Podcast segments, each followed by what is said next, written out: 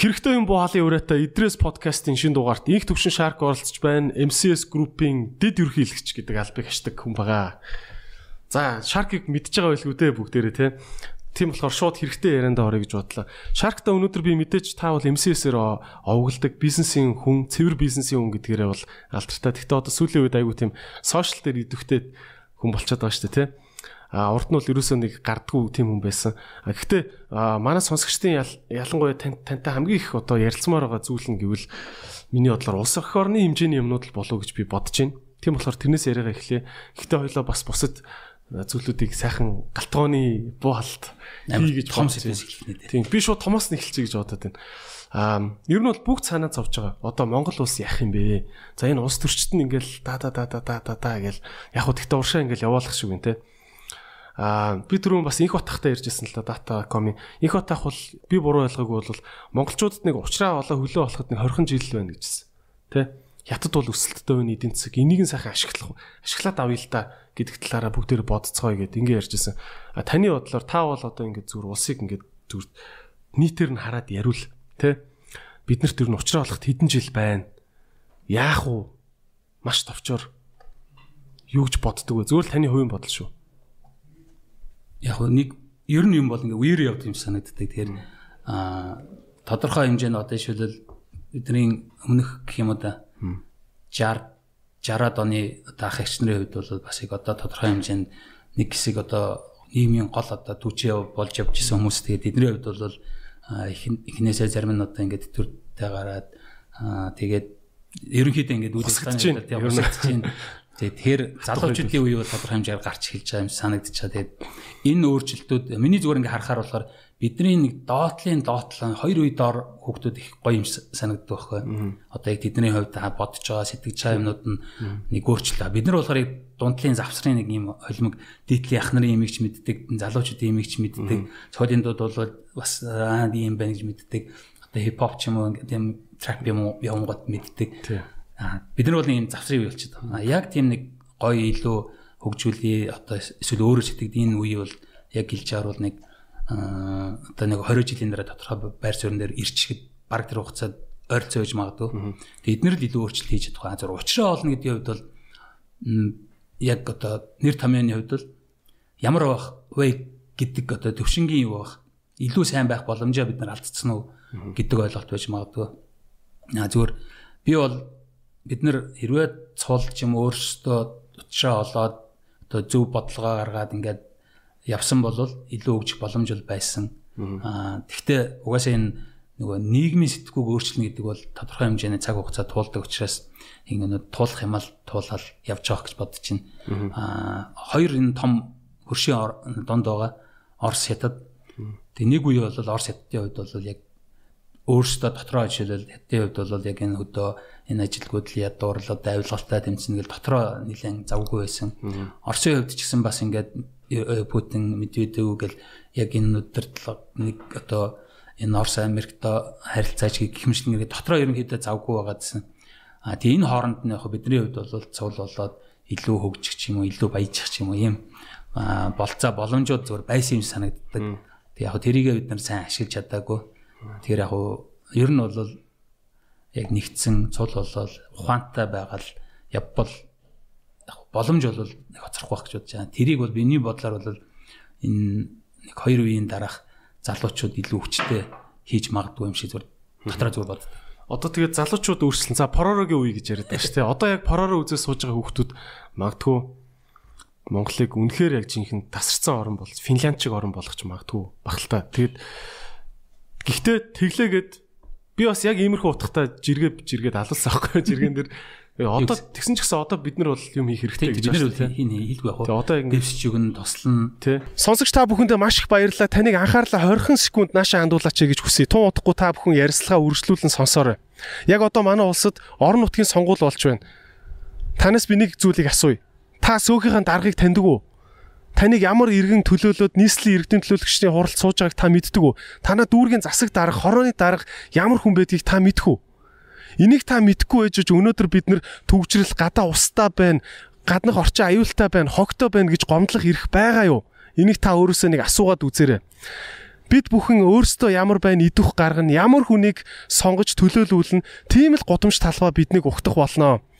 Та бүхэн арчил гэдэг энэ зүйлийг ээж аав чинь эмээ өвөө чинь амь насаа зарим нь те цусаа урсган байж өвлийн хүүтэнд 30 40 хоног гадаа жагсан байж олж ирсэн энэ арчлыг хүндэтгэлтэй хандаач гэж та бүхнээсээ хүсье. Ялангуяа залуучууд та бүхэн хуруугаач хөдлөхгүй байжгаад энэ их арчил эрх чөлөөг зүгээр л идлээд сууж байгаа гэдгээ ойлгооч гэж хүсэж байна. Зарим нэг улс үндэстэн 100 жилээр байлдаад 3 4 үеэрээ дайн байлдаа хийгээд мөрөөдөөд ч олж авч чаддгүй ардчлал иргэн өөрсдийнхөө дээр байх дарганараас сонгож болдог энэ нийгмийг хүсээд ч авч чаддгүй шүү дээ. Тэгэхэд бид бүхэн энийг яг одоо жаргаад л дотор нь байж байна.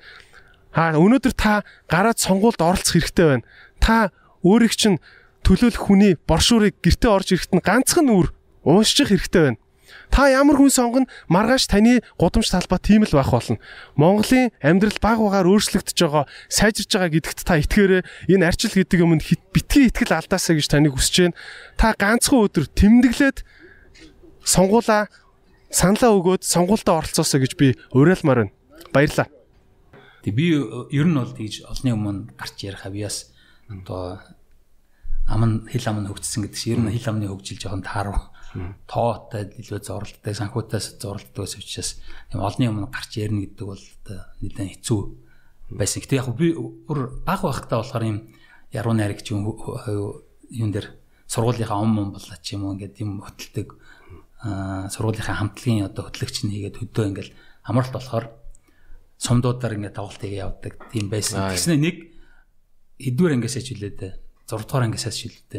Гинт ингээд ийм ичимхий болоод олны өмнө гарахаасаа одоо чадхаа ойлоод тэгээ болцсон. Тэгээд тэгээ тийм хүм байсан.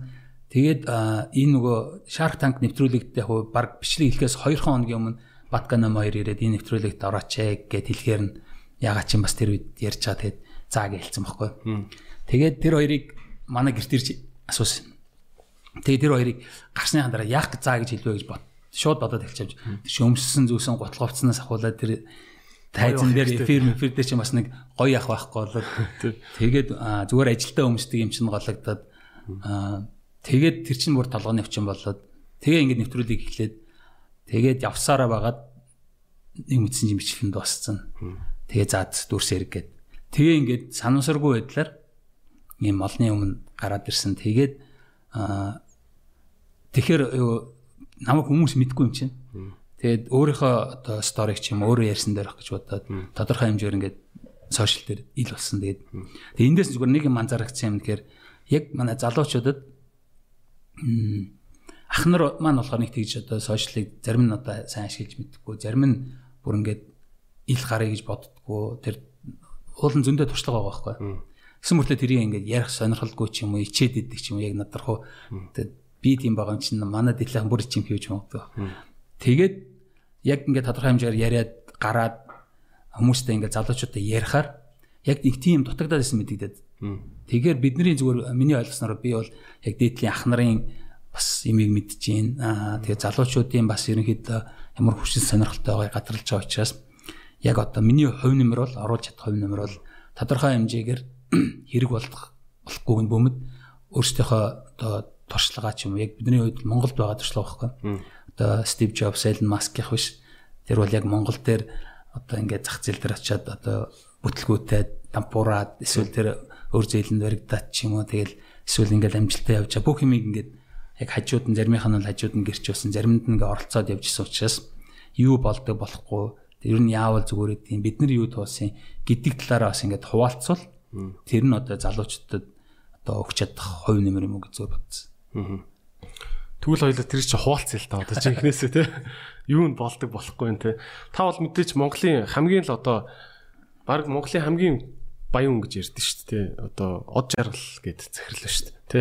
Энэ захиралтай бол одоо 20 жил яг ингээл хажууд нь баг би ойлгохтой бол баг ингээ нэг та хоёрын офис чинь ингээд тантай офис дээр ч уулзах нэг давхарт байт юм бэл шүү дээ. Зэрэг яг зэрэгэлдээ өрөөнүүд юм бэл шүү дээ. А тийм ойрхон ажиллаж исэн гэхээр мэдээж Монголын энэ шин цаг үеийн бизнесийн MCS Group ч одоо 25 жилийн байгаа тэмдэглэсэн шүү сая тий. Тэгээ тэрний хордон та хамт ажилласан байна гэхэр чинь бас маш их бизнесийн цаанаа юу болоод идэв мэдлэг байх л та. Би ингэж байдаг байхгүй маш олон том захирлууд нэг иймэрхүү зүйл ярьдаг л та ингээл яг хуу мэдээж ярилцдаг те. Аа тэгтээ за зах нь бол эгч нь бол нэг ингэж ил гарч ярьдгүй шүү. Гэл дандаа тэгж хэлдэг байхгүй бүгдээрээ. Тэгсэн бүртлөө бүгдээрээ ярьдаг. Бүгдээрнгийнх нь бизнес ингээд Facebook дээр алуулаа л гэдэг байхгүй. Facebook дээр хүмүүс энэ ста шулаачин бизнес гэж зодно. А нөгөө улс төрчд нь болохоор гурван хэсэгтэй компани гэж ирж байгаа л зодно.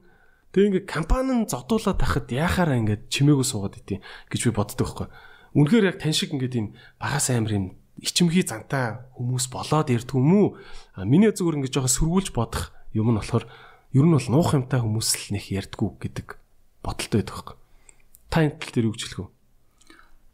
Ер нь яг би түрүү хэлсэн яг одоо нөгөө нийгмийн сүлжээг яг идэвхтэй ашиглаж хэрэгэлж сурсан үе чинь шалгуур байгаа байхгүй. Тэдний хувьд бол одоо бидний дэдлийн үеийнх бол нэг нэгдлийн урсгалтай сонь мэдээ өгөөд ч юм уу эсвэл яг ингээд телевизээр юм гарангуул тэрийг нэгдлийн урсгалт энд өгөөд тэрийн шууд цацдаг ийм байсан бол одоо бол ингээ хоёр урсгалтай болоод ирэх яг тэр нь жишээлбэл яг дадаж тасаж одоо ил болж байгаа айгу цөөхөн байгаа юм шиг санагдчихаа. Тэгэхээр тэр утгаараа байж магадгүй.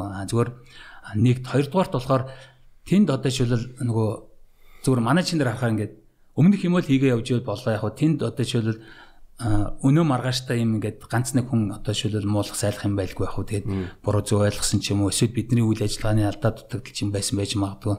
А тэгвэл яг хөө нийт масаараа ч юм бид нар бас хэрэгтэй юм хийж байгаа олонх нь одоо шилэл тийм биш. Цөөнх юу бол одоо шилэл тодорхой хэмжээний тийм дуу хоолой байхад бол зүгээр. Тэгээ бид нар яг хийх ёстой юм бол хийгээд тэр болгонтой одоо очиод шилэл одоо юу тийм мэдээж бид нэр одоо шил буруу ойлголт төрүүлсэн бол тэгэл тэрийг одоо яг үйл ажиллагааныхаа явцад ч юм уу ингээл засаа сайжруулад явах бах. Гэдэг утгаараа бас нэг тэгж э, ил гараад ярьдггүй байсан юм шиг санагддаг. Гэхдээ яг ингээ эргээ бодохоор энэ бас яг өөрийнхөө түүхийг хүн бол өөрөө л ярих хэрэгтэй юм билээ л дээ. Тэгжиж одоо шил үлгэр болгон эзэнтэй одоо баатартай байдаг асуудал гардаг, тэрийг шийддэг. Тэрнтэй адилхан одоо түүх болсон одоо үлгэр одоо домог гэх юм одоо түүх болсон хүмүүс шүү дээ. Тэрийн хувьд бол яг тодорхой хэмжээгээр би зүгээр ярих хэрэгтэй гэж боддог. Тэгэхээр та бол ер нь одоо ингээд юм ярихгүй ингээд юуны цаана ингээд нууц нууц аккаунттай фэйсбүүкээр ингээд хаяа нэг орж харчаал хизээч ярьслаа өгдөг тийм захирлуудыг бол та гард гарч ярих хэрэгтэй гэж боддог тий. Би бас яг нөгөө өөрөө ингээд зовлон жаргалыг ингээд үзээд мэдээж ингээд гарахад амаргүй эхлээд алуулна. Тийш Twitter дээр ороход би эхлээд ингээд нэг айлд орж байгаа юм шиг бүгдээрээ ингээд гэр дотор тойроо суудсан. Намайг хараад одоо за энэ тийм өмсцэн тэгцэн яг ингээд нэг юм тэр дунд нэгээ нүцгэн гэ бараг явж байгаа юм шиг тэгж тийм сэтгэл төрсөн баг. Эхлээ орох гол орж чадахгүй. Тэгээ яг хуу зүгээр эхлээд яхад бол алд юм бэлээ ингээд талдаас нугааста юу уруусгтай компани одоо юу гэдэг л зарим нь одоо бууны нохоо мохоо юу юу ч хэлээд янз бүрээр ингээд улс төрт үзэх гээд байна уу. Тий улс төрт энэ хотлоо зүгээр улс төрт явах гал ингэж чинь гэж одоо юу гэмдэ Тиймэрхүү реакцууд бол гардаг. Яагаад тэгэхээр тэр нь аргагүй байх. Бид нар өмнө ярьж байгаагүй өөрсдөө мэддэгдэхгүй өөрийнхөө түүхийг яриаггүй болохоор өөр хүмүүс жишээлбэл үлгэр зохиогоод ч юм ингээ ярьчаар тэр нь ингээд хүмүүс төрцөн. Тэрийг өөрчлөн гэдэг бол бас цаг хугацаа шаардна. Тийм амархан яахгүй. Тэгэхээр яг би зүгээр одоо яг өөрөө бидэрээ ингээд туулаад үтцсэний хувьд тодорхой хэмжээгээр бол ялангуяа за ах нарын үеийг гарахгүй маа гэд одоо энэ Монгол бизнес хийж байгаа том компаниуд захирлууд гэх юм одоо гүйцэтгэх захирлууд а тэгээд энэ зөвхөн юунаас гадна улс төрийн гэсэн асуудлууд байна. Улс төрчсөн гэн ийм гоё ганган кейсээ илүү бас яг ямар зовлон жаргалаа ярил одоо жишээл тэнцээ чинь бас яг л түүх байгаа байхгүй. Тэгээд хүмүүсийн хувьд бол одоо бол би зүгээр ойлгохтой бол ийм тавилттай ч юм уу тийм кейсээ илүү хүн байгаагаараа байгаа гэдгийг илүү одоо илүү гоё контент болцсон. Тэгэхээр тэр асуудал зовлонгоо яриад ч юм аа тэр хэмжээгээрээ тэр үзэж байгаа хүмүүсийн хувьд дагж байгаа хүмүүсийн хувьд бол тийм ихтгэлцлүүд бий болоод Тэр хэмжээгээрээ одоо шилэл илүү зөв ойлголтуудыг өгөх илүү зөв ойлголттой болох бараа бүтээгдэхүүн зардаг хүмүүсийн хувьд бол тэр нөгөө нэг бараа бүтээгдэхүүнд нь илүү итгэл үнэмшил төрөх юм уу. Ийм дагвар одоо шил үрдэнгүүд зөндөө зүгээр гарч ирээ яриачаал гэж юм тий. Тий яг өөрсдийнхөө түүхийг өөрсдийнхөө түүхийг өөрөө яар хүний хүнээр зохиолгож яриа л. Манай Монгол улс ч гэсэн ерөн сүүлийн үед тэгч гээд байгаа тий яг улсын хувьд түүхээ баг гадных нар яриулчих гал тий түрүү хоёлаа нэг улсын улсын хэмжээний сэдвүүрөөр эргэж орё л та. Та яг одоо манай Монгол улсад за хоёлаа ингээд нэг аль аль нэг нам мам руу дайраад явах уу те? Одоо байгаа төр засаг руу ч юм уу хэлээд явах уу. Гэхдээ ер нь энэ нэг улсынхаа хэмжээнд бид нэр яг хамгийн том алдаад байгаа алдаанууд энэ байна. Манайхаа гимээр юм юу байгаа вэ? Black empower yourself.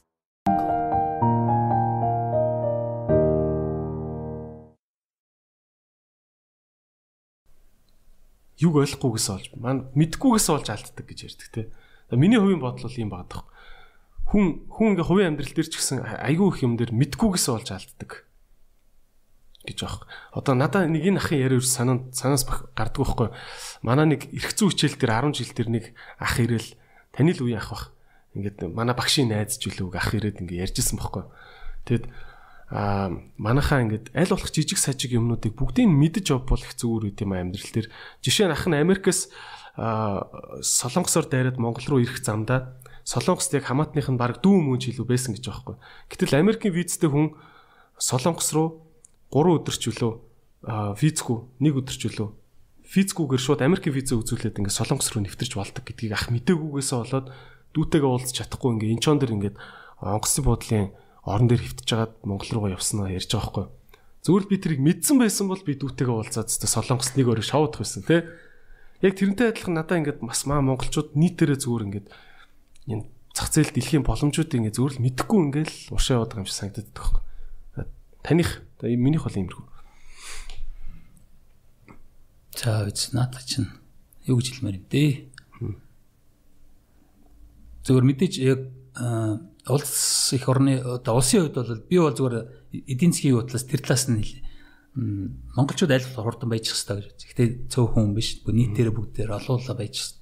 А баяжихын тулд юу хийх хэрэгтэй гэхээр одоо яг эдийн засгийн хувьд бид нар яг юугээр өрсөлдөж чадах юм. Зөвхөн ингээд дотроо ч юм уу ингээд хөдөлთა хийгээд одоо манай яг эдийн засгийн бизнесийн бүтцсэн айгу одоо энгийн топ танхимаас ингээд топ 100 аж ахуйн гэж шалгаруулдаг шүү дээ. Тэрний баг 10-аас босд нь 10-аас босд нь дандаа юм улсаас зөвшөөр лиценз авдаг юм бизнесүүд ба. Одоо жишээл хамгийн том нь бол уул уурхай. Үдээрээ ашиглалтын одоо уул уурхай холбоотой лицензүүдтэй өөрөөр хэлбэл тодорхой нэг хэсэг бүлэг хүмүүс одоо жишээлбэл давуу тал байгаа тэр одоо зөвшөөр лицензийн үндсэн дээр давуу тал бий болоод үйл ажиллагаа явуулж байгаа. А дараагийн том юм болохоор банк санхүү гэхээр бас яг Монгол банкнаас тусгай зөвшөөрөл өгөөд тэр хүрээнд үйл ажиллагаа явуулдаг. Дараагийн том юм нь гэхээр одоо телеком компани бас тодорхой хэмжээгээр юу харилцаа холбооны зохицуулах хороноос ч юм уу зөвшөөрөл лиценз аваад улсаас аваад тэрнийхээ хэмжээнд үйл ажиллагаа явуулдаг. Тэгээд түлшний компаниуд байна. Бас яг одоо шүү үйл ажиллагаанаар импорт хийх одоо үйл ажиллагаа тусгай зөвшөөрлөд. Тэг өөрөөр хэлбэл яг юм тэгээд дараачих нь бол юу худалдааны эдэн компаниуд байгаа.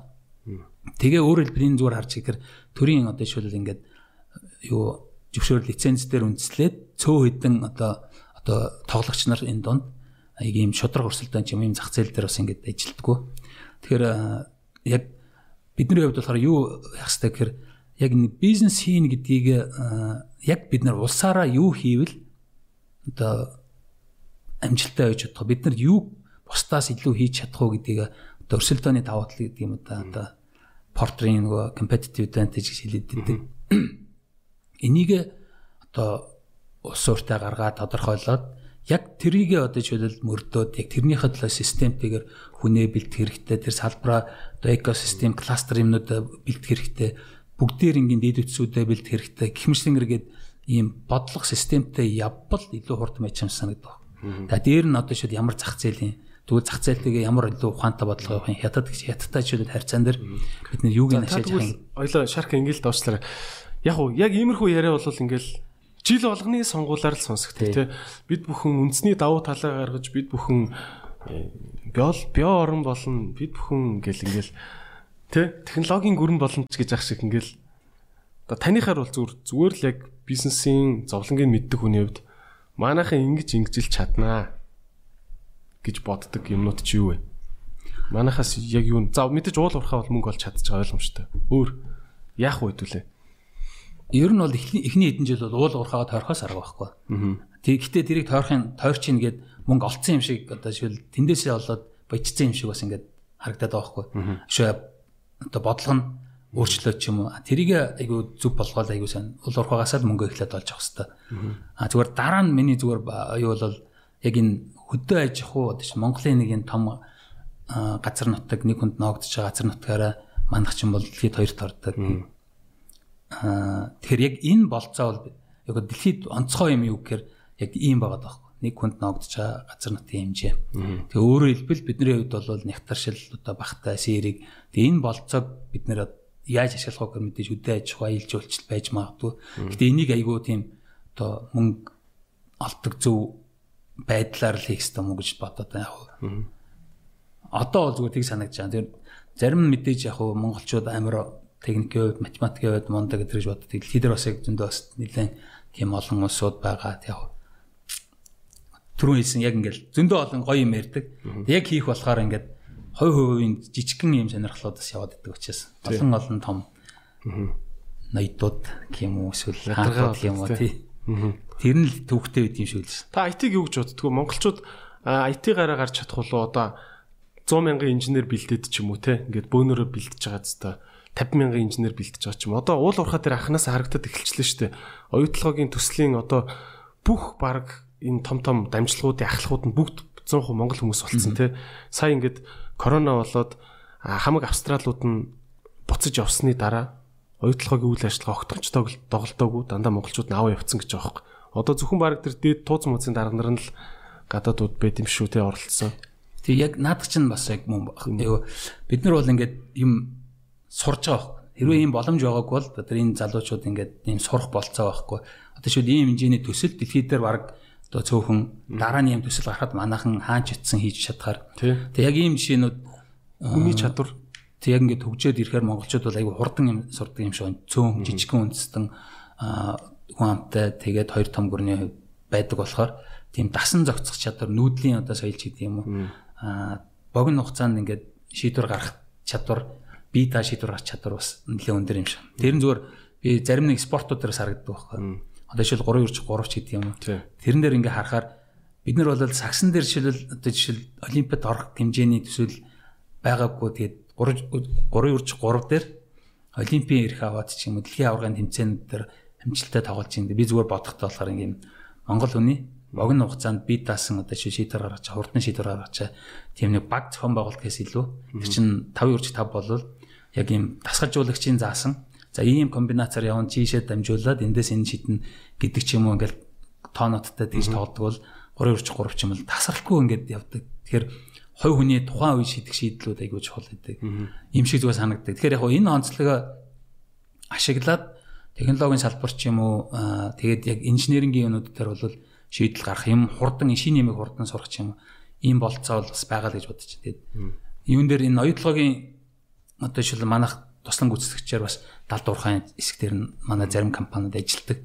Тэдний хувьд бол бас яг нөгөө ерөнхий гүйцэтгэгч нар нь хамтдаа ч юм өөр төслүүд дээр танах ороход ингээ бэлэн болчихжээ. Тэгээд бид нэр өөр газар явуулаад шил цогтой ажиллая гэдэг тийм саналууд бас ярьдаг. Бид нар нарны салхины бас одоо станцууд дээр гадны компаниудтай ажилласан. Тэдний хувьд бас зарим одоо улсуудад ингээ төсөл авцсан амжихгүй байна. Танайхан цуг орвол танах бол одоо яг ингээ бэлэн болцсон байна. Та залуучдыг аваа явчих гэж тийм. Тэгэхээр яг бидний хувьд бол яг ганц нэг хүмүүсийн төлөхгүй залуучуудаас ингээ олон улсын тэр мэрэгжлийн стандарт сертификат нөгөө үнэмлэх юмнуудын агуулаад хил усын жоохон сайжруулуулад тэгээд ингээд компаниараа бол ингээд өөр газруудад очиж туршлага хөрөнгөлүүлэх юм болцоо бол бий болцсон байна гэж бодож байна. Нэр таны компаниг MCS хүмүүс ерөөхдөө бол Unitel, Univision гэд нэг сайлын үнэ байгаа. А Coca-Cola гэд нэг сайлны сайлын үнэ байгаа тий. Coca-Cola ч дотроос өчнөө олон брэндтэй тий. Ундаа юу ус мус цаймаа зөндөө бол юм тий. Бараг уудаг бүх юм л Coca-Cola компани хийх юм л шүү дээ. Тэгэд за энэ хоёр байгаа гэдгээр нь сайн мэднэ. Гэхдээ уул уурхаа энэ цахилгааны инженер, инженер талын бизнесүүдийг нэг мэддэггүй шүү дээ тий. Ямар ямар бизнесүүд байна ер нь? Өндөр хүчтэй татдаг нэг бизнес үүдэг нэг нэг цахилгаан станц барьдаг нэг бизнес үүдэг. Агарч агарч болт бас хийгээд идэх тийм. Агарч болт хийдэггүй. Юу юу юу юм бэ? Ожирцэр чинь өөрөө цахилгааны инженер мэрэгжилтэй юм байна. Анх хэлчихвэл MCS гэж Mongolia Consulting Service буюу эрчим хүчний чиглэлийн зөвлөгөө өгдөг компани бизнес хийе гэж хэлж ирсэн. Тэгээ яг хөө эхэндээ нөгөө ингээл юм сураа сайжрал зөвлөх гэдэг юм одоо ингээ гадны зөвлөхтэй цуг дотоодын зөвлөх гэж ажиллаад тандрууд дээр ороод ажиллаад туслаа ингээ явдаг гэсэн. Тэгээд явандаа бол бид нар ингээд цаглааны шугамуд барьж эхэлсэн одоо шүлгөдөө орон нутгууд ер нь одоо зарим ч одоо мэдэхгүй ингээд тог байхгүй. Сумдууд чинь аймагуд чинь одоо шил мөрөн жишээлбэл тоггүй ингээл ороо олонгоо тогнд тасардаг сумдууд гэсэн. Тэгээд юм амжиж юмнуудаа хийдэг. Тийм байсан. Одоо зөвхөн говь алтаад ганцхан сум үлдсэн байгаа гэсэн. Тэгээд тэрнээс босоод бүх одоо сумдууд ингээд төвийн эрчим хүчний сүлжээ ингээ холбогдсон. Баягийн чиглэлийн юмнууд бизнесүүд бас хийж ирсэн. Энийг энэ шонгуудыг баг ихэнх MCS барьсан уу те? Аа үгүй үгүй. Нилээ олон бас өөр компаниуд байгаа. Тэгээд цахилгаан станцуудын нөгөө турбинууд 100-ны турбинууд байнга ажилладаг учраас тасралтгүй ажилладаг учраас энэтэй холбогдсон засвар одоо жишээлбэл яг тэрийг шинжлэхтэй холбогдсон төслүүд дээр. Тэгэл энэ нөгөө эрчим хүчний удирдах газар гэдэг чинь одоо тэр чинь энэ олон хүмүүсийн хаана одоо эрчим хүчний хуваарлтууд чинь бас их нарийн тэгээ тэр сүлжээ одоо сайжруулах гэдэг юм уу ингэ салбартаагаа дагаад хөгжөөд янз бүрийн бизнес хийжсэн. Тэгээд дээр нь одоо сүүлийн үед болохоор баг усан цахилгаан станц дээр бид нэр ажилласан дөрвөн тэгээд эгийн цахилгаан станц дээр бас бид нар тодорхой хэмжээний судалгаа юмнууд дээр нь бас ажиллаж исэн. Тэгээд нарны салхины одоо цахилгаан станцууд дээр ажиллаж байна. Хаанаар ажиллаж байгаа чи одоо? Одоо жишээлбэл энэ замын үд дээр байна. Одоо чойр дээр байна. Хэмжлэн ингээд энэ нар салхины станцууд Тэд нар одоо ашиглалтанд ашиглагддаг уу яг энерги нь? Тий, ер нь бол тий одоо сэргээгдэх эрчим хүч маань өөрөө болохоор ингээд ийм юу яадаг. Нар салхины хувьд бол ингээд тогтмол ингээд гараа явчихдаг. А за ус юу нөгөө нүүрсний цэглэн станц чинь бол бас ерөнхийдөө ингээд тогтмол юу нэг юу эрчим хүч үйлдвэрлэж байгаа бол яг ингээд нэг тийм төвшөндөө үйлдвэрлэдэг. Усан цэглэн станц болохоор яг хэрэгтэй үедээ нээчээл жишээл ачаал хэрэгцээтэй үед нээж илүү тог хэрглэж чад ачаал багассан үед одоо хаачдаг юм. Энэ нөгөө нэг бид нар чинь шүн болохоор монголчууд чинь ингээд гэрте харангуутал үйлдвэр нөгөө тогны хэрэгцээ огцон нэмэгддэг. Тэр яг энэ хэрэгцээг бол нөгөө огцон нэмэгддэг учраас бидний усан цахилгаан станц байхгүй болохоор юунаас хэрэгэлдэг? Орсоос станд авдаг. Тэр эд ачаалын хувьд орсоос авдаг. Тэр яг энэ эрчим хүчний салбараа дагаад одоо баг атмын цахилгаан станц бос төсөлт нь одоо ижлаад үзсэн туршлага хөрөнгөлүүлсэн юм хамт олон бас ийм бизнес байгаа. Аа ер нь бол хүмүүс бас эмсээс нэг том гэж бодоод байдаг. Нэг олон бас бизнес байхгүй. Бидний хувьд болохоор нэлээд олон бизнесүүдээс гарсан. Зарим нь болохоор чаддаг компаниудад нь зарыг жишээлбэл аппод одоо арх бивийнхаа бизнесээ зарцсан. Гоёо гэж бас бизнес байсан. Ноолурын говьд зарцсан. говьд зарцсан. Тэрнээс гадна жижиг сажиг юмнуудад бас бизнесүүд анх хэлжсэн. Тэднийг бүгдээр ингээд баг ихэнх нь менежмент buyout буюу яг энэ эцдүү захирлуудад нь менежментийн багт нь та нар ингээд хуваар гаргаад эдэн дөргөөр ийм үйл ажиллагаанаас мөнгөө суллаад энэ компани өөртөө аваа гэд өгцөн жишээлбэл IT zone гэдэг компани байна. Захирлууд нь өөртөө ингээд бодлоод авцсан. Хэмжлэнгээр ингээд хасагцаар байгаад одоо за телекомын бизнес байна. Тэгээд өргөн хэрэглээний барааны худалдаа гэдэг одоо Procter & Gamble, Nestle-гийн бараа бүтээгдэхүүн зардаг юу байна. Тэгээд Кологийн үйлдвэр, тэгээд үйлдвэрлэл хөрөнгийн бас MCS property.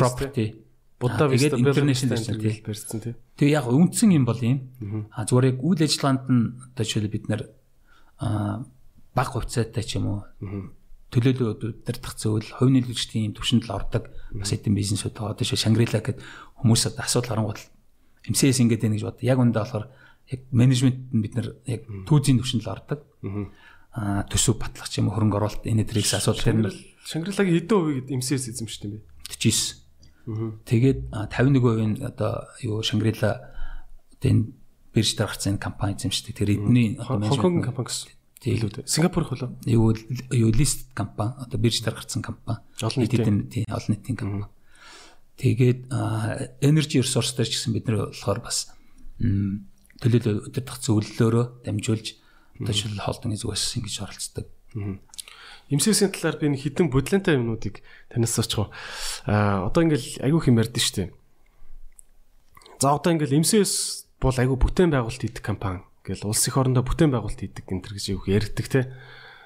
Тэгтээ ингээд би яг зөв сөргүүлж л асууж байгаа штэ.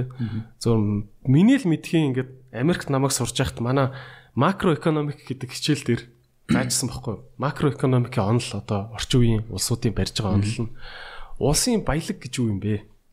Ямар улсыг баян орн гэдэг юм бэ гэхээр тухайн улсын хил дотор байгаа материаллык эд баялагийг бүгдийг нийлүүлэхээр тэр улсын баялаг болтгоо гэж манай хичээл дээр заажсан байхгүй. Өөрөөр хэлбэл энэ сандал микрофон ингээл Монгол улс дотор байгаа энэ бүх баялаг гэхгүй тооцоолоо тий. Тэгэхээр Монгол дотор байгаа барилгууд ч гэсэн Монгол улсын баялаг тий. Ингээд тэдний нэмэхээр ингээд лаг болж ивэл лаг болсон гэж би бол ойлгоод байгаа. Тэгээ MCS ингээд бүтээн байгуулалт хийлээ энэ төр гिचээд Шангрилаг барилаа гिचээд тэгээ яг Шангрилагийнх нь талаас илүү хөв нь гадны компани болж таарахаар эн чинь энэ Шангрилагийн барилга чинь яг Монгол улс дотроо баялаг юм шиг мөртлөө гадны эзэмшилтэй юм хөрөнгө болчиход байгаа хгүй те. Энийг та юу гэж тайлбарладаг одоо энэ жишээ нь яг баялаг гэхлээр бол би бол бүтэж байгаа юм гэж жишээлбэл компани жишээн дээр харахад бол яг л хүн гэж боддог байхгүй. Яг одоо жишээл түрүүнээс ингээд ажил дээр дадлагчаад одоо жишээл оюутлогоо дээр ажиллаад сурцсан дэлхийн одоо хаач очиад ажилласан. Одоо өөрийгөө үнэлүүлж чадхаар одоо жишээл ийм одоо жишээл олон мянган залуучууд бий болчихно гэдэг чинь өөрөө юуг л бол юу бүтээж чадна. А зүгээр яг хуу энэ байшин савч юм уу энэ бол тодорхой хугацаанд байжгаад байхгүй болчихно. Үн цэн одоо жишээл байнга илэгдэж хорогдож байгаа юм зүйлүүд байгаа. Зүгээр юуны хувьд болохоор одоо Шангрилийн хувьд асуулаа шүү дээ.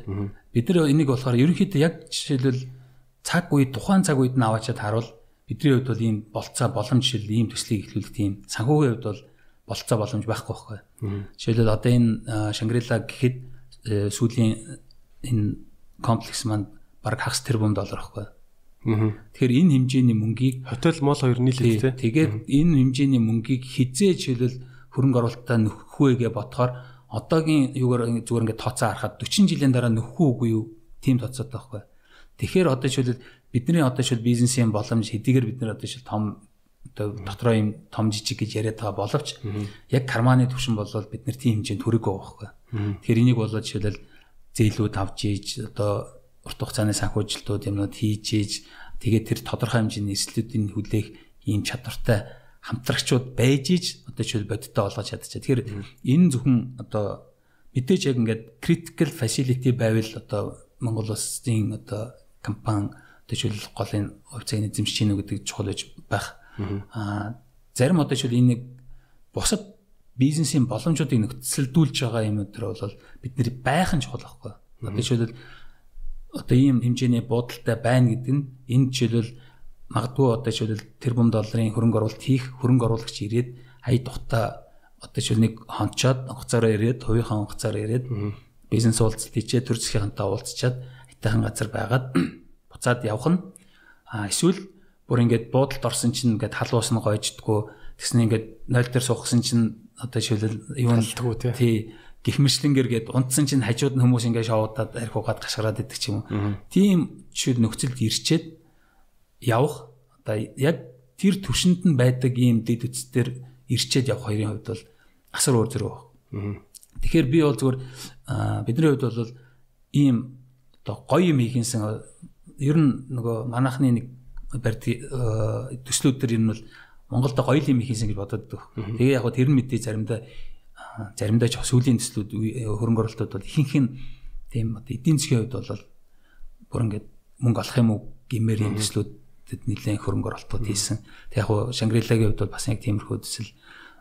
Тэгээд энэ нь өөрөө хүмүүст өөр хүмүүст боломжууд олгох чаа өөр одоо шууд ус утгаараа гэж бодчаад тэгэхээр заавал энийг жишээлбэл бид нэгдүгээр ийм хэмжээний төслийг аваад явах хөрөнгө оруулалт их боломжт болоо Монголын компанид одоохондоо байх тэр үед.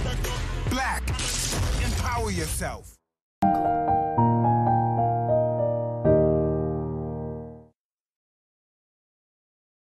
Тэ байхгүйсэн. Гэтэ одоо Монголдо нэг ийм юм байгуулчаад байж их нь ер нь бол хэрэгтэй л гэдэг утгаар юм байна тий. Тэг яг жишг одоо манай нэг өрөө гэж дэлхийн хөгжлийн Монгол гэдэг. Тэр нь зүгээр санаа нь болохоор ингээд Этхий дээр байдаг ч юм уу одоо хүмүүсийн одоо гоё сайхан ч юм уу одоо шилдэг тэргүүнийг гидж байгаа зүйлүүдийг хийгээд боломж ойл төрүүлж хийгээд тэр хэмжээгээр өрсөлдөж байгаа босод газрууд нь ч юм уу тэрийг дагаад одоо шүү ийм стандарт байд юм байна ингэдэг юм байна гэдэг байдлаар ингээд чирээд явбал эдийн засгийн хувьд бол илүү хурдан өсөх юм гэж боддог. Жишээлбэл төр засаг ингээд төгжүүлээсэ гэж бодохын оронд ийм стандартуудын жишгүүдийн дээшээ өргөө явахаар жишээлбэл одоо ингээд юун дээр миний санджаагаар анх хэлж ийм том юм шилэн байшин байдггүйсэн баг. Барихаар Монгол улсын стандарт байхгүй. Тэгээд тэр жишээлбэл стандартыг бий болгохын төлөө ингээд тэр өөрчлөлт мөрчлөлт юмнууд дээр нь ажиллаад ингэж болдго юм аа. Одоо ийм юм дэлхий дээр ингэж хийдэг юм а гэдгийг яг тэр стандартыг өөрчлөлтөнгууд өөрчлөнгууд босод одоо жишээл бизнесүүд бүгд тийм хийдэг болсон. Одоо жишээл ингээд ийм шилэн том цонхохгүй байшин баг байхгүй болсон. Мөс хаглагч гэж байгаа юм шүү дээ. Ер нь бол санхүүгийн эрсдэл үүсээд мөс хаглагч хийж байгаа юм те. Гэж болж байна. Яг нь ерөнхийдөө бол эргээд хийсэн төслүүдийг харахад бол ер нь бол нэг тиймэрхүү одоо нийгмийн шинжтэй төслүүдсүүдийг хийдэг болчиход байгаа. Одоо тэгээд за за Шангрила гэдэг цогцлбарыг хагас тэрбум доллараар хийчлээ. За танах тал тал хөрөнгө гаргасан уу баг те? Тэр яг хуу тодорхой хэмжээний хэсгийг нь болохоор юу өөрийн хөрөнгөөр заримыг нь болохоор ингээд банк санхүүгийн байгууллагуудаас зээлж хийж авч байна. Зээлүүд тийм шууд equity гэж байгаа. Аа тэр нөгөө олон улсын юун дээр байгаа компани чи юу лээ? Аа нээлттэй байгаа. Хонконгийн бирж MMC Mongolian Mining Corporation гэдэг. А биш биш. Нөгөө Шангрила дээр хамтарсан Шангрила Шангрила зочдууд л Шангрила зочдууд гэдэг компани юм уу те А тэгвэл Шангрила зочдууд компани бас айгүй их бэлэн мөнгө оруулж байгаа шүү дээ те Тэгээ энэ компани Монголд энэ Шангрилаг барьсныхаа та нартай нийлээд барьсныхаа одоо ашгийг бас бодож байгаа шүү дээ те Тэнгүүт ашиг нь бодонгод 40 жилийн дараа баг зардлаа нөхөхгүй юу юм байхад тэд нар яагаад Шангрилагийнх Монгол руу орж иж энийг эмсэст хамтарч барьж байгаа юм гэдэг нэг асуудал шүү дээ.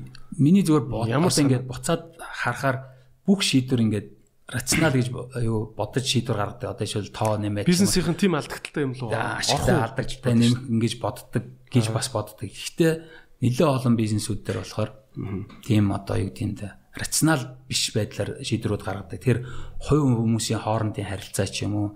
Тэгээд яг тэр шийдвэр гаргаж байгаа хүмүүсүүдийн одоо одоо юу байдлаас ч гэдэг юм уу хамаарч бас ингээд бизнесийн шийдвэрүүд бас гардаг. Анх гэж энэ бодол маань болохоор бид нар яг мөнгөндөө тааруулаад зах зээлдээ тааруулаад илүү жижигхэн одоо жишээлбэл манжуурын ч юм уу хөхотын ч юм уу бухтын ч юм уу ийм стандартаар жижигхэн бодолд хэлжсэн байхгүй. Тэгсэн юу нөгөө яг одоо Шангрила зочдуудын үүсгэн байгуулсан Роберт Кок гэж юм байд. Тэр ирээд аа ерөнхийдөө энэ миний одоо шүтэн болсон одоо шүтдэг хүний нийслэл болсон одоо ийм стандарттай байж болохгүй байна. Гээд одоо шүд бүр ингээ барай цутгацсан байсан хануудын хүртэл нураалгаад тэгээ өөр ингээ стандартыг нэмжсэн баг. Тэр хэлбэл юу гэсэн үг гэхээр ийм бүх юм бас рационал биш.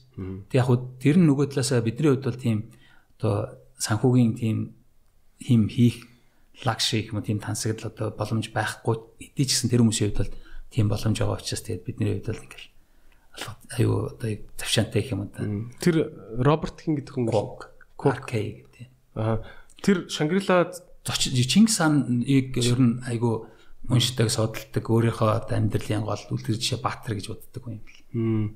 Тэнгүүтээ тэр хүн бол бизнесийн тооцоо алдагт алдагталтай ч байх уу? Бизнесийн тооцоо сул байгаа ч гэсэн илүү тэр хувийнхаа хоббигоор яасан юм те. Тэр яг хэмжээг нь томруулдаг тэр бол яг тийм шийдвэр байсан. Тэнгүү зардал нүсээ өвчөж байгаа тий. Тэнгүү зардал нүсэн. Шангрила мол дотор орохоор л үгүйс анзаардаг л да амар арчилгаа өндөртөө тий. Угаасаа ингээл тэр э, одоо баг илэгдлээ нөхсөөр байтал илэгдлээ нөхөд банкны зээл төлсөөр байтал ерөн дээр ашиг руугаа орох юм уу гэмээр л харагддаг шүү дээ угаас тий. Тэгээд ахтал Монголд бас компаниудад түрээс нь хэтэрхий чангатаад байна л гээл идэг шүү дээ. Яг нөгөө Хонконгоос менеж хийдэг учраас яг менежмент дээр яг юу бидний хувьцаа эзэмшигчийн хувьд бол бас заримдаа одоо хандлагын ялгаанууд бас байдаг. Тэнд бол жишээл ингээд нэг түрээслэгч болчиход дараагийнх нь байдаг ч гэдэг юм. Яг тийм газрын хүмүүс бас яг гол одоо жишээл юу менежмент дээр нь тийм хандлагатай байхаар Монгол улс тодорхой хэмжээгээр өөр жижигхэн зах зээлтэй тэр брэндүүд авчирч байгаа хүмүүс нь цөөхөн тэгэхээр яг харилцаан дээр бас одоо заримдаа ингэ санал зөрдөг ч юм уу бас тиймнүүд байдаг. Шангрилагийнхэн дээрлэхлээ энэ төр гэл жижиг дэлгүүрүүд заримдаа байдаг шүү дээ. Би юу манайхан ч гэсэн бас адилхан дээрлэхүүлэн. Гэхдээ яг зүгээр бизнес гэдгийг бас зүгээр нэг эзэн бүх юма мэддэг гэдэг тийм зарчим бол одоо ерөнхийдөө өнгөрцөн юм уу байгуулгын тэр шийдвэр гаргаж байгаа бүтцэн эрх мэдэл нь хэнд байна. Юу хин яа шийдэх жишээлбэл бүх юмд нэг эзэн ороод дундаас нь ингээд ингэдэг гэдэг бас одоо жишээл үйл ажиллагааны хувьд бас зохимжгүй Тэгэхээр яг тэр байдлаар нь л ханддаг л та. Хүмүүс болохоор яг бид нарыг та нар л одоо шил хувьцаа эзэмшигчний юм чинь бараг л та нар ингээд энэ MCS ингээд энэ эсвэл энийг ингээд шийдчих гэдэг. Гэхдээ бидний хувьд бол бас ингээд ном дөрмөр нь ч юм уу бизнесийн соёл нь юм уу тэрүүгээр нь л та Шангрилагийн тузын урал дээр бол суун өстэй те манахаас нэг л өнсөд аа аюу оцгэр сод аа зүц аа одоо ингээд Sky Resort Resorts руу ч бас танах орсон те MCS Аа интернет энтер гэдэг байгаа тий. Sky Resorts-ыг бол би тэр баг тэр нэг цахилгаан ингэж дээш нь уул руу гаргадаг юу гэдэг чинь тий. Лифчиг. Тэгээ тэр мөрнийх нь тогны мөнгө нь бүрстэй галзуу гардаг гэсэн тий. Тэгэд Sky Resorts-ыг амар алдагдaltaй төсөл гэж сонсч ийсэн. А интернет чинь баг би удлаа сонсвол 60 70 сая доллараар барьсан. Тэгээ баг л цалингаач үтчээ тавьдаг маягийн айгүй хүмүүс болохоор нэг тийм оо өстой амар баячууд очиж амар үнэтэй бие үзүүлдэг, үнэтэй имлэг өстой цүм идэг гэж бодоод идэв штэ. Аа айгүй алдагдaltaй гэж сонсч ирсэн те. Тэгээ яага имсээс ингээд яг та мэдээж тех бахалтай ингээд нийгмийн ингээл айл болох сайхан зүйлийг хийх гээл гэл инх бахалтай. Тэгээ яагаад ийм амар алдагдaltaй юмыг тэгэл сайхан юм хийгээл хийж нэ. Зүгээр яг нэрээ юу? Би бол заримдаа гайхаад. Яг хуу миний хувьд би бол чи эмсээсийн юу жижиг хувцас эзэмшиж байхгүй. Аа аа одоо юу гэдэг жижиг хувцас эзэмшигч, том хувцас эзэмшигчдийн хувьд бол одоо жишээлбэл зөрчил гарна. Одоо би бол жишээл тодорхой хэмжээний ингээд ногдлаа шиг авах юм ингээд тодорхой хэмжээнд би болцсон ашигаас ногдлаа шиг авах тэрийгээ би өөр төслүүд ч юм уу залуучуудад дэмжих юм ийм зарцуулах сонирхол байхад аа яг гол хувьцаа эзэмшигт бол илүү жишээлбэл саяхан шиг ийм төслүүдэд хөрөнгө оруулалт хийхээр хугацааны хувьд бол илүү урт ч юм уу тэгээд илүү нийгмийн шинжтэй ч юм ийм төслүүд оруулаад идэх байхгүй. Миний хувьд бол тэрнийх нь одоо юу гэдэг юм бэ? Та зарим нэг төслүүдээр тий зарим нэг төслүүдээр шал дэмий юмд оруулчлаа да. Тэгээд гэдэг байхгүй. Гэхдээ зүгээр анзаарсан юм гэхээр тодорхой хэмжээний бизнес юм юунд хүрээд ирэхээр бизнес хийгээд ингээд кайф тодорхой хэмжээнд аваад одоо ирэхээр яг нийгмийн төлөө ч юм уу яг тийм болчдөг юм шиг хүн Тэгэхээр одоо яг саяын хэлдэг сүүлийн төслүүд бол бүгдээрээ илүү яг мөнгө талаас олоо тэр хэмжээний хөрөнгө оруулалтыг өөр газар хийгээд ч юм илүү өгөөжтэй байж болохоор боломж байхад чинь илүү за манад яг эмнэлгийн одоо энэ сайжруулах хэрэгтэй гэсэн тийм бодлоор хийж байгаа. Тэгээ үйл ажиллагаан дээр мэдээж сайжруулах ч юм уу зас сайжруулах нь байгаа. Цанын бааз юм дээр ч гэсэн одоо чил асем гэдэг яхад яг одоо чил асемийн тэр төсөл бол миний хувьд амар тэнэгдсэл واخгүй. Аа юу асем хийх гэж байна гэд туслаа шөө туслаачаад ингээд барьчих тэгээ та дараа нь тэрийгэ зарчих гээд тэг яг хөө бид нар зээл э, боломж олохыг гээд тэг хөгжлийн банкнаас ч юм ингээд тодорхой хэмжээний зээл юу чийдээд ингээд явсан жилийн дотор тэр жишээлбэл 50 хэдэн байшин барьсан. Гэхдээ одоо ингээд тэрний 3-ны одоо жишээлбэл нэгэн жишээлбэл баг манайхан байж гэн. Тэгээ 3-ны нэг нь яг ингээд тодорхой хэмжээр зарсан. Тэрийг хийх чинь а дид үтсийн зарлууд нь айгүй өндөр. Дид үтс байхгүй газар жишээлбэл ингээд шууд уулын амд тий гүр дамнуулаад бид нар дид үтсөө татаа. Тэрний зарламгийг бодохоор хажууд нэг хүн өөр зүгээр нэг газар аваад барьж байгаа хүний зарцуулахад айгүй үнэтэй болчихж байгаа байхгүй. Тэгээд одоо ингээд тэр бизнес мөнгө талаасаа бодохоор одоо ямар ч утгагүй тийм дэс. Тэгээд дээр нь одоо PR талаасаа ч юм уу ингээд тэрийг ингэсэн тэгсэн ингээд дайралтууд ирдэг. Яг нөгөө тэрийг хийсэн сэтэл нь болохоор зөвшөөрсөн юм болохоор яг бас нүүр тахлах юм улсыг одоо чи тэр олон орнуудын тэрүүн төрийн тэргөөнүүд ирдсэн байхад бас нэг ингээд нэг юм юм айлын хажуураа шиг юмнууд байгаад тахгүй ингээд тэр сэтгэл нь буцаад одоо улсуудын хоорондын харилцаа ч юм уу том эдийн засгийн шийдвэрүүд гаргахад ч юм уу хамтын ажиллагаануудад бас илүү татаа нөлөө шууд бас утгаараа бий болох юм уу гэл одоо нэр нүрээ бодно гэдэг юм уу тэрэнд нь тослоё гэж бодоод жишээд хийцэн. Тэг яг бүх юмыг бас түрүүн хэлсэн бас ингээд мөнгөөр ч юм уу бас ингэж бод шийдвэр гаргадаг юм бэл л та. Аа. Тэгэд асами чинь улсад буцаага зарчаагүй юм уу те? Гэхдээ одоо жишээ эрсдэл нь бид нар яаж байгаа вэ? Одоо л Та нар өөрсдөө банкны зээл хувь хувь компани дээр авангуудаа SME үеэр тэр тэр хауснуудыг бариад тэгээ зочд явангууд та нар тэрийг зарах болчих юм тий. Тий. Ер нь бол бүх эрсдэл нь бид нар л авчиж байгаа. А тэр автобуснуудыг нь бол улсад шахацсан гэж үстэй тий. Оо тэрийг өстө мэдгүй. Тэр нь өөр компани юм уу тий. Тэрийг өстө мэдгүй. А би болохоор тэр хаус тэр уулын амд дээрээс хауснуудыг бас улсад буцаага зарчт юм байна тэр шууд. Тэгвэл одоо жинхэнэ ус шахсан юм болох. Аа. I see. Юунуудыг За яг гурван хэсэгтэй компани гэл. За MCS шүү дээ тий. Яг ингээ Монгол кириллэр бодохоор MC S гэх гурван хэсэгтэй. Тий. За мэдээч хамгийн их ингээд бас улс төрчдийн бол амны бай болдог компани шүү дээ тийм үү. Аа хүмүүс бас нэг тиймэрхүү Монголд бас нэг иймэрхүү мэдэж шүү дээ. Олонний үг ортоо морто гэж ярьдэн шүү дээ. Бүгдээрээ л тэгээ яриад байгаа юм чинь бараг л үнэн байх энэ төр гэл тэгдэг те. За би танд зүгээр яг ингээд За одоо за миний нэвтрүүлгийг нэг амар олон үзэж үгүй ч боломж олголоо гэж бодъё те. Энэ бол шал худлаа шүү гэдэг юм юу вэ? Яг MCS-ийн талаар. За хятадын компани гэж ярьдаг. Тэр бол шал худлаа.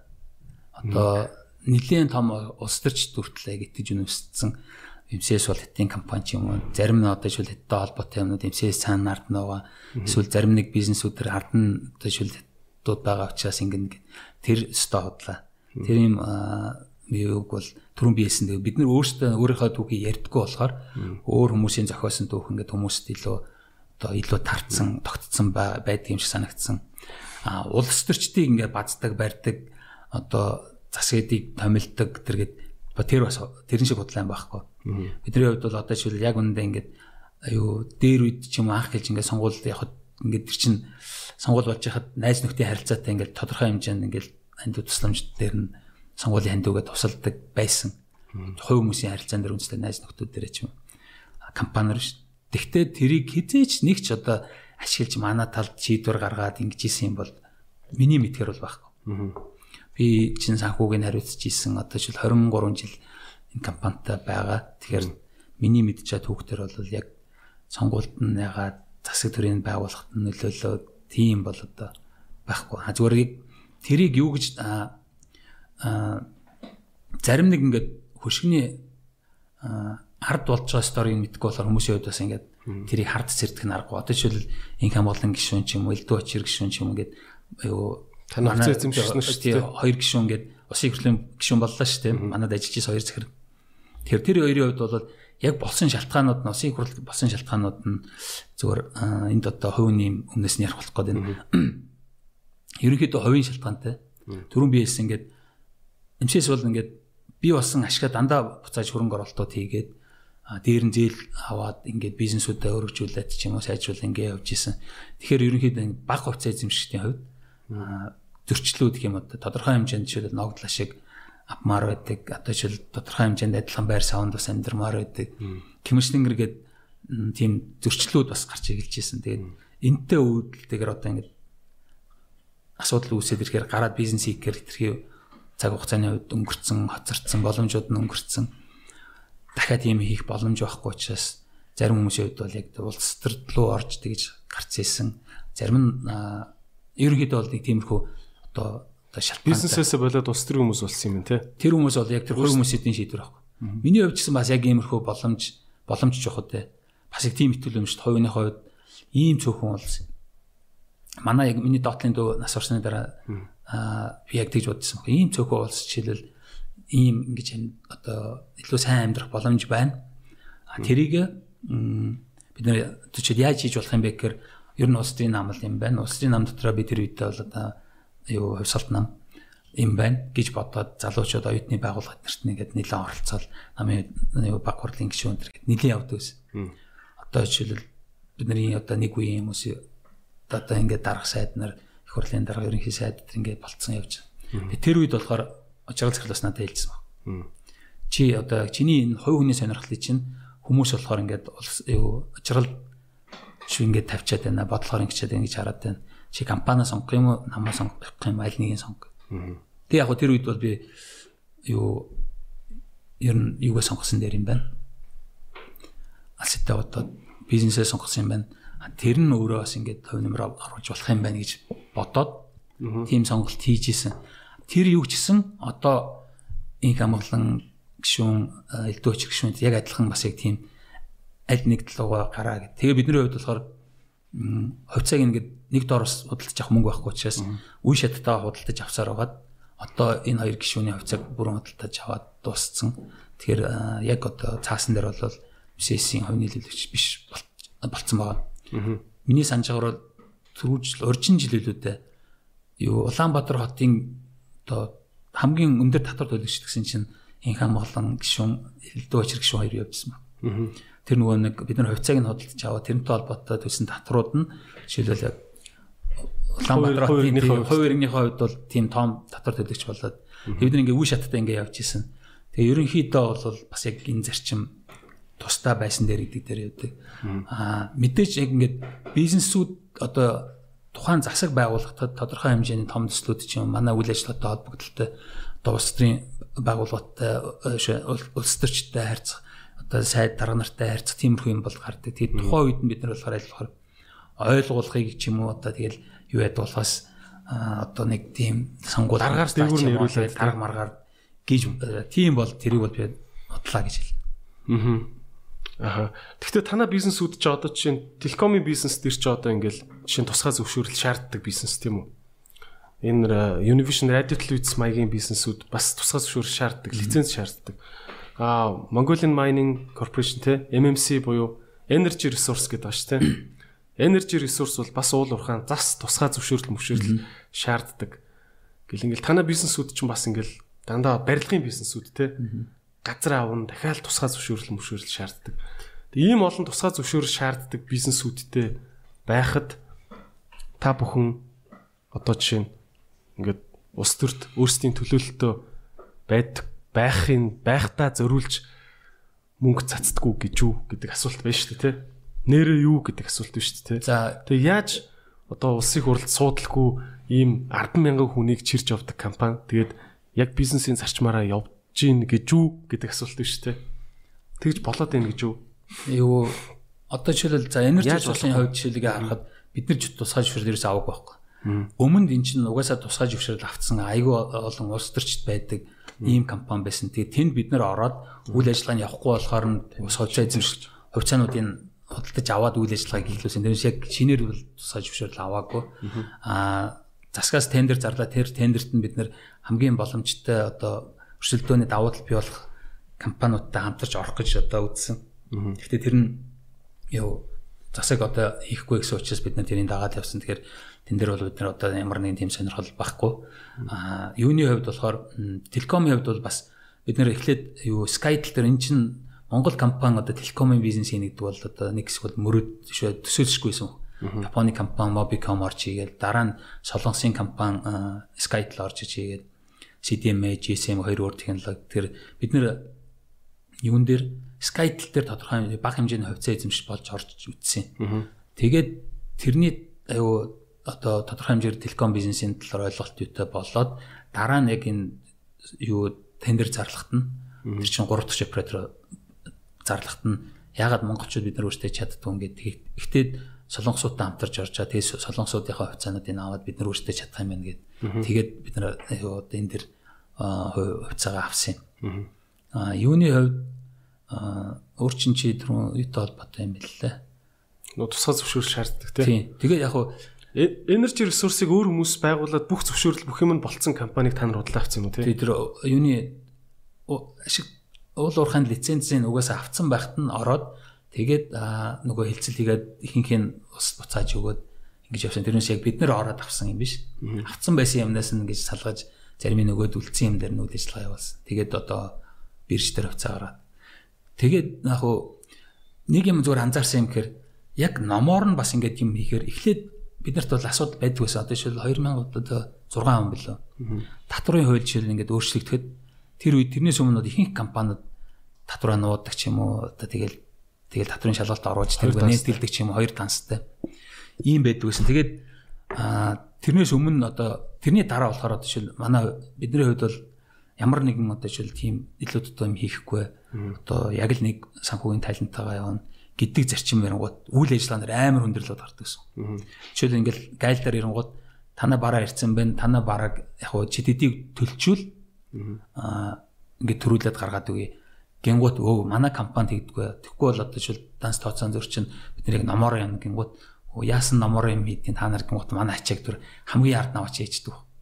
Тэгэл агуул гих мэтлэнгэргээд ийм хүндрэлүүд жишээлээ яг ингээд номоор нь хийхэд 2006 оны үед ч юм уу аюу хэцүү байсан. Тэгээ сүүлийн үед болохоор ерөнхийдөө бас одоо харьцангуй яг номоор нь юм хийцэн байхад одоо ингээд жишээлбэл янз бүрийн үйл ажиллагаанд шаардлага тавьдаг. Тэрийг нь бүгдээр ингээд баа бэггүй хийгээ цаг хугацаанд нь эртгэн шиг юмнуудыг бэлдээд ингээд хийцэн байхад тэр хүн өхгүй гэдэг шалтгаан шалтгаан хэлэх бас одоо өхгүй гэж одоо хэлэх хэлэх үндэслэл байхгүй болчихдог байна. А дээр нь тэрийг нь хэрвээ өхгүй бол ямар нэгэн одоо шүлэл сонирхол одоо арт нь байна. Тэрэ гэдэг ч юм уу. Тиймэрхүү байдал. Ядаж аатагээд авч өгчдөг. Яатагээд аваачаад өгч болно. Гомдол гаргана шүүхтэр чөлөөл ингэж болно. Жишээлбэл Монгол банкны шүү бид нэг хүсэл тавьсан байгаа. Юу дижитал банкын салбаргүй банкны ингээд хүсэл тавиад бас нэлээд удажаа. Монгол банкыг шүүхт өгсөн танах? Яг нь Монгол банк бол захиргааны байгууллага учраас юу шийдвэр гаргах хэрэгтэй байхгүй. Тэгэхээр шийдвэрээ гаргаач гарахгүй байна. Шийдвэрээ гарах ёстой гэдэг үндслээр нь шүүхт өгöd. Тэгээ шүүхээс ерөнхийдөө бол Монгол банк өгөх юм уу гүм үү гэдэг гарах ёстой гэдэг шийдвэр гарсан байгаа. Гэтэ одоо өгөх юм уу гүм үү гэдэг одоо яг хуу хилээг байгаа судалчлаа байгаа гэж ойлгосон. Тэгээд нөгөө талаас бас шинэ хууль гаргаж байгаа учраас тэрэндээ зохицуулаад ч юм уу өөрчлөлт юм хийхээр судалж байгаа мó гэж бодсон. Тэгэхээр яг юмнуудыг хийчээд байхад аа номоор нь юм хийж яхад одоо заавал одоо шүл хүнтэй тэгж одоо дээрэс нь мундагдуулаа ч юм уу иймэрхүү явдаг юм манаас арцсангүй зөв эрүүл тал руу бас болж байгаа юм гэж бодод. Аа. Тэгвэл ч доороос нь л бүх юм нь л үздэгээрээ л жишг тогтоогоо. Одоо тэр compliance гэдэг дээр жишээлбэл манай дээр яг тийм хүмүүс байдаг байхгүй. Анх гэж бүр амар хэцүү байсан ингээл юм ингээ бэлдсэн байх чинь ингээл асар олон бичиг баримтууд шаардна. Тэрийг ингээ бэлдээд өчсөн баг чи ингээд болохгүй ч юм яг нэг юм хараад ч юм шийдэж өгөхгүй. Одоо бас яг энэ төрийн байгууллагуудын хуулийн дээр чинь ийм шийдвэр гарах байгууллага шийдвэр ийм хугацаанд гарах ёстой гэдэг юм цаацсан. Материалын бүрдүүдэд өгсөн шийдвэрөө гаргахгүй болохоор бид нэр одоо шүлэл шүүгдэх юм ийм үндэслэл хэрэгцээнүүд бий болчихж байгаа. Тэнгууд тэр өмнө зовлон ярьдгээс хүмүүс одоо болохоор юм уу л яг цагтаа номоор нь хийх хэрэгтэй. Тэгэл яг тэрийгэ хийх хэрэгтэй. Тэрийгэ хийчвэл одоо асуудал бол одоо үнэ шиг тийм зарим газруудад номоор нь хийгээд ч ном нь байхгүй газрууд биш үү тийм зүгээр стандарт байхгүй. Таны дөрөвний ярьдаг шиг шилэн барилга барих Монголд стандарт байдгүйсэн гэж шүү дээ. Тийм газрууд бас айгүй олон байгаа юм л та. Ингэ шинэлэг юм хийх гэхээр зүгээр л байхгүй тий одоо жишээл Монгол банкн дээр жишээл нөө дижитал гар хэсэг ч юм мэдээж бас өндөрлүүд эрсдлүүд бас байдаг баг. Одоо жишээл яг амьдралын олон ингээ хэм маягууд дижитал орчин руу шилжээд ирэхээр заавал жишээлбэл салбар дээр очиж гар хэсэг зуруулаад гэхийн оронд өөр байдлаар жишээлбэл тэрийг шийдэж болох боломжийг яг хаа судалж байгаа гэсэн бас нэлээд жоохон олон удаан судалж байгаа. Дүрм журм гарч өгтгүү те. Тэр үед бас лоббидуулах хэрэг гарна үстэй.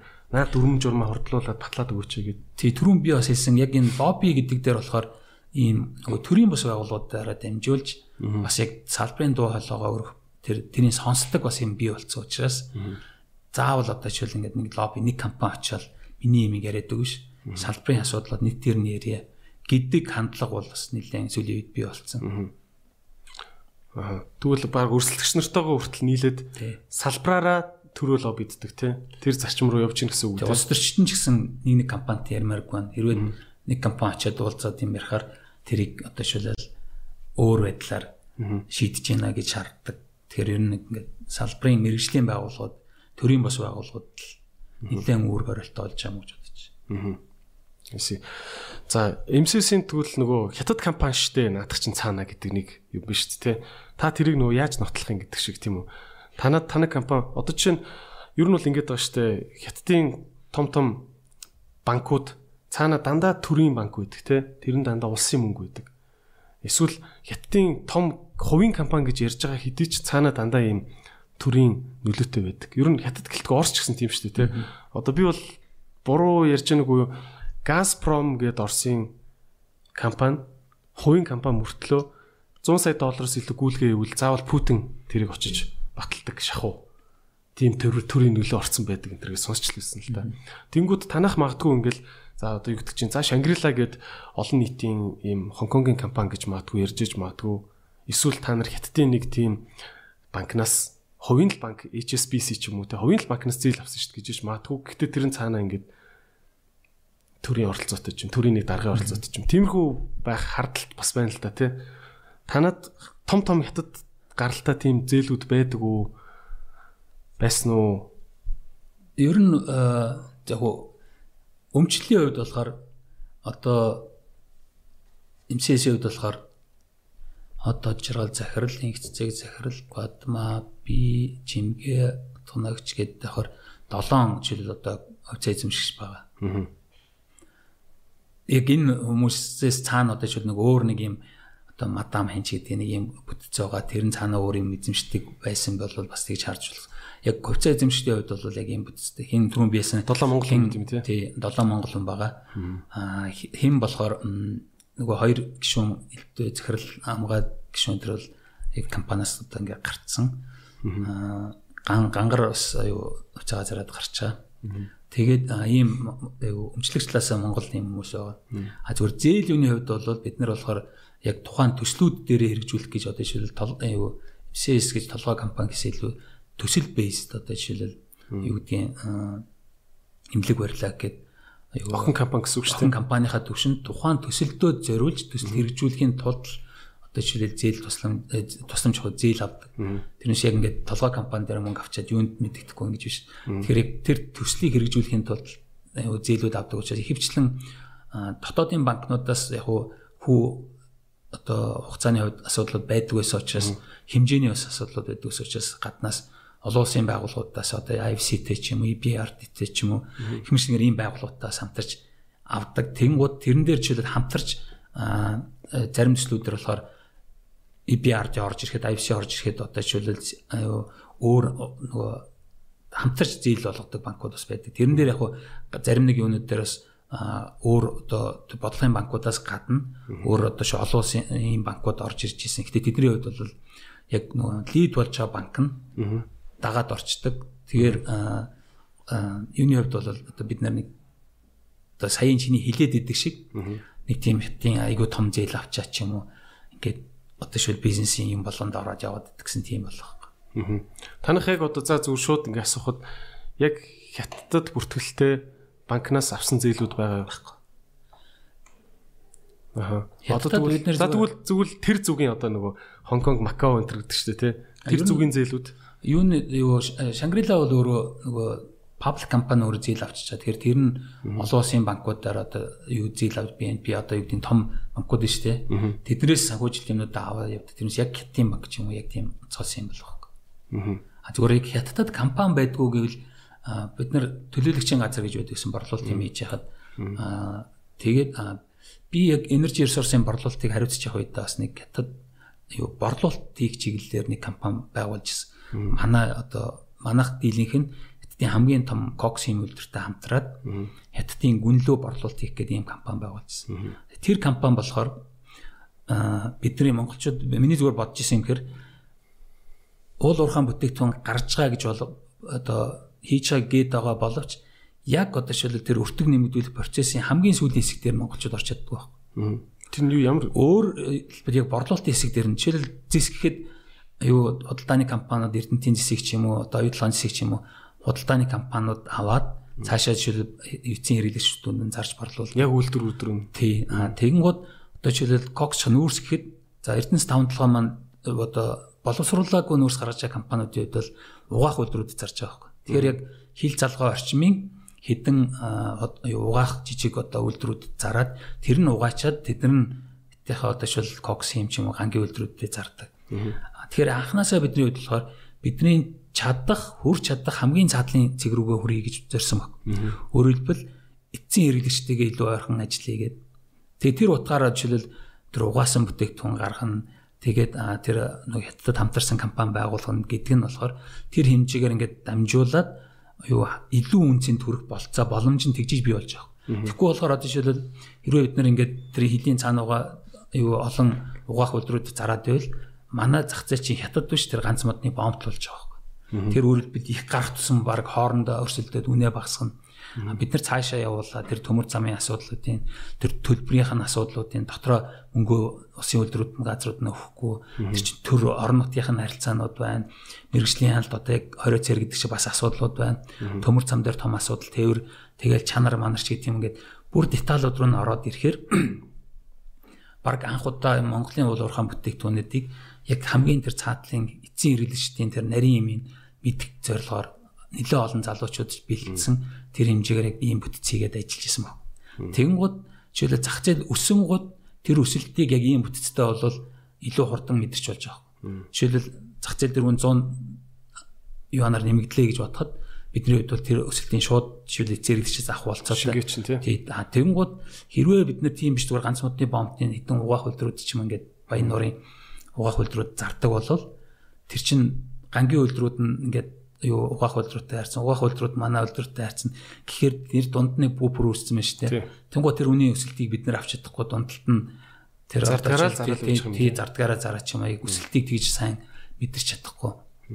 Хэмжлэнгээр яг зөв тийм зорилгоор нэг юу тийм компани хийжсэн. Гэтэ одоо нөгөө үйл ажиллагаа нэлээд хязгаарлагдсан бол гаралт нь бас нөгөө хэдийн бомбтоос ачаалаас хамаарат бас тодорхой хэмжээнд ботсон шиг бас явахгүй юм шиг л.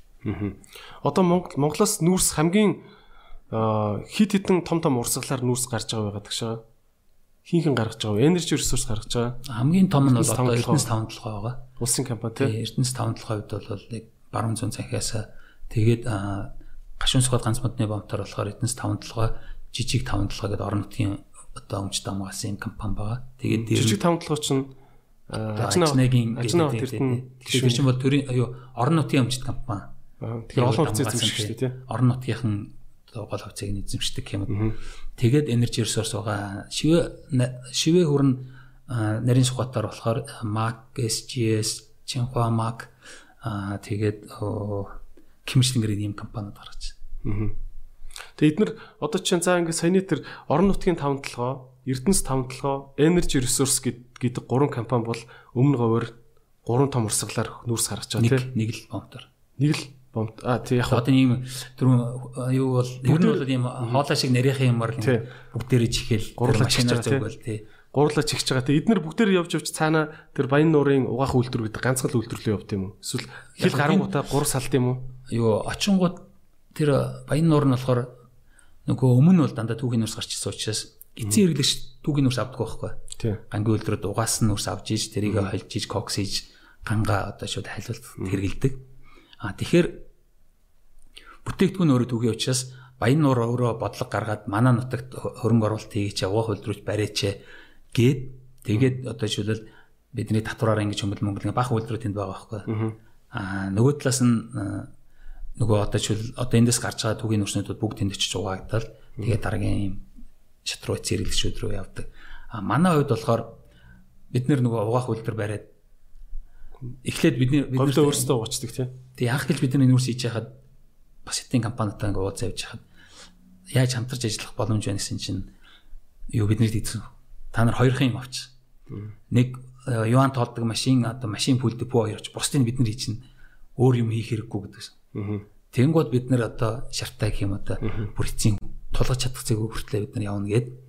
Тэгээд угаах үйлдвэрүүдээ өөрсдөө хийгээд дэд үт зам машин тэргэмнүүдээс өөрсдөө шийдээд ингээд өрөөлвөл Монголын баялагийг илүү үн хуржлээвэл одоо Монгол руу илүү мөнгө орж ивэл гэдэг утгаар тийм нүд хийгээд тэгээ явсан. Тэнгууд хятадын нөгөө талд нь бидний бойкотлоод угаасан нурс гаргуул тэдэн оны татвар гээд орон нутгийн татвар тавиад орон нутг нэг дөр өөр Монгол уу? Одоо Баян нуур Баянуур. Баянуур хятадын бас орон нутгийн тогтолцоонууд нөр юм бэл харьцангуй бие даасан үедээ банкнаас очиад өөрсдөө зээл авдаг. Янз бүрийн бодлогоодс өөрсдөө хэрэгжүүлж болдог. Тэгээд бид эдгээр чинь татвар тавиад тэнгууд нь бид нар гадаад хэргийн ямуудаар дамжуулаад одоо энэ бол одоо олон улсын худалдааны байгууллагад нэгдсэн юу ингээд тусдаа тариф тавьж болохгүй нэг бүтээгдэхүүн дээр ингээд ялгуурлаад өөрөлдвөл өөрсдийнхөө баянуур бол өөрсдийнхөө угаах үйлдвэрүүдийг дэмжиж Монголоос аль болохоор түүхийн нурс авах сонирхолтой. Аа бид нар дээр бас тэгж санал тавьжсан. Та нар баян нурт угаах хөлдөр барьчих. Бид нар тийм байхгүй гэд. Тэгээ Монголд яг хуу барьсан тэгээд яг хуу химшлингээр зовлон жаргалаад зөндөө байсан. Тэгээ одоо тэр асуудал яаж шийдэгдсэн бэ? Одоо бол яг хуу тэгэл юу ямар нэгэн тийм тариф нөгөө ялгуурлал юм байхгүй явж байгаа. Тэгээ дийлсэн юм те ер нь. Тэг ер нь тэр нөгөө татвар юм. Баян нуурынхан тэгвэл нэлээд дургуул байгаа юм те. Energy resource-д. Тэгэхээр орон нутагт нь татвар төлөхгүйгээр Тэгээ шууд алгасаад дамжаад явчихж байгаа. Шууд дамжаад баян нуурыг алгасаа танах яг хаашаа явж зартын тэгээд ер нь болохоор Монголын нүүрс хамгийн ойрхон болохоор Бухтын гангийн үйлдвэр байхгүй. Тэр нэг 10 сая тонн ган үйлдвэрлэдэг. Тэнд тэгэхээр нэг дунджаар нэг 14 орчим сая ч юм уу юу нүүрс угаасан нүүрс хэрэгтэй. Тэрний одоо жишээлбэл 3-ны 1 нь холцоор бодохоор 3-ны 1 гэж бодохоор нэг 4 5 сая ч юм орчмын Монголоос нүүрс авах хэрэглээтэй тийм газар байгаа. Аа тэрнээс яг хамгийн ойрхон нь болохоор энэ юу Шинхуагийн ингээд коксын үйлдвэр байгаа. Тэнд нэг бас бага хэмжээний явна. Тэгээд дараачихын буух тэгээд цаашаа одоо жишээлбэл юугаар шавгаан одоо жишээлбэл хэбигийн гангийн үйлдвэрүүд тэгээ бүр цаашаа юу руу явдیں۔ Шагаан гэдэг гангийн үйлдвэрүүд тэгээ кокс хэмээн тэр юу орчмоор төмөр замын дагуу хэбэ явах зам олон коксын үйлдвэрүүд байдаг. Тийшээ одоо хөргөж өгдөг. Тийм бүтцээ. Хиний богон хөргөж өгдөг. Та нар ингээ хил гарангуудаа бас транспорт компанид өгөх эсвэл тэр нь зүгээр зөөж өгснөхийн төлөө мөнгө авна үстэй тий. Тий тэнд бол яг хоёр төмөр зам байгаа. Хятадын юу төмөр замын яамны төмөр зам, Шанхайгийн төмөр замс хоёр төмөр зам байдаг. Тэнгууд яг аль боломжтойгоор Шанхай болохоор юу хүрдэг далаа руу хүрдэг бомбт нь болохоор нэг юу бомб байгаа. Төмөр замын яамных нь болохоор цэнгуу олон бомбтууд руу сүрдэг. Аа танах болохоор хичнээн тоон яг гарахгүй. Тий яг одоо ерөнхийдөө за би яг сүүлийн тоонуудыг нь одоо нөгөө өдөр тутмын үйл ажиллагаанд нь одоо орхоо үлдсэн болохоор яг аюу тоог нэг баримжаагаар. тий баримжаагаар гэхээр за өмнө говор өмнө говоос одоо шил өдөрт нэг нэг юу юуны одоо гарч байгаа машины нэг 20% ч юм уу орчим одоо шилэл гашуун шугал ганц модны бомтоор гарч байгаа хэмжээний нэг 20 орчим хувийн энержи ресурс гаргаж. Төрөнд тэр нэрээ нэг юм дээр юу нөгөө Мишэсиг тендертэй холбоотой айгүй их тендер авдаг гэж ярьдаг. Тэрнээс болж улс төртэй холбоотой ч юм уу гэдэг яриа үүссэн багч боддог. Тийм тий. Дээр үед ядаг гэсэн кэр одоо дээр үед жоохот энэ жилийн өмнө болохоор энэ компьютер IT zone MCS Electronics гэж байдаг гэсэн. Одоо чи Батэрд навраг рекламад нь тоглоод Packard байл тэгэл. Тэгээд тэр бизнесийн онцлог нь болохоор юу тендерээр явдаг. Тэгээд тендерүүдэд их ордог. Төрийн байгууллагууд ч гэсэн тэр үед компьютерийн одоо төгөөрөмж сүлжээнүүд их худалдаж авдаг. Тэгээд тэр болгонд орохоор угаасаа орохгүй байж болдгоо болдгоо жоохоо орж иж лах юм чинь. Тэгээд орохоор юу ялчаад байдаг. Яагаад ялдаг байсан гэхээр нөгөө онцгой эрэхтэй дистрибьютор гэдэг юм уу яг гол гол одоо жишээлбэл Canon, Dell гэдэг ч юм ийм брэндүүдийн албан ёсны дистрибьютор болохоор нөгөө юуны дараах үйлчлэгээнүүд шүү дээ засвар үйлчлэгээнүүд борлуулалтын дараах үйлчлэгээнүүд эднэр дээр нь бас давуу талууд байдаг. Тэнгууд тендер болгон дээр ялагдсан бүх хүмүүс л бас юу ганцаар ч юм ингээл компьютер оруулж ирэл ч эсвэл хэдэн хүмүүс хоорондоо ярьж чад компьютер оруулж ирэл зарах болонгууд нь гээд нэг юм компани аваад байгаа юм шиг. Тэрнээс болоод айгүйх одоо яг тендер авдаг гэдэг тийм яриа болоод нэр зүйссэн. Яг надад бол тгий санагддаг. Ер нь бол одоо бол юу тендер одоо авах тендер одоо манайх чинь хэдэн мянган одоо компаниудад ажил олгодог гэх юм уу. Тийм болсон. Би яг нэг од од захирлын бахаа нэг ярен дээр нэг хальцуудсан санаж байна. MCS group бараг сүүлийн 10 жил нэг ч тендер аваагүй юм байлээ гэд тэгж ах шиг өссөн. Би буруу санаж нүг юм. Зөв. Тэгж ах шиг. Би тэгээ жоохон гайхчихлээсэн тухайн үед нөгөө really гэдэг шиг нэр юу гэ тэ. Нөгөө засгийн ингэ тендер юу тендер цагийн менежлүүд ингэ сайт байдیں۔ Бид нар тэрийг орж үзсэн байхгүй. Тэгээ үзсэн чинь тэр яг тэр үед бол бас яг юу харж яхад бол бид нар яг ерөөс яг улсын тендерт орж исэн юм байхгүй. Одоо сүүлийн үед ч гэсэн ер нь яг улсын тендерт холбоотой юмнууд орох одоо өөрөө тэр нь нэгдүгээр за нэр хүндээ өгж байгаа юм болчихсон. Нэр хүндийн юунаас гадна зүгээр бизнес талаасаа бодоод үзвэл мөнгөө өгөхгүй Тэгээд дараа нь тендер авангууд байн одоо араас нь шалгалт шүүлэг болдог. Тэгээд ер нь бол аль болохоор одоо бизнес wise бол бизнесийн талаасаа бол улс төрчид бол амар муу харилцагч. Одоо бид нар болохоор аль болохоор улс төрчид тийм авъя зараа эдрийг бол тэднээс баг ингээд өмч хүмүүс ингээд талцсаал тэднэрт л ингээд юм зарыг борлуулъя гэдэг байсан бол одоо бид нар бол аль болохоор улс төрч байхаар бол юу тэр хүмүүсийг бол одоо за хоёрдугаар нь хаашаа их болгоомжтой одоо шил дараа нь тэр ямар мөнгөөр тэр бараа бүтээгдэхүүнийг авцیں шалгаан шүүлгэн бүх юмнуудын нарийн яаж тавихгүй бол болдгоо ч сайл болохоор одоо цухтаа нэг шилгээ таашаа. Ер нь бол бас тий тийм муу харилцагч ерөнхийдөө болцсон. Улсын хувьд ч гэсэн бас яг мэдээж нэм жижиг сажиг юмнуудад бол одоо яг тэр чин давтамж айгүй олонтой тэгэл байн гороод идэг яг тийм бизнес ерөнхийдөө байх болсон. Тэгээд бидний хувьд одоо боддог юм уу да. Аль болохоор ийм харилцагчдын суур ихтэй олонтой нийтэд чиглэсэн тиймэрхүү бизнесүүд рүү илүү төвлөрнө гэсэн ийм л бодолтой байгаа л да. Ер нь тэгээд гэхдээ яг улс төрийнхэн бол тэгэл яас их манахтай надтай харьцдаггүй ингээл боох юм байдгүй одоо хамгийн том томор болгож исэн. За төмөр зам бариулахгүй боосон бол тэр бол алдартай кейс те. Одоо л төмөр замаа барьж чадаагүй үстэй. Одоо л машинаар зөөж байгаа те. Танах уг нь төмөр замаа өөрөө барийг гэж хэлсэн мэт үгүй юу? Төмөр зам дээр яг нөгөө бодлогонд яаж нь бидний хувьд бол яг аж ахуй нэгж хувийн компани учраас улс төрийн бодлого нь өөрөө шийдэл нь яаж харж тэрийг л дагаад явъя гэж. Төмөр зам бари одоо угаасаа бизнес талаасаа бодохоор машинаар зөөснөөс тэр байгаль орчин талаасаа хүний амин тэр жолооч нар тэгээд өртөг зардал тэгээд тэр нөгөө бас ингээд олон ачиж буулгахаар бүтээгдэхүүний чанар тэгээд тэр тоос бүрэн тоос чинь айгуу том асуудал байхгүй. Одоо энэ таван талхын нүүрс чи өөрөө юм юу бүхэллэг багтай ийм нунтаг тийм нүүрс. Би одоо анх баг анх удаа энэ Владивостокоор тойруулаад 3 ус онгоц нүүрс Япон, Тайван энэтийг зарж исэн байхгүй. Одоо алс орнотын энэ төмөр замын баг тооч болгон дээр нь уцтаж за энэ манай вагон гарсан уу гэж хүмүүсээр дамжуулж тэгж нэг арай гэж нэг Владивосток дээр авчиж авчираа. Тэндээсээ сонгоцсон очиулаад тэр чинь өвөл хүүтэн хөлдөөл тэгэл тэгээд зарим бомтууд нь нөгөө далайн гүн жишээлбэл хангалттай юу биш. Тэгэл зарим нь ухгүй болохгүй эсвэл баарч хийгээд өөр юмор зөөж цаашаа зөөдөг ч гэдэм. Хэмш ингээ зөндөө асуудлуудын туулаад аваач зарсан чинь Японд болгосон чинь тэр поригад байгаль орчин хурдуулсан ингээд бахан торгуулд ороод нэг хэдэн дөрөг үнэ гайгүйсэн бас туршилтчихсан гэжсэн чинь тэгээд юу торгуултад харагдаад бас. Манай орон нутаг уг нь энэ тээврийн тээвэр энэ уурхаануудаа торгуул торгохоор л юм байна те. Тэр яг хуу тий тоос пөргүүллээ гэд. Тэгээд яг тааш тийм байдгүй л хальтай. Байгаль орчин талаасаа ч юм уу яаж ч удсан төмөр зам болвол нэг овор ихтэй ийм нормог бараа бүтээгдэхүүний бизнес дээр бол дид үцэй гэж хол төмөр зам тээвэр чухал. Тэгэхээр энэ утгаар нь байх хэрэгтэй байна гэж бодсон. Тэгээ яг хоо ерөнхийдөө тэр нэг царгийн асуудал дээр ичээд өргөн байх уу, нарийн байх уу гэдэг асуудал тэгээ шийдэггүй усаа болоод одоо жишээл төмөр зам барихад нөгөө тал нь хятадын тал нь болохоор тэр бомбтынхаа зүүн талаар өөрийнхөө царгаар ингээд татаад оруулаад ирсэн. Тэнгууд өндөршлөн тэрний одоо газар нутгийн хувьд л нэлээд өндөр талаараа ороод ирсэн. Тэнгууд Монгол талаас очиад тэнд холбоно гэвэл айгүй одоо жишээлбэл газар шорооны ажил өндөр өндөр болгож ийж тэгээ тэр нь Монголдоо жишээлбэл илүү зардал болохоор хэрвээ анх хэлж тодорхой хэмжээнд тохироод ч юм явцсан бол илүү зардал багтаа газраараа огтлуулад энд одоо уулзнаа гэдэг ч юм ингээд шийдэж болохоор байсан.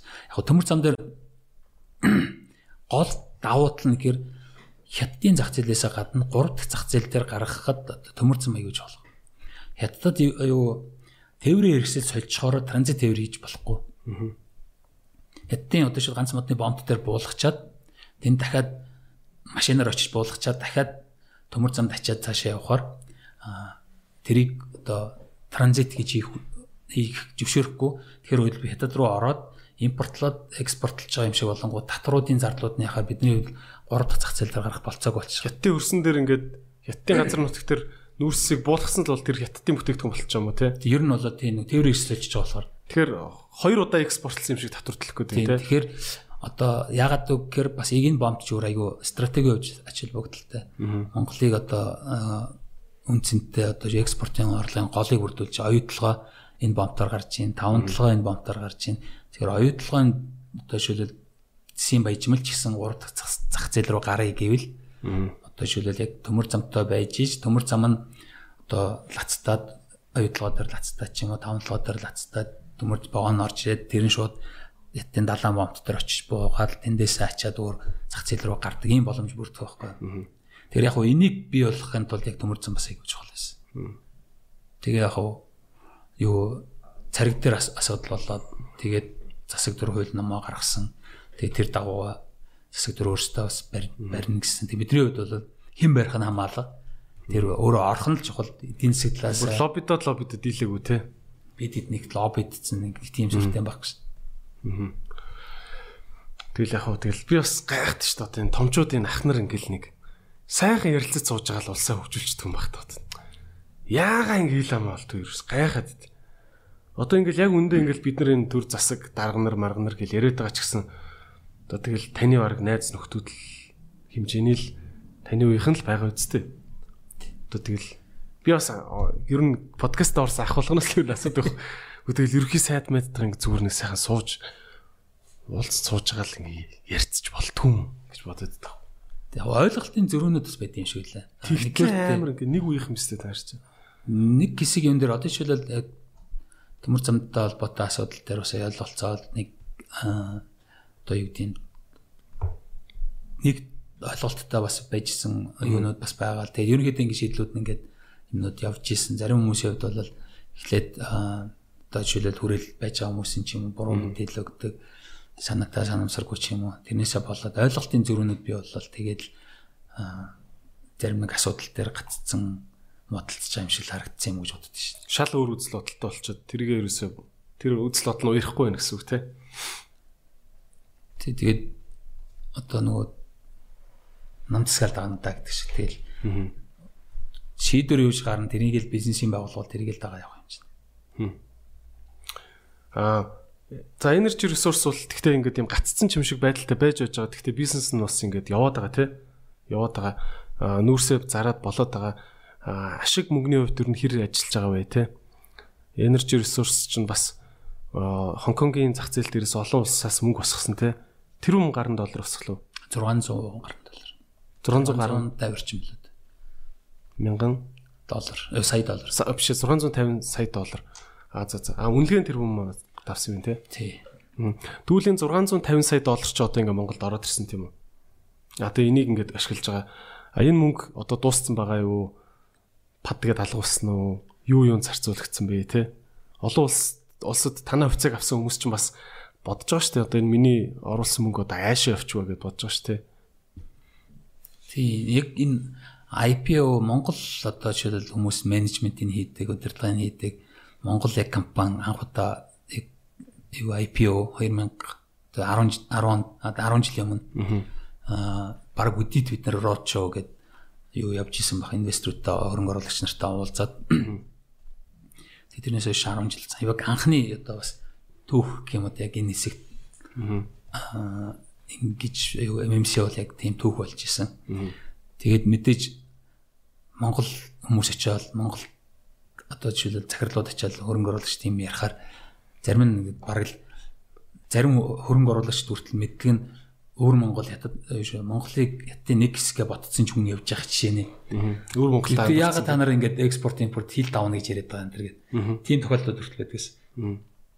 Тэгээ яг тэнд яг хөрөнгө оруулагчдын одоо тэр бүлэг хөрөнгө оруулагчдад бол яг Монгол гэж юм ус юм монголчууд бас ингэж бизнес хийж болдгийг гэдгийг жишээг үзүүлээ гээд тэг хөрөнгө оруулагчдын зүгээс ч гэсэн бас сэтгэл үнэмшил хүлээ илгээд юу яасан ба тэг амжилттай IPO-сэн тэг тэнд болохоор use of proceeds гэдэг татаж авсан мөнгөө юун зарцуулах юм гэдэг төлөвлөгөөнүүд бас гаргадаг. Бид нар ийм ийм зарцуулна гэх. Тэгээд тэнд гол төлөвлөгөө нь болохоор бид нар хэд бол угаах үйлдвэр үүд байсан. Тэгээд 5 5 саяын хүчин чадалтайгаар нь гурван одоо ийм үе шатнд 15 саяын угаах үйлдвэр барина гэжсэн. Тэгээд тэрнтэй холбогдсон дид үтцүүд одоо жишээлбэл усан усны усан хангамж тэгээ цахилгаан станц тэр чинь нөгөө бүх юм чинь тэн чинь юу ч байхгүй юм чинь анх гэж очиход бол хов асан ийм тал байсан. Тэгээ тэнд тог цахилгаан ус одоо тэгэл хүн амьдрах суух бүх юмнуудыг хийжсэн. Тэгэл дид зам тэгээ хилийн бомбуудын сайжруулагч гэх хэмжлэн гэдэг.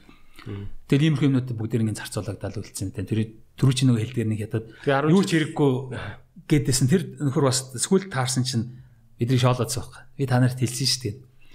Юу ч хэрэггүй зүгээр л таад зах зээл сайн болвол мөнгө аваад суугаад байхгүй болоод хаагаа сууж явахгүй та нар жоохон аюу тэнэг баха ийм хэлчихсэн. Ийм одоо жишээл бахан хүмүүсийн орон сууц морон сууц барих ингэж угаах үйлдвэр барих ямар хэрэг байсан хятад очиод угаалгачих байсан шүү дээ. Тэр олон хүн тэнд ажиллуулахар хэрэггүй шүү. Бид нар хятад ирэл ингээд юм чинь хийчих байсан шүү дээ. Гээд бараг шоолж исэн хятад тэгээд яг зөвл гэж бодож. Бидний хийсэн юм. Тэнд ядч хүн хөгжих боломжтой ажлын байрууд байна гэдэг чинь чухал те. Эдийн засгч дүлгэн ингээд мундаг залуу бас манай подкастер ороод ажлын байр гэхээр бас тэгж ойлгож болохгүй хоёр төрлийн ажлын байрууд гэдэг. Нэг нь болохоор зүгээр ингээ хүн хөгжихгүйгээр хийгээл цалингаа аваад яваад иж болдог механик маягийн ажлын байруудыг нөгөөх нь хүн байнга сургалтанд хамрагтаал байнга мэрэгшээл бүр гадаадд гараад ажилласан ч үнэлэгдэх болцсон хэмжээнд ингээд хөгждөг ажлын байр гэдэг бас тустай асуудлаа. Ихэнхчлэн хөгждөг ажлын байрууд бол үйлдвэрлэлтэй орнуудад байдаг хөгждгүү ажлын байрууд бол зүгээр зочид ирээл үйлчлэл гаргадаг иймэрхүү газар байдаг. Эсвэл юм оруулж ирээл зардаг тий. Тэгээ харамсалтай нь маа Монгол улсад байгаа ажлын байрны дийлэнх хувь нь хүн хөгжихэд айгүй тийм боломжгүй ажлын байрууд байна гэжсэн л да. Тийм тэгээд яг хуу тэр утгаараа бол мэдээж энэ уух үйлдвэрүүд барайл юм бага үйлдвэрүүд барайл яваад байгаа нь бас зөв юм шиг харагдаж байна. Гэхдээ бас нэг юм хардталтай байна. Төвшөө төвшөө шаркта бүр амар хардталтай ярьслах гэд. Та өөрөө л одоо тэгээ нээлттэй ярих гэж одоо орж исэн юм чи асууя гэж бодоод. За ийм юм байна. Санхүүгийн иймэрхүү схемүүд би бол танаа одоо MMC чинь бол ногд ашиг өгч эхлэх байгаа тий. 10 жил боллоо. 10 жилийн өмнө хүмүүсээс ингээд 650 сая доллар ингээд гадны хүмүүсээс ингээд авцсан. Та нарыг одоо ингээд буцааж баяжуулах ухааны юм болж байгаа шүү дээ тий. Аа за нэгтгэн юм байна. Аа танай компанид хөрөнгө оруулсан хүн хоёр янзаар мөнгө мөнгөтэй болно. А нэгтгэн нь бол танай MMC-гийн чи хувьцааны үн өсөөд өөртөө өссөн хувьцаагаа зарад яг жинхэнэ бэлэн мөнгөөрөө баяжна. Нөгөөх нь бол хувьцаагаа барьж та нар ногл ашиг хуваарлана. Ийм л хоёр харагдсан байгаа зөв. Тий. Яг хувьцаа нөгөө банкны зээл хоёр чинь яг одоо энэ зарчмын өөрчлөлт өөр үүдэг гэдэг нь яг энэ дээр харагдаж байгаа юм. Хувьцаа авч байгаа хүн бол яг өөрийн хөрөнгөнд нь хөрөнгө оруулж байгаа. Хэлбэл эрсдлээ тэрэн өөрөө 100% хүлээж авах. Би тэрийг алдсан ч онсон ч гомдлохгүй. Аа зээл бол одоо би боцоод төлөх үүрэгтэй. Төлөхгүй бол барьцаалсан хөрөнгө байдаг бол тэрийг зарж одоо тэндээс нь орлогоо олоод авна гэдэг одоо шил хатуу өөр хариуцлагатай. Тэгээд яг уу яг энэ нөгөө хувьцаа аавна гэдэг гэдэг ойлголтыг бас нөгөө мэдээж энэ хөрөнгө оруулагчид бол ойлгоод гэх юм да. Ингээ явж байгаа эрсдлүүд тодорхой хэмжээнд одоо хүлээгээд ерөнхийдөө бол бид нөгөө IPO хийсний дараа хөрөнгө оруулагч нартай бас ингээд уулзалтууд хийдэг. Тэнд бол баг бидний үйл ажиллагаанаас илүү Монголын улс төрийг л асуудаг. Яг одоо жишээлбэл яг энэ шийдвэрүүд чинь гарах юм уу, үгүй юм, эн чинь яаж чинь төмөрцөн барих юм уу, барихгүй юм уу Тэгээд яг энэ шийдвэр чинь доктортай мүү гүм үү гихмшлэн ирээд улс төрийн юмд л бараг тариусаад байгаад таардаг байсан. Тэгэхээр ерөнхийдөө бол а Монголын хамгийн том эрсдэл бол улс төр. Тэр улс төрийг тооцож хөрөнгө оруулагч нар орсон. Гэхдээ яг зүгээр би бол одоогийн байдлаар тэр хөрөнгө оруулсан хүмүүсүүд бол нэлээд одоо жишээл юу байгаа алдагдaltaй гэх юм уу да. Аа хувьцааны үн хэдэн унс шүү баг 20 30 дахин унтсан уу? Гэхдээ тэрнээс их юу Гэхдээ сүүл нь хувьцааны тоонууд бас бүтцийн өөрчлөлтүүд хийгдсэн л дээ. Анх хэлж бол 10 хэдэн доллар хүрж исэн, одоо Гонконг доллар хүрж исэн хувьцаа маань одоо нэг 10 цент болсон л да. Тэгээд яг хуу үйл ажиллагааны хувьд бол одоо хэдийн зах зээл нөлөөлнө. Одоо Монголын улс төр нөлөөлнө. Тэгээд энэ дид үтцсэн юмнууд нөлөөлнө. Гэх мэтлэнгээр тэгээд хятадын гангийн үйлдвэрийн хэрэглээ бас өнүүд нь өсөж буурна. Айгүй олон юм хүчин зүйл нөлөөлнө. Тэгээд тэрийг эрслээ хийгээд орж байгаа учраас энд бол тэр хүмүүсийг заавал одоо жишээл бид нар баяжуулах баяжуулах одоо мэдээж аюу үнцэн бий болохын тулд ажиллаж байгаа. Гэхдээ биднээс хамаарахгүй аюу олон хүчин зүйлүүд байгаа учраас тэрийг бас ойлгож исэн юм уу гэж бодож байгаа. Тэгэхээр та нар л бүр амар атаклахгүй юу? Дайрал яг яг Монгол хүмүүсийн хувьд бас нэг хэсэг энийг айгуу том боломж байна гэд бас нэлийн хөрөнгө оруулалтууд хийсэн зарим нөр банкнаас зээл аваад манай хувьцаанаас авцсан тийм хүн байна. Би нэг санаж байгаа бас нэг миний нэг бас таньдаг хүн байр авах гээд урьдчилан мөнгө барьж ирсэн энэ ер нь хувьцааныг өсөх юм шиг байна гэд тийшээ хийгээд тэгээ нэг 70000 доллар ч үлээдтэй байсан. Сүүлдээ тэгээд 7000 доллар болоод тэгээд бас тэгэхээр ерөнхийдөө бол бас яг хувьцаа гэдэг бол яг эрсдэл тэрнээс яг ингээд тэр мөнгийг өгнө гэсэн одоо юу нуглаад өгнө гэсэн. Яг уу биш. Ер нь бол амлалт тий.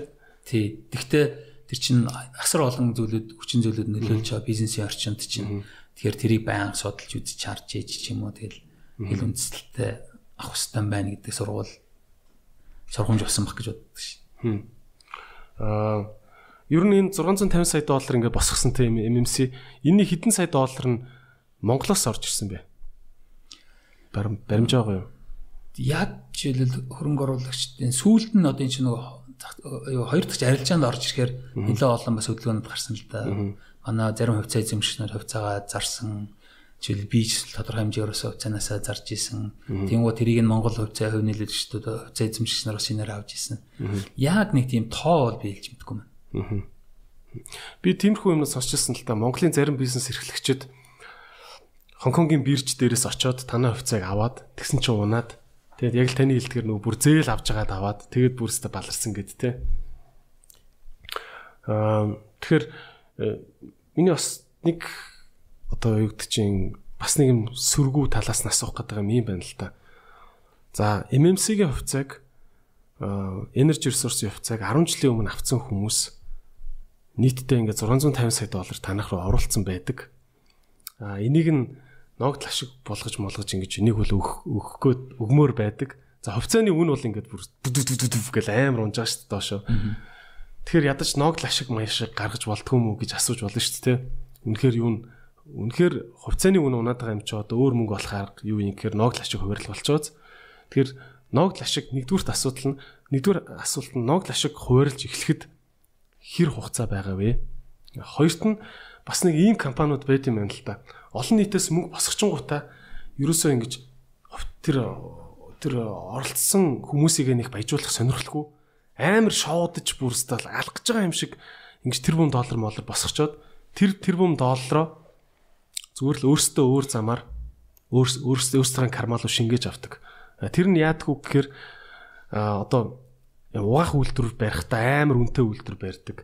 Угаах үйлдвэрийн бүх ханганы нийлүүлэгч туслан гүйцэтгэгч нар нь дандаа цаагаараа эмсээс өөрийнх нь компаниуд. Тий Тэгэнгүүт нөгөө хувьцаа эзэмшигчдээс босгосон мөнгөө үйл ажиллагааны зардал нэртэйгээр өөрийнхөө бусад охин компаниуд руу шингээж авдаг. Ийм юм байна шүү дээ. Тий яг хөрний зах зээл чинь яг саяын юу чинь одоо байн гардаг байсан учраас хөрөнгөний зах зээл чинь өөрөө зохицуултууд аягүй их өндөртэй. Одоо жишээл insider trading, одоо жишээл дотоод өөрийнхөө мэдээлэл ашиглаад арилжаанд орох. Аа тэгээд нөгөө related party гэдэг одоо хамааралтай харилцаа хамааралтай этгээдүүдийн хооронд хийж байгаа гэрээ хэлцэл мэдээлэл энүүд аа тэгээд юу гэлцлүүдээс гадна хүмүүс одоо жишээл хоорондоо ямар шүү байдлаар харилцаа холбоотой шийдвэр гаргаж байгаа хүмүүс хэмжлэнгэр гэдэг яг энэ нөгөө цоорхоонуудыг нь хаацсан хөрөнгөний биржийн зохицуултууд байдаг. Тэгэхээр ер нь хөрөнгөний биржид гарна гэдэг чинь бол одоо тэр prospectus гэдэг юм бичдэг байхгүй. Тэрэн дээр бол ингээд нэг өгүүлбэр болгон яг үний юм уу гэдгийг ингээд батлах хөндлөнгийн одоо жишээлбэл за бид нар бол Монгол бол одоо жишээлбэл дэлхийд дээрхийн одоо нэг хүнд ногдох газар нь одоо ийм дэлхийд дээр хамгийн одоо цэрэг юм улсаа гэх юм. За тэгвэл наадах юугаар татлах юм батлах хуримч юм. Хамгийн одоо жишээлбэл одоо гоё юу гэдгийг худлаа шоуд шоуд болохгүй үг болгоных нь ард нь нотлох юмуд энэ гэж юу байдаг байхгүй. А тэгэхээр тэрийг жишээлбэл яг нөгөө хөрөнгө оруулагч танилцуулж тэр проспектус дээр бичсэн юм нь худлаа байгаад тэрнээс болоод жишээлбэл хөрөнгө оруулагч буруу мэдээлэлтэй болоод асуудалд орвол өөрөө хөрөнгөний мэржийн асуудал болох байхгүй. Тэгэхээр яг энэ нөгөө хүмүүсийг заллах ч юм уу одоо яг энэ нөхүүдийг бол ерөнхийдөө ингээ хатсан байдаг. Одоо жишээлбэл яг манайтай холбоотой жишээл бизнесүүд юу хийхээр бол жишээл энержи ресурсын зарим нэг ажил үйлчлэгэн дээр туслан гүйцэтгэгчээр орохоор бол яг зарлж байгаа энэ манайтай холбоотой компани шүү. Энэ тендерт нь орж байгаа. Эсвэл энэ нэг шалгуултанд нь орж байгаа. Гэхдээ энэ бусад айлуудтай харьцуулахад ийм юм байсан учраас хасагдсан ч юм уу орсон тэнцсэн гэж тэрийг юу одоо хяналтын зөвлөл гэж бас байдаг. Тэрэндээ тайлагнаж хэрвээ тэрийг тайлагнаагүй бөгөө тийм одоо хилцэл хийгдсэн байвал аудитын компани орж ирээд байх та. Энэ ийм хөрөнгөний биржийн ийм ийм дүрм журмыг зөрчсөн учраас энэ нэг ингэн ингэн Тэг өөр хяналтын өөр системуд бас байдаг. Тэр хяналтын зөвлөл гэдэг нь яа тий Хонконгийн хөрөнгөний биржээс гаргасан зөвлөлүүд юм уу эсвэл? Юу компани болгон яг өөрсдийн Energy Resource үйл ажиллагааг яг ингээд босгосон хөрөнгөө ингэж шамшигдуулахгүй байгааг тий хин хянах уу яг? Юу ер нь бол яг одоо лист компаниудын хамгийн гол тайлан болоо санхүүгийн тайлан. Тэр бүх одоо хийсэн үйл явдлуудын сүүдэр нь тоо болоод санхүүгийн тайлан дээр гарч байгаа. Тэр тайлангийн үнэн зөв байна уу цаана яг бодтойгоор үйл ажиллагаа тусгаж уу тэр тусгасан үйл ажиллагаа нь хуулийн хүрээнд байж юу гэдгийг аудитын компани шалгаж байгаа. Тэгэхээр яг одоо нөгөө хөндлөнгийн хяналтын байгууллагыг яг бүтцэн нь бол тиймэрхүү байдлаар явдаг. Аудитын компани гэхээр одоо нөө PwC гэдэг үү. Дэлхийн дүн дэлхийн дөрөв том гэж ярьдаг те. Тэд нар ээлжлээ шалгадт юм лээ те. Аха. А тэр аудитын компанийн өсөлж байгаа гэхээр хөрөнгөний бирж өсөж байгаа те. Үгүй юу юунаас оюуны төлөвчдийн хорлоос одоо юуны аудитын хороо гэж одоо компани дээр байгуулагдаад хөндлөнгийн одоо жишээл би даасан хараад бос гэдэг гишүүн байдаг. Тэр гишүүн орсон ийм хорооноос одоо сонголт хийгээд одоо жишээл ийм ийм компаниуд байна эндээс энийг сонгоё Аа тэгээ зарим нь болохоор дараалан жишээл нэг компани олон жил хийлгэхгүй гэдэг юм уу тийм. Хоорондоо найзууд болчихно гэдэг тийм. Одоо MMC-гийн те хувь нийлүүлэгчдийн зөвлөл гэж штэ те тууцл гэсэн үг үстэй те. үзтээ борд. Тийм. Борд. Тэр бордд нь одоо Монгол талаас хин хин суух уу? Нөгөө талаасаа хичнээн гадаад хүмүүс байх уу?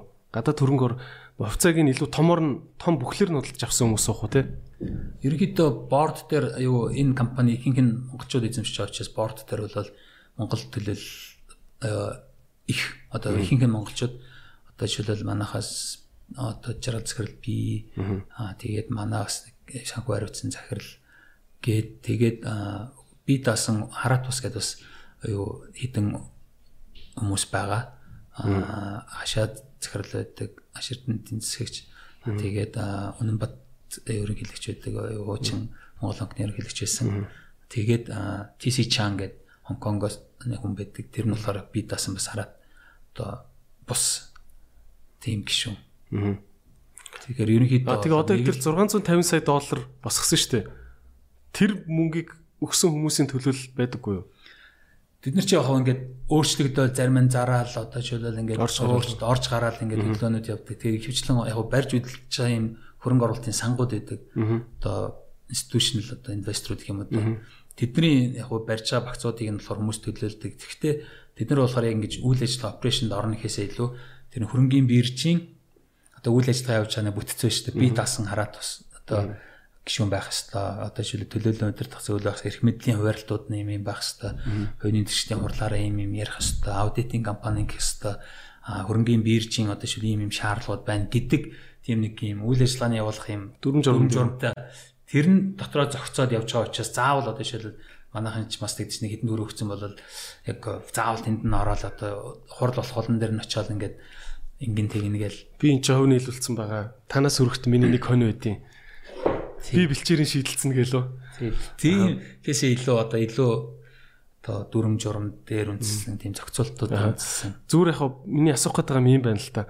Одоо дод жаргал цэхэрл бол ингээл 10 жилийн өмнө Хонконг тэгт нэг гой зураг өгдөө штэ ингээл яг хөрөнгөний бирж дээр гарч байгаа тий. Тууц муу цайчилж байгаа ч үлээ тий. Тэр үед бол энэ хүн ингээд хөрөнгө оруулагч нарын өмнө айгүйх юм гоё ихтгэлийг төрүүлсэн байгаа штэ. Монгол гэдэг ийм лаг орн байна. Хятад руу экспортлно, будаа болгоно гэд Тэгээ эн чинь ингээд буцаад эргээд нэг уулзж байгаа шүү дээ нөгөө хөрөнгө оруулсан хүмүүсийн төлөөлөлтөө те. Тэр болгонд ингээд уулзах юм гарна шүү дээ те. Ямар байдгүй одоо ингээд 10 жилийн дараа өгөөжөө өгч эхлэхгүй байдаг. Хувьцааны үн 100 дахин унтсан байдаг. Тэгэл улс төр нь дотроос та гонжрол төмөр замын ч бариулахгүй ингээл яхад нөгөө өвөр Монгол талаас бас ядаг ч юм уу те нөгөө баян нуур нь бас өрсөлдөгч маягтай юм ба шүү дээ те. Тэгэл энэ олон ингээл юмны дараа уулзахад ямар хөө байдаг бол хөрөнгө оруулагчдын хувьд болохоор яг ихэвчлэн одоо түрүүн биесэн нөгөө institutional юу бид institutional investor хөрөнгө оруулагч нар байдаг учраас тэдний хувьд болохоор зөвхөн нэг төсөлт хийхгүй. Одоо ерөнхийд нөгөө стратеги юм одоо зарим нь шилэл уул уурхаад ч юм уу эсвэл зарим нь хөгжиж байгаа орнуудын зах зээл ч юм уу зарим нь илүү техч гэдэг юм уу. Эсвэл бүр зарим нь бүр нарийн одоо шил хэдэн жил болж байгаа яг ийм чиглэлийн гэдэг юм уу. Тийм стратегиуд янз бүр байдаг. Тэрэндээ тааруулаад зөвхөн нэг биш ингээд олон юмнуудыг эрсдлээ тарах хүднээс авдаг. Тэр эдний хувьд бол анх удаа шин тохиолдож байгаа юм биш. Тодорхой хэмжээнд улс төрийн эрсдэл одоо ялангуяа хөгжиж байгаа юм орнуудад байдаг. Шийдрүүд дээр наана цаана болно гэдэг юм а тооцож орж байгаа учраас Нэг гомдоодох юм байхгүй юм тий. Тий хин нь ямар асуудлаас болоод үйл ажиллагаа унж ийн хэрвээ гүйцэтгэх удирдлагаас ч юм уу болоод одоо жишээлбэл тэр нь хүссэн амлсан юм а биелүүлж чадахгүй өөр боломжууд нь байхад тийм болол одоо жишээл гүйцэтгэх удирдлагын өөрчлөгч гэдэг юм уу эсвэл түүцийн өөрчлөгч гэдэг юм уу тиймэрхүү шийдвэрүүд гаргахыг шаарддаг а хүний төстэй хурлаараа дамжуулаад. А тийм байхгүй одоо жишээл өөр нөгөө хүчин зүйлүүд жишээл зах зээл одоо бидний нөлөөж чадахгүй шин зүйл л шүү дээ. Хятадын хэрэглээ гинт унаал байгаль орчны шаардлага гээл одоо жишээлбэл аюу хөхрийн хэмжээг нэгээс сэтгүүлэхгүйгээл ийм шаардлагатай гутал гангийн үйлрүүдийн хаагаад ч юм явахаар хэрэглээнүүд нь багасаал тэгэл үнэн аюу одоо жишээл буураач гих мэтлэнгээр ингээл им явхад бид нар тэнд яаж чадахгүй байхгүй. Аа эсвэл улс төрийн хувьд жишээлбэл ингээд ийм шийдвэр гарсан гэхэд бол бидний хувьд бол нөлөөлж чадахгүй. Тэгэхээр яг хуу тийм одоо аль нь ямар учир шалтгаантай байна гэдгийг нь бас харьцангуй ойлгодог туршлагатай гэх юм уу та. Тийм мэрэгжлийн хүмүүс өрөнгө оруулалт оруулагч нар ихэнх нь байдаг болохоор бүр нэг ингээл миний мөнгө хайчиж байна хадгалан зээлийн оршоонууд гэдэг чинь ингээд гадаадчлаа тий Тэдний хувьд бол бас яг өөр ойлголтохгүй зөөлүүлсэн ч юм уу. А энэ болохоор яг эрсдлээ хүлээгээд хөрөнгө оруулалт хийж байгаа учраас бидний хувьд ч бас адилхан хөрөнгө оруулалт хийсэн. Байна тий. Юу бас хувь нийлүүлэгч бидний үнэлгээсэн бас адилхан буурсан. MMS-ийг нэгт нэр яг MCS хэдийг гаргасан бэ нь? Бид нэр анх хийж одоо эхлүүлж исэн бүх юмнуудыг чинь л одоо 20 би одоо хувийн яг сайн мартчихжээ. 20 эдэн хувийг 600 хэдэн саяар бодож исэн гэхээр одоо жишээлбэл 5 дахин гэдэг чинь 3 тэрбум орчим долларын үнэлгээтэй гэсэн үг шүү дээ. Бараг 2.1 хэдэн тэрбум жилээд болсон. Гэ бодохоор яг тэрийг эхлээ бий болох одоо санхүүжил бүх юмуд чинь бид нар өөрсдөө гаргаж исэн заримыг нь зээл авч исэн одоо EBRD жишээлбэл юу зээл аваад. Яг хувийн бодлогын банкуд ороод ирэхээр бас нөгөө шаардлагууд нарийн байдаг. Байгаль орчин талаас ангин тэгин одоо чи дүрм журам талаас зээл өгдөө зүгээр өгчихгүй тий. Ийм ийм шаардлагуудыг биелүүлсэн үнд л өгнө. Одоо нөгөө нэг тийм хариуцлагатай уул уурхай гэдэг чинь хариуцлагатай зээлдэгч нараас байгаа. Бидний зээл өгсөн төсөл нь жишээлбэл одоо ийм ийм болохгүй юм хийгээд байвал тэд нар бас санхүүж хийж инсэг болж байгаа. Тийм. Нөгөө зэвсгийн 8 санхүүжүүлнэ гэдэгтэй адилхан. Терроризмыг санхүүжүүлсэн байвал тийм. Тэрэн шиг тийм бодлогын банкуд орсон учраас бас нэлээд оруулж исэн Тэгээд тэр хэмжээгээр бас хөрөнгө оруулагчдын шаардлагыг хангахад бас дөхөн байсан юм болоо гэж боддоо шин. За одоо ингээд за ийм тэр бум энтрээр нь яриха болий. За тэгвэл ингээд нэг ноосны үйлдвэр барих гэж байгаа залуу а нэг юм угаах цех барих гэж байгаа залуу ч юм уу ингээд яг үйлдвэрийн төсөл нь ингээд нэг сая доллар 2 сая доллар энэ төр болъё гэж бодъё л доо тий. Тэгвэл нэг 1 2 сая доллар дотор нэгээс 5 сая доллар дотор Монгол залуучууд гадны банкнаас зээл авах гэж байгаа бол та зүгээр ингээд туршлагаасаа зүгээр ахын өвд зөвлөхөд ахын дөө энэ энэ энэ банкуд руу гэн эхэлж хандвал айгүй зүгээр шүү. Гимэр банкуд нь юу вэ? EBRD гэдэг үе одоо банк таны амнаас их гарах юм те. А нэг үе одоо банкуд маань жижигхэн байсан учраас одоо тулаа том төслөө санхүүжүүлж чаддгүй байсан баг. Тийм болохоор жишээл гадагшаа явахаас өөр арга байхгүй тийм байсан. Одоо бол бас банкнуудын хэмжээд нэлээд томорцсон. Харьцангуй баргийн төслийг санхүүжүүлэх өөрөө дангаараа биш юмаа гэд нийлээд одоо ингээд санхүүжлэх юм болцоо боломж байгаа учраас Монгол дотроо гадагшаа явна гэдэг бол бас зээл авна гэдэг бол бас тийм амар биш. Аа нэлээд олон процесс юу яа. Энэ чинь тэгээ шаардлагууд нэлээд өндөр. Тэгэхээр нөгөө ташин дотроо гэдэг шиг энэ таван дотроо гэдэг шиг эндээ боломжуудыг жишээлбэл саяхан шиг хэмжээний 1 2 сая долларыг бол Монголоос авах болцоотой. А зүгээр яг нийгэм чиглэсэн ч юм уу тэр төсөл нь өөрөө илүү нийгмийн давуу талуудтай байвал ийм бодлого ногоон зээл эдэр гэдэг шиг дэмждэг тийм олон улсын төслүүд гэх юм уу олон улсын бодлогын банкуд дээр бас тийм зээлүүд байдаг. Бодлогын банкуд гэж та юу гэлж байна? Одоо Азийн хөгжлийн банк, Азийн хөгжлийн банк, EBRD, Европын сэргээн босголт хөгжлийн банк, Дэлхийн банк ч гэдэг юм хэмжнэгрэг юм юу IFC чинь олон улсын хөрөнгө оруулалтын корпорац. Гэх мэт ийм байгууллагуудаас тэнийг хэлээд. Тэгвэл яг нийгэмд өгөөчтэй нийгэмдээ сайн бизнесийг илүү гайг үзэл нөхцөл гарах нөхцөлтөө зээл гаргаж өгдөг юмнууд юм те. Яг уу бас яг тэгж шууд бас яг тийм биш. Тийм боломжтой тийм санхүүжилтийн их усруу нөгөөд тэд нар чинь бас яг нөгөө талдаа зээлдэг ч мөнгөтэй хүмүүсээс мөнгөний аваад бас юм хийж байгаа учраас улсуудаас ч юм уу хувь хөрөнгө оруулагчдаас ч юм уу. Тэгэхээр тэдний хувьд болохоор за энэ мөнгийг би зүгээр ойлгож чахаар ч юм зүгээр ойлгож чахарч байна. Би ийм лимиг дэмжсэн юм зээл өгмөр байна гэд тийм тусдаа тусдаа юунууд дотроо сангуудтай байдаг сангуудтай тий. Тэгэд яг ихэвчлэн бид нэр банкудаар бас дамжуулж өгдөл тэ. Яг нөгөө Монгол банкны үйл ажиллагаа явуулах зөвшөөрөл байхгүй учраас одоо жишээлбэл нэг банктай хамтарч ажиллаа. Тэр банк нь өөрийнхөө маржин ашгаа нэмээд. Та ер нь санхүүгийн үнийн хувьд Монгол улсын нэг мөнгөний бодлого энэ гэдэг үг сонсогдоод идэв шүү дээ. Мөнгөний бодлого. Тэгэд энэ банкуудын систем тий одоо энэ банкуудыг барьж байгаа Тэгээд Монгол банкны үйл ажиллагаа тийм. Та энэ тал дээр яг аим шүмжлэлтэй боддог юмнууд чи юу юу байдаг? Яг уу зарим нэг юмыг нэр захуугийн үний хувьд зарим нэг юмны хувьд болохоор чөлөөтэй жоохон өрсөлдөөний орчин илүү тавьж их хэрэгтэй юм шиг санагдав. Тэгэхээр одоо төрүүлж байржилсан хідэн илүү давуу талтай ч юм уу бусдыгаа одоо хязгаарлаад ч юм уу ингэхгүйгээр Тэгээд зарим нь тэгээд дампуураад байхгүй болох болоо байхгүй болгоод яг шалгарлаар нь явуулахгүй бол зарим нэг зарим нэг шиг нэлийн хэдэн салбарууд дээр ингээд ийм хүчээр ингээд юмнуудыг бариад байгаа юм шиг санагддаг. Наймд байлгаад идэг. Тэр нь болохоор яг зах зээл талаас харахаар тийм оновчтой биш. Одоо жишээл банкны салбарч бас байж магадгүй. Одоо энэ олон бас телевизүүд ч гэсэн бас магадгүй. Ингээд жишээл ингээд шалгарлаараа мярчаад ахт чинь хүчээр төсвөөс байлгаад идэг. Байлгаад идэг ч юм уу. Эсвэл яг энэ байх нь зүгээр ч өөр эрх шүүдс байдаг гэж магадгүй л дээ. Тэгэхээр яг энэ өрсөлдөөнийг тодорхой хэмжээгээр бий болгож одоо өгшүүл өгшүүлнэ гэх юм уу. Эдийн засгийн яг энэ гормоор нь зарим нэг заавал зохицуулах шаардлагагүй салбаруудас байгаа. Тэрнийг эсвэл зохицуулах шаардлагатай дотроо бас нэг илүү амьдралтай ойрхон болох хэрэгтэй байгаа юм л гэж боддог. Мөнгөний бодлого гэхэр гол нь бодлогын хүү бодлогын хүүгээрээ дамжуулж Монгол төв банкнд мөнгөний хэрэг татах байх уу? Хүү өндөр хөвөл эрсдлүүлэхгүй эрсдлүүлээж гадагшаа зүйлэхгүй Монгол банк руу мөнгө өгч чинь эдийн засгийг нэлээд тэлээ зээл гаргахыг бол Монгол банк бодлогынхаа үгээ баг болгочихоор Монгол банкнд мөнгө байлгаж яхаар юу гадагшаа зээл гаргаад хүмүүстээ өгчий гэдэг ч юм уу иймэрхүү л бодлого байгаа л. Зээлийн хүү ер нь буух боломжтой гэж харддаг үлгэрөө. Тэг яг зээлийн хүү гэдэг чинь юм болон ингээд өөрийн гэсэн өртөгтэй одоо шил энэ цай гэх чинь одоо энэ цаасан аях ч юм уу энэ таг хийж цаас түүхээ дотор нь орж байгаа цай ч гэдэг юм уу. Тэг энэ яаж ямар өртгөө энэ жишээлбэл 100 төгрөгөөр бүтдэг байгаа юмыг би жишээлбэл 5 5000 төгрөгөөр зараад байвал өрсөлдөөн болоод айгүй болоод эн чинь би заавал одоо юу гэдэм илүү олныг зарахын тулд 100 төгрөгийн ашиг хийгээд 200 төгрөгөөр жишээлбэл зарж болох байхгүй. Заавал цөөхөн эдэн тэр илүү гоё болгоод 5000 төгрөгөөр зарна.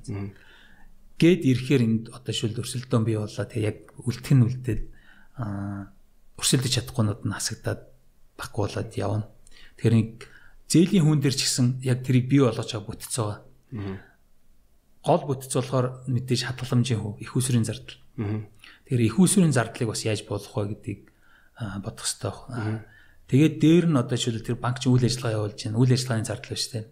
Одоо энэ банкуд аюул олон салбаруудтай ч юм уу тэгэл бүгдээр ингэн байлгахын тулд зарим нь ашигтай ашиггүйгээл нэртэй холбогдсон бас тодорхой хэмжээний юуны зардал байна.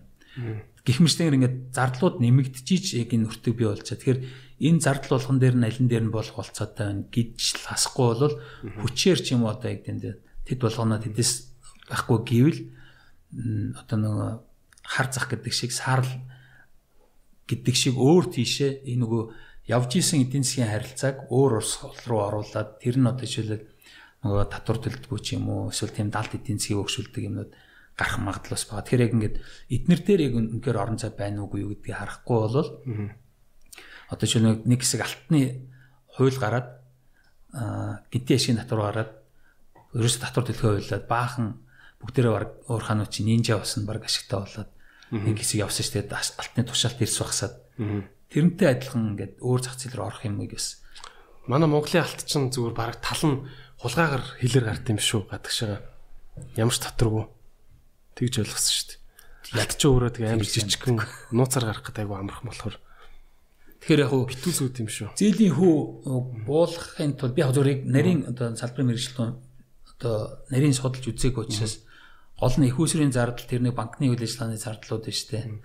Эднийг яаж болгож болох вэ гэдгийг орон зай юмнуудаа сайн хараад тэгжээс л буух тухай ярьж эхлэх юм те. Тэгэхгүй бол одоо жишээл хадгаламж хийж байгаа хүмүүс чинь одоо өөр альтернатив сонголт хөрөнгөний биржээ сайн хөгжүүлээд ч юм уу өөр сонголттой болоод заавал тэнцээ нэг нэг одоо жишээл татвартай ч юм уу ингээд зээл өгчээсэн орно.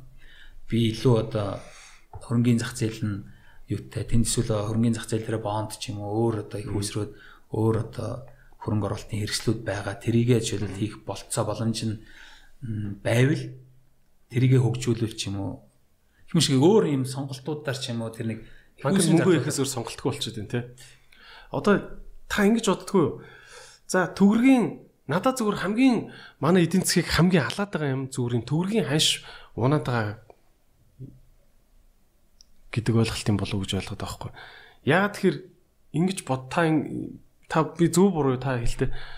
За төгрөгийн ханш нь өөрөө жилд 10% унаад ахад тийм үү?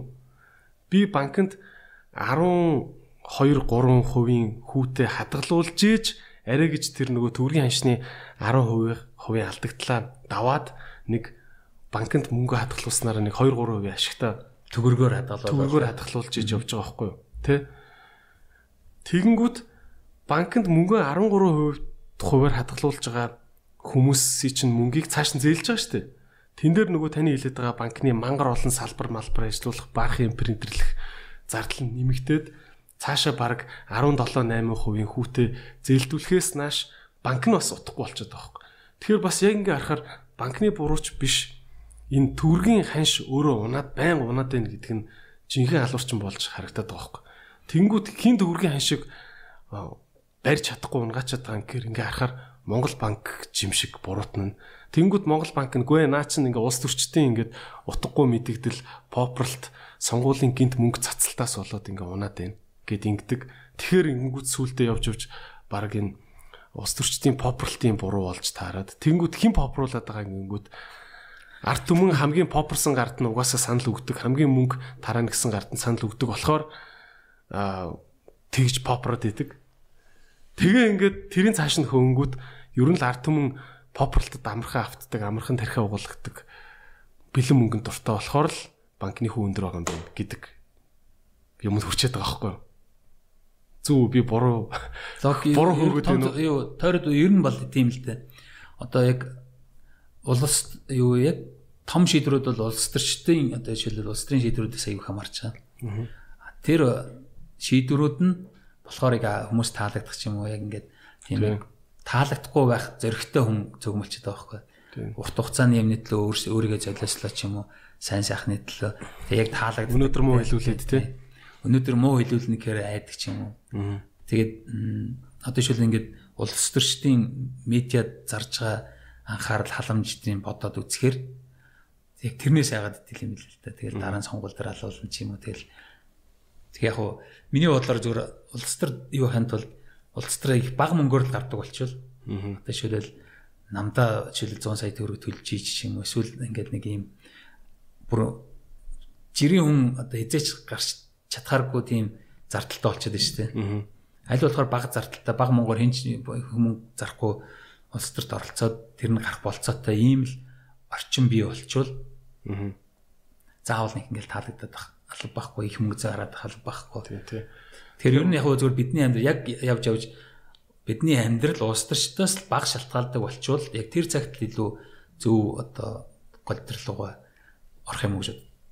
Тэгэхээр одоо нөгөө талаасаа тэг яг чиний сая хэлдгээр ингээд нэг юм төрийн тойрог гэдэг шиг юмд орчихдаг. Яг юмний тий ихэл нь өөр хүнлүүд арид байгаа боловч яг өөрөө арт түмэн гэж хэлээд байгаа хэсэг одоо яг түмэн гэдэг бол яг тийм болчиход байгаа. Тэгэхээр ер нь яг хуу дээрдээ л байгаа санагдаад одоо шүү сонгуульд орж байгаа залуучуудын оролцоо жишээлбэл ингээд хямдхан сонгуул гэдэг бол чинь тий Тэр нэг илүү нэмэгдээл оролцоо саяын жишээлбэл улсын хурлын сонгуул дээр бол өмнөх сонгуулийн үед бол хамаагүй олон жишээлбэл залуучууд орж явах жишээний. А дээр нь одоо миний тооцоогоор энэний дараагийн 2024 оноос илүү дээ. Тэр нөх хүүхдийн мөнгөний хүүхдүүд одоо хүн манай хүн ам чинь эрс унжгаад хүүхдийн мөнгө зарласан тэр нэг 3 4 жил огцом өсөлт бий болоод буцаад.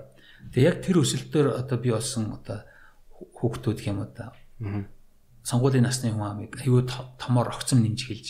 Тэгээ тэр үеийнүүд болохоор 24 оноос эхэлж нэлээд олон залуучуудаас орж ирэх. Тэр яг залуучууд нэмэгдэж байгаа өгөх хэрэгцэн сайжирч байгаа тэргээд гайг болох болов гэж бодож байна.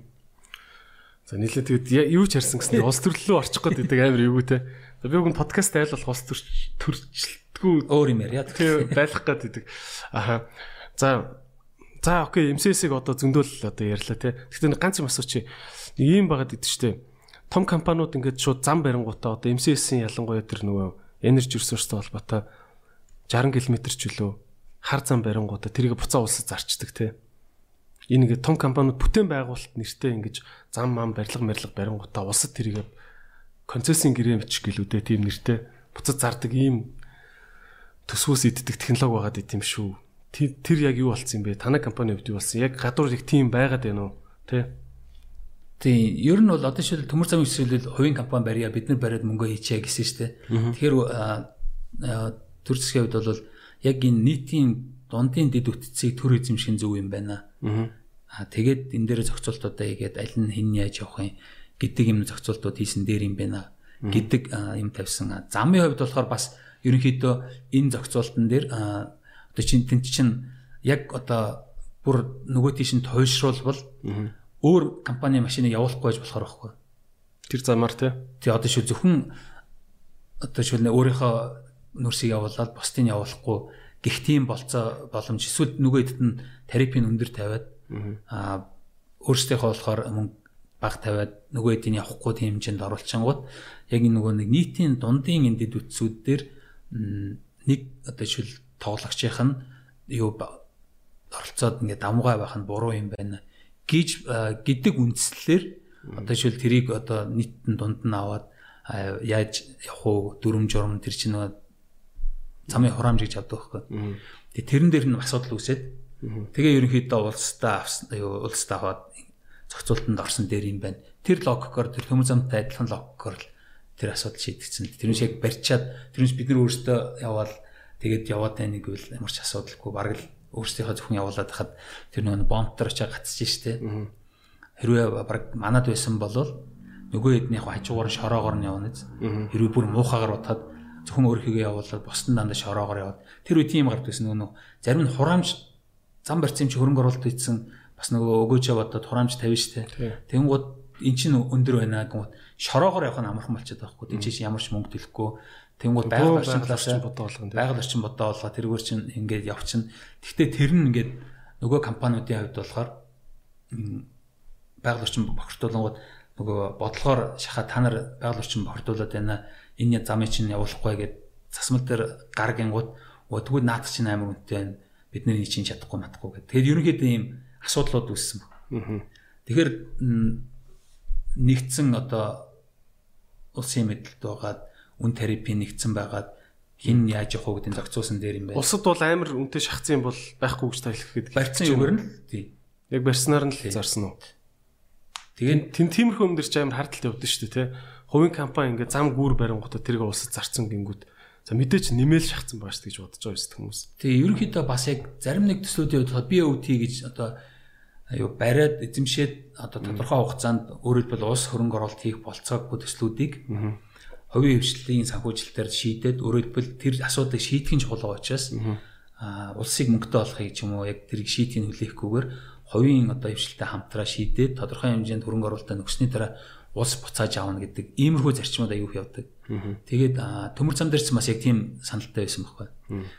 тодорхой хэмжээнд юу хөрөнгө оруулалтаа бид нар гаргаад барьчи. Тэгээд тодорхой хугацаанд бид нар ашиглаад юу хураамж амнуудаа хөрөнгө оруулалтаа нөгчий. Тэгээд дараа нь улс нүмгүү хөдлөлөж өгье гэдэг Зам дээр ч гэсэн бас ерөнхийдөө одоо энэ дид үтсийн төслүүд дээр бас яг тиймэрхүү шийдлүүд аяг явдаг. Тэгээд тэг ер нь бол тэгээд юун дээр юу ягаад хэрвээ үргэлжлүүлээд дангаараа манах авсан бол ялангуяа энэ хил бомтын асуудалтай үед бол биднэрт баг илүү ашигтай баг. Өөрсдийнхөө ямиг явуулаад тэгээд өөр дот өөр дотоодын өрсөлдөгчнөрөө гаргахгүй энэ төрөө. Тий. Буу хэрүүл болно шүү дээ. Тэгээ тэгвэл одоо нөгөө талаараа буу хэрүүл. Алаан болно шүү дээ тий. Тэгээ одоо шиг тий хэрвээ тий ер нь бол яг дид үтсийг бол дундаа хувааж байгаа олон өмчлийн хэлбэртэй ийм одоо жишээлбэл орд ч юм уу ер нь ингээд үйлчлэл явуулж байгаа юм бизнесүүд төр нэг дундын дид үтс ашигладаг бол тодорхой хэмжээгээр зохицуултууд орох хэрэгтэй юм бэл. Одоо манай энэ IT-ийн салбарч гэсэн тийм байгаа даа тий. IT ч явахдаа энэ медиагийн салбарт одоо Univision Sky Media энэ төр бүгд тус тусдаа ингээд зэрэгцээ шилэн кабель татаад идэх те. Уг нь нэг шилэн кабель татаад хоёр талаас зөвхөн контентоор л алдцуул те. Контент сервисээр ял бас нь тохиролцож хил ам бол чаддгүй юм шиг байна те. Тэн дээр нүг нь улс орж ирвэл гэж би бас бодод те. Тий нөгөө зарим салбарууд чинь зэрэгцээл кабель татаад юу зохицуулт нь өөрөө хоцорч явагдаад зарим нь болохоор төрүүлээ зохицуулт их болцоотой Тэгэхээр яг төрүүлж одоо ингээд салбарынхаа төрүүнд гараа сэтгээд ч юм уу ингээ явъя гэр төр дэйгүүд юм мундаг одоо шилдэг тэргүүний одоо шүлэл ирээдүү юм сайн мэддэг ч юм уу ийм хүмүүс байж ич тэгж юм. Одоо бол ихэвчлэн дандаа хойноос нь хөөж зохицуултууд явж байгаа болохоор тэгээд нөгөө баг хувийн компаниараа хохиролтой алдагдaltaй болчихж байгаа байхгүй. Тэрнээс уулын жишээлбэл ингээд уулын орой болгон дээр нэг ийм компани BTS одоо нөгөө дамжуулагчуд байж байгаа орон дундаа нэг юу байгаад чинь ингээд шүү дээ. Тий. Тэр нь өөрөө компаниудын хувьд ч гэсэн одоо хэмнэлттэй. Тэгэхгүй тэр нь бэлтгэн нийлүүлэгчд бүгдээр очиод мөнгө төлөөл тэр компани хувьд бол баярлалаа сууж байгаа шүү дээ. Ашгүй Монгол руу хоёр хүн хоорондоо алцаал манахаас аваад байна гээл те. Антин антин нийлүүлдэг компани, кабель нийлүүлдэг компани л ашиг болж байгаа байхгүй юу? Тэр ер нь бол яг энэ том хөрөнгөрөлттэй тийм санааш санаачлуудаас нэг хэсэг ярьж исэн. Тэгмүүд нөгөө монополийн тухай хуульч гэдэг юм одоо үгсэх гэж энэ хоорондоо чинь ингээ уулын дид үтсэн юмнуудын одоо шил телеком ч юм уу тэрийг ингээд дундаа нэг тийм дид үтсэн компани байгаад. Нөгөө хэд нь тус тустай ингээд өөр ялгарх юм дээр ялгардаг. Дид үтсэн нь бол яг нэг жишээлбэл ингээд Mobi Unitel, Skytel, G-Mobile ингээд Монголын тойроод баахан ингээд юу хийж байгаа орно бүгд тус тусдаа Монгол даяар 3 4 давхар антинуудад барьж штт тий. Тэрний оронд хайр мөнгөтэй. Тэр антинууд нь дундаа нэг байдаг. Тэр олон нарны юу улсын ороо дээр батарейгаар ажиллаад ингээд ийм байж байгаа орно. Дундаасаа байл. Яг ийм зөндөө олон салбар болгон дээр л тийм байна л. Тэгэхээр зохицуулагчд маань бас яг салбарууд маань шинээр өгч байгаа салбарууд байна. Зохицуулагчд маань бас яг ингээд шин нэмнүүд дээр бас яг төрүүлж харахад одоо юу гэдэг хойноос нь л өгөөд зохицууд чадчихлээ бас баг уцруулж хамаагүй тий. Гэхдээ одоо чи ингээл технологи хөгжих тусам бизнес чинь заавал ингээл төрөөсөө зохицуулах ёстой тэр төрөөсөө өөрөө урд яваад байгаа шүү дээ тий. Өгс тэгжил таарах гэдэг юм л да. Наандч л зүгээр лаглаг залуучууд хамгийн түрүүнд хувийн компаниуд руу орол лаглаг шин төслүүд дээр ажиллаж шүү дээ тий. Тэгэхэд улс улсад орж байгаа залуучууд маань бас ингээл дандаа нэг хоцролттой яваад байгаа юм шиг харагдаад байгаа. Сингапурд бол их өөр юм бил. Энэ Сингапурд баг 2 жил орчим жилөө яг ер нь технологийн чиглэлийн юмнууд тэр экосистемийн хандлага нэлээд одоо дунд нь орж судалсан гэх юм уу. Тэгээд харж яхад бол ийм яг төрүүлж юу салбарынхаа түр одоо шүүд нэг хэсэг блокчейн гэж ярьж яхад юу зүгээр өөр компаниуд мэдээгүй байхад имийг үжээ тэр нөгөө зохицуулагч нар нь мэдсэн ийм ийм ер нь бол хандлага нь юм болно тэгэхээр ингэж зохицуулах ийм байх хэрэгтэй гэд компаниудаа баг ингээд зааж сургаад байгаа. Тэгэхээр тэдний хувьд бол бүр ингээд топ талантуудын илүү төрөнд сордог тий. Тэр нь сороод авчдаг, татаад авчдаг. Цалин хангамжийн ч гэсэн их сайн л. Сингапурт нэр та хэр удаан байсан? За одоо хоёлаа бүр MCS ярих болоо. Харин MCS нэвтрүүлэг боллоо. Аа. Жилдээ яалтчгүй залуучуудын үнэхээр ингээд асуумаар байдаг асуултыг би асууж яах гэж ойлгоод байгаа шүү дээ. Яг надад бол яг ингээд яа тийм болтоо гэж бодогдоод байдаг байхгүй. Тийм за цаашаа. Юу нэг та Сингапурт хэр удаа би ер нь нэг хэсэг одоо юу хэмтэй зарим нэлээд бас завгүй бас ажиллаж исэн заримдаа ингээд тэр юу нүүрсний борлуулалт хийдэг байх чинь хятадд хятадын хөдөө орон нутгуудаар одоо яг л юу орон нутгийн тэр дарга зэрэг одоо хил гайл төмөр зам тээвэр тэгэл мэрэгжлийн хяналт тэгэл одоо компаниуд тэгэл банк санхүү тэг бүгдээрнтэй л яг уулзж яг тэр бүтцээ хийж байгаа учраас тэгж явдаг. Тэгтээ бараг л сардаа нэг 2 3 хоног жишээлбэл гэртээ хондог. Заримдаа ингээд буудалд хоноод нэг гэртээ хоноогоо мартцсан гэдэг юм хийсэн явж байгаа. Ер нь тийм жоохон зэлдэн талдаа тийм болцсон байсан. Тэгээд яг хуу нилээн бас ажилласан. Тэгээд гэртээ гэр бүлдээ цаг зарж чадахгүй, гэр орондоо цаг зарахгүй байна гэд гэж бодож исэн чинь ашгүй ашгүй жоох үү. Өвдөд. Тэгээд нэг тийм пауз авах боломж гараад. Тэгээд тэр хэмжлэгийн дараа MCS-с гэсэн ерөнхийдөө гараа шал өөр юм хий баг урлагч юм уу эсвэл яг хим биолог молог эсвэл ген мен шал өөр юм сурд юм билүү гэж бодож ирсэн. Та зүгээр эрүүл мэндийн огцом юунд орсон болохоор тий. Тэгээд тэгээд тэрний дараа юу боли боли гэж ожи захирлаас бас одоо асуугаад тэгээд за байж иксээр байгаад нэгэн жил болцсон. Тэгээд нэг жоохон завсар гараад Сингапур руу очиад жил ахс баг 2 жил орчим тэнд байсан. Тэгээд тэнд багтаа сурсан уу? Зүгээр амьдэрсэн үү? Яг одоо яг гэр бүлдээ цаг зарах хэрэгтэй байна гэж бодвол өмнө тэгэл ганц би юм шиг л тэгээд явдаг байсан. Тэгээд тэр юугаа далдаагаа засаач гэдэг юм.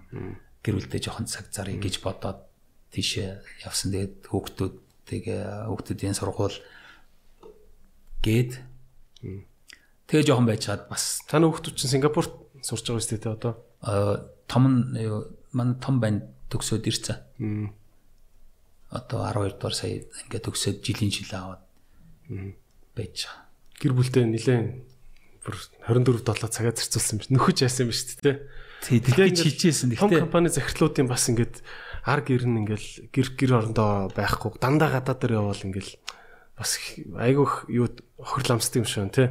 Гол нь яг зүгээр би одоо бодохоор хүүхдэл юм шиг үл хүүхдийн хүмүүжлэх юм одоо яг яг би бол одоо тийм мундаг сайн аа байж бол одоо чадаагүй тэгээд аа тэгээд баг байхад нь яг гол одоо жишээлбэл одоо өсөж хөгждөг тийм үеуд нь байхгүй байсан. Тэгээд яг сүүлийн баг дээр л жоохон манай баг одоо 5 настай баг. Энэ нөхөр дээр жоохон цаг зарсан. Тэгээд одоо ингээ харахаар олон бизнесмэнүүдийн хувьд харахаар одоо бизнесийн салбарт ажиллаж исэн ч юм уу одоо зөвхөн бизнес биш юм да. Ус төрч гэсэн ялгаагүй. Тэгээд ихэнх хүмүүсийн хувьд болохоор яг ингээд ажиллаж юм уу ингээд чухал царайлал өөр юм хийгээ яваад байдаг яг хүүхдүүдтэй ерөөсөө цаг зарч чаддгүй. Тэгээ том болцоо байна. Бараг л сургууль төгсөх үед нь л юу илээ ямар сургуульд орох вэ гэж бүр өнгөрцөн байна. Одоо жишээлбэл одоо нэргсэн байна ашгарна гэдэг шиг баг ийм болдог. Тэнгууд сүлд нь одоо жишээлбэл төсөөлж исэн одоо үн цэнтэй гэж бодож исэн тэр ажил мөнгө нь одоо гэр бүлийн юутай тэр асуудалтай нь харьцуулахад бүр юу ч биш. Ямар ч одоо эренбэр бол одоо 60 70 дугаар асуудал болж тийм том асуудлыг жишээлбэл тоохгүй өнгөрөөж исэн тийм тохиолдлууд их байсан юм уу гэж бодоод байна. Таны чи энд ингээл харахаар мьюзик фестивал, фестивал тач бас юм юунууд хөгжим хөгжмийн юмд аягүй оролцдог шүү дээ. Тоглолт мөглөлтөн дээр явж дандаа л их нэртэйгээ ингээл нэг гоё болцооны стилтэй явж явж байгаа харагддаг шүү дээ. Тэр бас таны ингээд бас өнгөрсөн өнгөрсөндөө жоо харамсаад одоо илүү их тэгж цаг гаргадаг болсны үр дүн үү? Аа яг яг тийм нэг хүчээр ч юм уу хийж байгаа юм шүү. Тэгээд нөгөө цуг ингээд ойрхон байчаар бас жил хагас орчим ингээд ингээл нэм дөрвөлжин хааны дотор гэдэг шиг. Одоо энэ карантин хүмүүс байж штэ тэрэн шиг ингээд их ойрхон байчаар бас юу гэдэг юм бэлээ нөгөө хайтаа хүн байт юм бэлээ манай шиг тэгээд танилцаад тэгээ яг таалагддаг юм ижлэхэн сонирхолтой очиас тэгэл цогл. Та бас одоо ингээл ер нь бол юм ба штэ. Би бас нэг комеди комеди дээр бас таны үеийнхнийг нэг хийжсэн штэ. Одоо ингээл яг ингээл амьдрал ахуйн болцсон ингээд нэг томхон компани хувьцаа эзэмшдэг, дургуугаа өрүүл хувьцаагаа зараад бэлэн мөнгө авчин. Банкнд нь бол яг нэг хүүхдээ Сингапурт сургаад өөрөөсөө нэг гайгүй машин унаад явчихаар бас орлоготой тий ингээд нэг амьдрал ингээ окей болчихж байгаа шүү дээ. Тэрний дараа чинь ингээл нэг янз бүрийн өөр юм бодогдт юм шүү. Нэг урлаг сонирхмарч юм шиг, зураг цоглуулмарч юм шиг энэ төр гээл те. Таны хувьд одоо яг ингээд юм юу чинь юу вэ? Амьдралыг ч одоо ингээ чухал чухал те. Дараалалаар нь жагсаа бол юу юу танд хамгийн чухал юм? Тий. Одоо яг тэ хүний хэрэгцээ жоохон штэ болчт юм шүү. Бараг наадах чинь чи надаас сэтэл авсан юм шүү.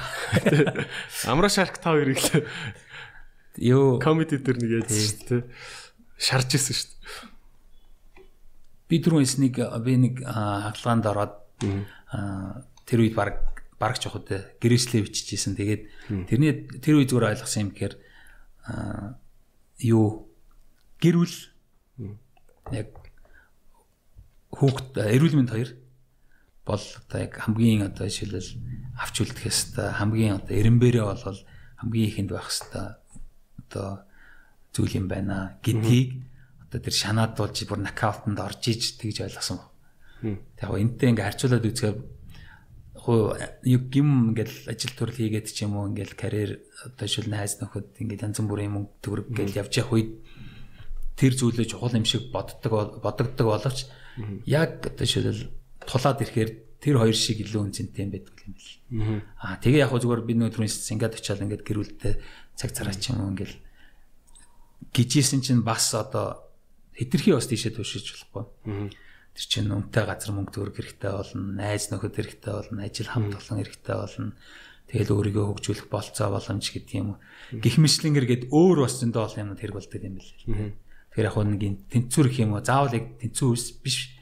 Нэг тодорхой хэмжээгээр бас нэг юм чухал юмнуудаа ач холбогдлогоо бүр 0 заадал ингээ хайчих биш.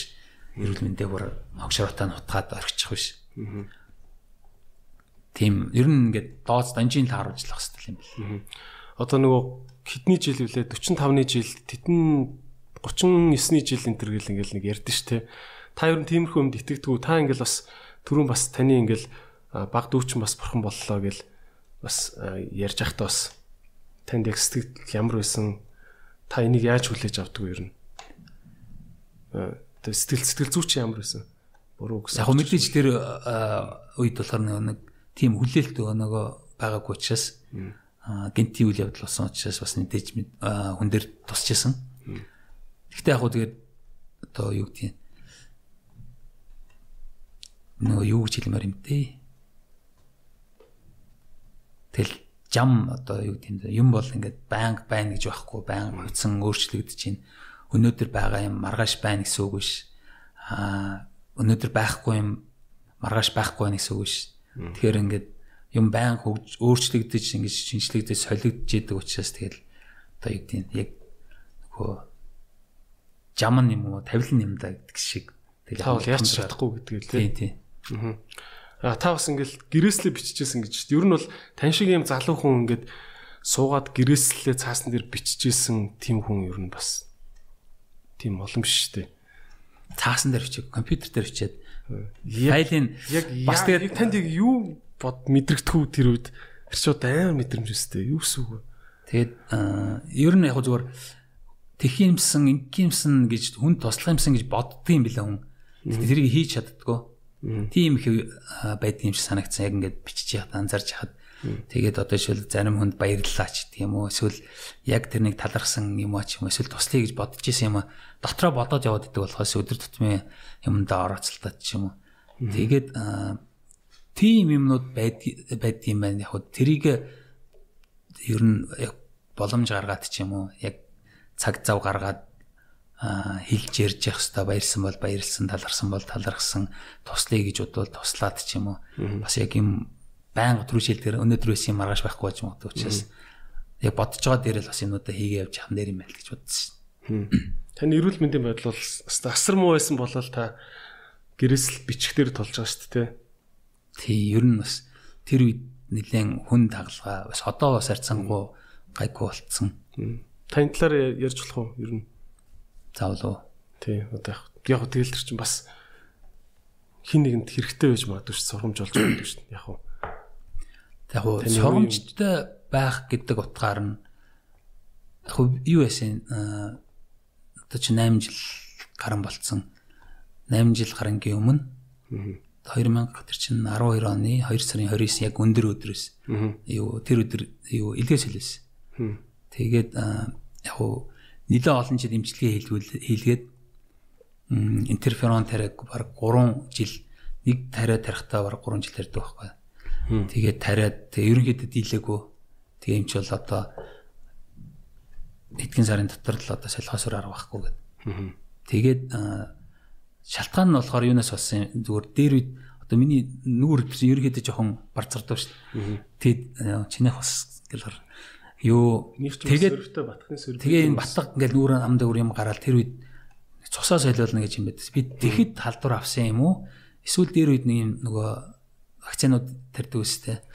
Тэгээд тэр үед чи нэг удаагийн юу гэж байхгүй нөгөө нэг юм усан буслагчаал тэгээд тарьдаг байсан. Тэрнээс ч юм уу юу яг вирусын алдвар аваад тэгээд тэр нь үргэлжилж явсаар байгаад тэгээд архагшаад гэх юм уу да. Тэгээ солихоос өөр аргагүй хэмжээнд очсон. Тэг яг азар юу аа юу ягаад манай эхнэрийн дүү донор болж таарад. Тэгээд илгчин тэгтээ жижиг хэсгээс ингэж бүтэн ургадаг эргэтэн гэж байгаа тий. Тий. Хүнд үлж чад. Анх хэлж манай тэр нөгөө донор дүү болохоор ингээд ингээд ирэхээр энэ хавирганы ингээ хоосон өргөд байна гэдгсэн чинь Тэгсэн чинь сарын дараа гайг болцсон байна гэд. хурдан юу төлчөөд идэгч тийм л. Азтай. Тэг яг зүгээр юу бод одоо ингээд яхаар эрүүл мэндэл одоо юу гэдэг байхгүй болвол бий байхгүй бол тэгээд мянга юм бодоод мөрөөдөөд мянга сайхан одоо жишээлбэл боломжууд байгаад ямар ч үнцэн нэг юм бэлээ гинжлэлтэй итгэл болгосон.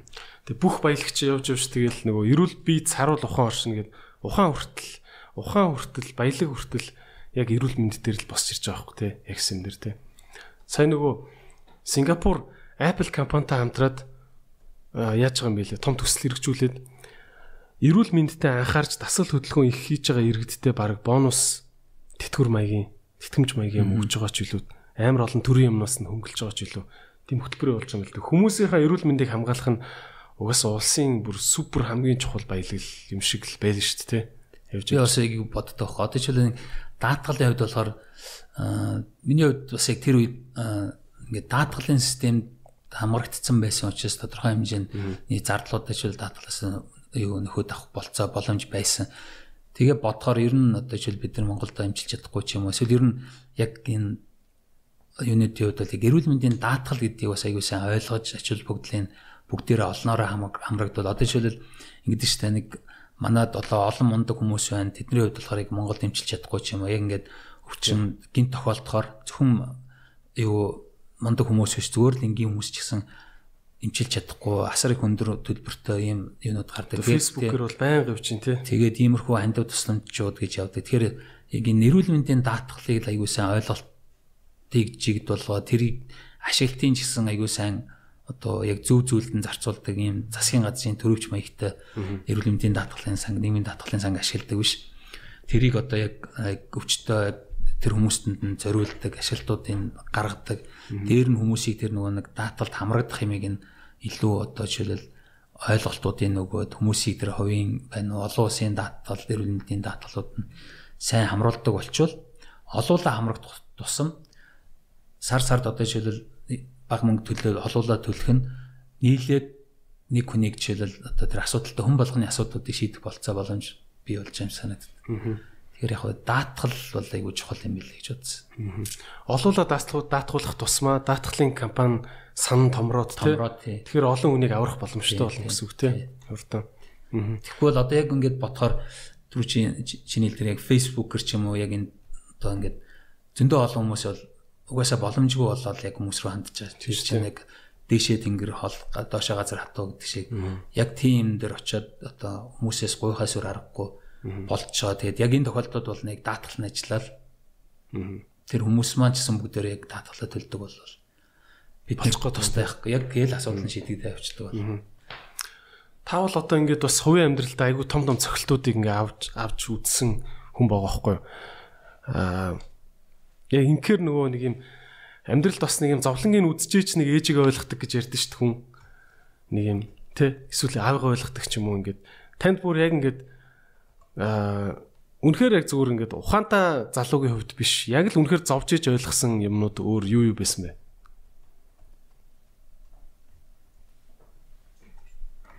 Яг зүгээр сая аав гэж хэлсэн шүү дээ. Зүгээр аавыг болохоор надад зүгээр юу санагдсан. Ер нь бол нэг тийм нэг нөхөр явж идэг ээж илүү бас яг мэдээж ээж чухал гол оролттой.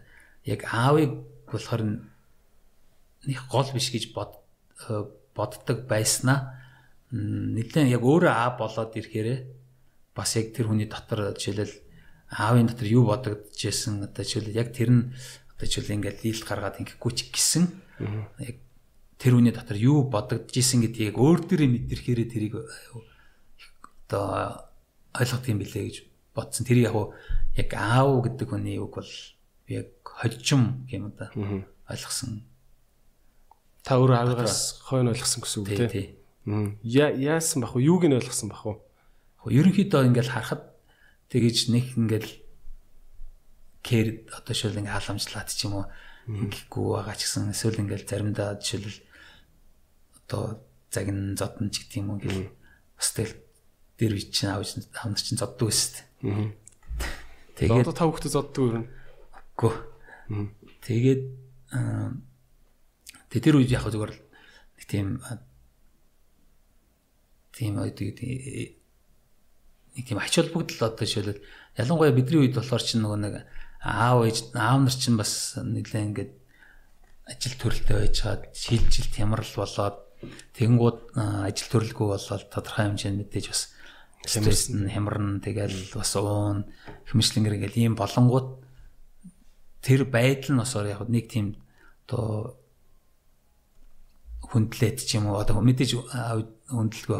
Тэгтээ нэг одоо шүүд ээж шиг ч юм уу бас ингэ тийм биш зүгээр ингээд ойлголтууд байгаад байгаа юм шиг байсан. Тэгтээ сүүлд ингээ бодохоор яг хийжсэн үйлдэлүүдийн ч юм уу би тэр дээр үед бас хэлжсэн ингээд манаа ингээд юу хийгээд одоо жишээлбэл одоо матан бууц ч юм уу хийгээл ингээд зах дээр гаргаад тэрийн зар зараад ч юм уу ингээд бид хоолой залгуулдаг байсан гэд. Тэгэхэд хэрвээ одоо тэр хүний дотор бол бас яг ингээд лимиг гарахын тулд юу ч хамаагүй хийгээд яаж өөрөө чаддаг юмараа ингээд би энэ айлгэр аваа явах хэвээр гэдэг тэр бодол нь одоо жишээлбэл ил гарахгүй ч гэсэн асуураа тэгээ зохицуулаад үди зэрэгтэй хөргсөн гэдгийг яг нөгөө халан гадна хайрын дотроо гэдэг шиг тийм бодол нь тийм байсан гэдгийг одоо би ч гэсэн хүүхдээ бас ингээд бодохоор хэдийгээр ингээд өдөр тутам ингээд юу яахгүй ч гэсэн асуураа гол юмнууд дээр нь бас ингээд санаа зовоол ингээд тгий гэдэг бодол өөр төр ирэхээр бас тэгж бодоо тийм үлд хийдэг байсан юм байна. Намайг боддгооч бол биш байсан юм гэж тийм. Хүүхд байхад бол нэг аав нэг гэрте байдгүй нэг аавынхаа нэг хоёр дахь хүн шиг харьцдаг байсан гэсэн үг тийм. Ер нь бол бас аргал тийм гэсэн. Би тэр нөгөө нэг юун дээр Shark Tank дээр бас нөгөө хөвсгөлийн хоёр гарч ирсэн шүү дээ. Тэрийн зэртэй. Тэгэхэд зүгээр надад хамгийн амар юм та ч бүр өөлөө өстэй те. Гэтэ бас арай гайгүй гаргасан би бүр ярьж чадхаа байлаа гацаад. Яаж яаж телевизээр гаж гар зогсож байгаараа төвшөө шаркийн жоо нөлмөсөнд арчаад тэгсэн чинь тэрийг хин намин байж байж барьж бити өгөөрөө жоо хойлуулъя гэдэг. Гэхдээ яаж гарах гэсэн бас арай гайгүй. Тэгээ тэнд бас зүгээр надаа яг тэр хүн бас ингэж амьдралынхаа төлөө тэмцэж байгаа нэрэгтэй хүн бас яг ингэж яг ил одоо жишээл яахгүй ч гэсэн хийж байгаа үйлдэлүүд нь бас яг ингэж нуруунд дээр бас юм аа үүрээд бас ингэ явдаг тийм ирчүүд аав нар бас байт юм байна. Гэдэг тэр яг тэнд бол яг манай зүгээр яг өөрийн аа бодогдоод тэр нэлээд сэтгэл хөдлсөн юм. Та юу нэлээд юм үйлийнхаа уяхан хүн үү эсвэл үнэхээр яг бүр ингээд хувийн амьдралтай амар ойрхон санагдсан болоод үйлсэн үү? Бас камерны өмнө үйлнэ гэдэг чинь бас нэг хэр баргийн үйл тийм байдаг шүү дээ. Тэр чинь яг ингээд ихэлчээр ингээд бүр ингээд жоохон юу ачвал бүр ингээд ихэр татад баг болох гэдэг юм шиг болох гэдэг. Тийм аюу байсан. Тэгээд угаасаа цаанаас л тийм сэтгэл хөдлөл чинь тэгэл цаанаас л гардаг. Аа. Аюу ингээд захирд нөгөө тийшээ камер л хараад өөрөлдсөн чи урдаас нь камер өссөн. Яа, тэгтээ бас бас ингээд хүмүүсийн амьдралын ингээд ямар амар даваануудыг давж амьдртгийг ингээд харах бас айгүй хэцүү л гэдэм лээ. Тэгэхдээ тэр бас ингээд нөгөө төсвөр хадуужилтаа амьдралын хаттай хүн гэдэг бол яг зовлонгийн одоо тухай ойлголт хэр одоо жишээлбэл зовлон гэдгийг хэр одоо хэцүүгээр төсөөлж ийн гэдгээр хэмжигдэм санагд. Тэгэхээр зовлон үүсэх тусмаа тэр амьдралын хат гэдэг ч юм уу юм доошлдог. Тэгэхээр яг зарим одоо жишээл хүүхдүүдийн хувьд ч юм уу зарим залуучуудын хувьд болохоор тохиолдод байгаа асуудлууд бол айгүй том асуудал бол гэж хараал тэр нь өөрт нь бол хацаагүй тий. давшгүй асуудал бол зүгээр л ингийн наад зхийн шиг л үг гэлэхээр тэр эн чинь өөрөө тэгж хилүүллээ гэж жишээлбэл ингээд тийм болох гээд байгаа юм шиг юм шиг. Тэгэл баг тэрнээсээ болоод бүр илүү том асуудал гаргаж ирээд сая бас манай нэг найз нөгөө оюутан цэргийн юм дээр ажиллаж байсан. Тэгсэн чинь нэг эцэг их ярьсан байсан. Хүүхд ингээд пицца авчираад өгөхөр пиццаных нь хэлбэр нь муухай байна гэд идэхгүй голоо шиддэг байсан. Тийм хүүхд байсан гэнэ. Тэгээд оюутан цэрэгт явуулаад ингээд ясан чинь одоо шал ууралцаад юу ч хамаагүй гэдэг. Тэгээ гихмэслэнгэргээ тэр нэг нөгөө хүмүүсийн хүлээж байгаа одоо жишээлбэл баг тэр хүүхдэд болохоор пиццаны хэлбэр муухай гэдэг нь өөрөө зовлон болчиход байгаа. Тэгэхи чин зарим хүмүүсийн хувьд бол идэх хоол байхгүй. Пицца байгаан жаргал биш үү? Тий, пицца байгаан жаргал байхгүй. Тэгэхээр яг зүгээр ингээд тодорхой хэмжээгээр ингээд зарим хүмүүсийн хувьд бол хэцүү байсан ч одоо тэр манай өсгөлийн хоёрын хувьд бол тэр энцэртэй ингээ байсан ч гэсэн өөрөө хүмүүсийг зохион байгуулад удирдаад бизнес одоо хийгээд өөрийнхөө амьдралаас гадна өөр тэнцээ доор нь өөр хүмүүс ажиллаж штэ.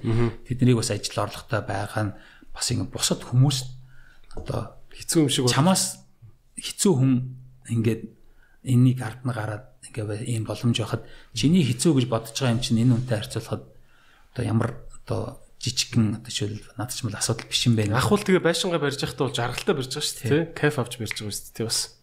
Тэ. Тэгэхээр нэг тийм нэг зарим нэг юм дээр болохоо заавал биеэрээ туулаад халб байхгүй. Ном зохиолоос ч юм уу хүмүүсийн түүхүүдээс ер нь бол бас яг хэцүү гэдэг хэмжээс бас тэр доошоо байдсан байна гэдгийг. Одоо ч нэг аюу нөгөө нөгөө нэг Германы яг нөгөө хоригдлуудын өөрсдийн бичсэн юмнууд гэдэг чинь тэр одоо жишээл хүнд хэцүү юмнууд яаж явж бүр ингээд эцтэй тултал хүн тэгэл эцтэй тултлаа гэж бодсон ч гэсэн цаана тэр туллаа гэж бодож исэн юм дахиад явсан зэгээс эргээ харахаар тэр нь үнэхээр жаргал байсан тэр талаараа бичсэн номнууд одоо тэр нөгөө searching for meaning амьдралын утга учирыг эрэлтчихлөө бас тэр номон дээр бичснийг харахаар тэр анхны тэр хэцүүнүүд нь сүүлд нь үнэхээр жаргал байсан нэг. Гэхдээ ингээд хүн ингээд зовлон дагаад. Яа. Зэрийг яаж тэгэл давдсан бэ гэхээр л хүн тэгэл дагаал яваад.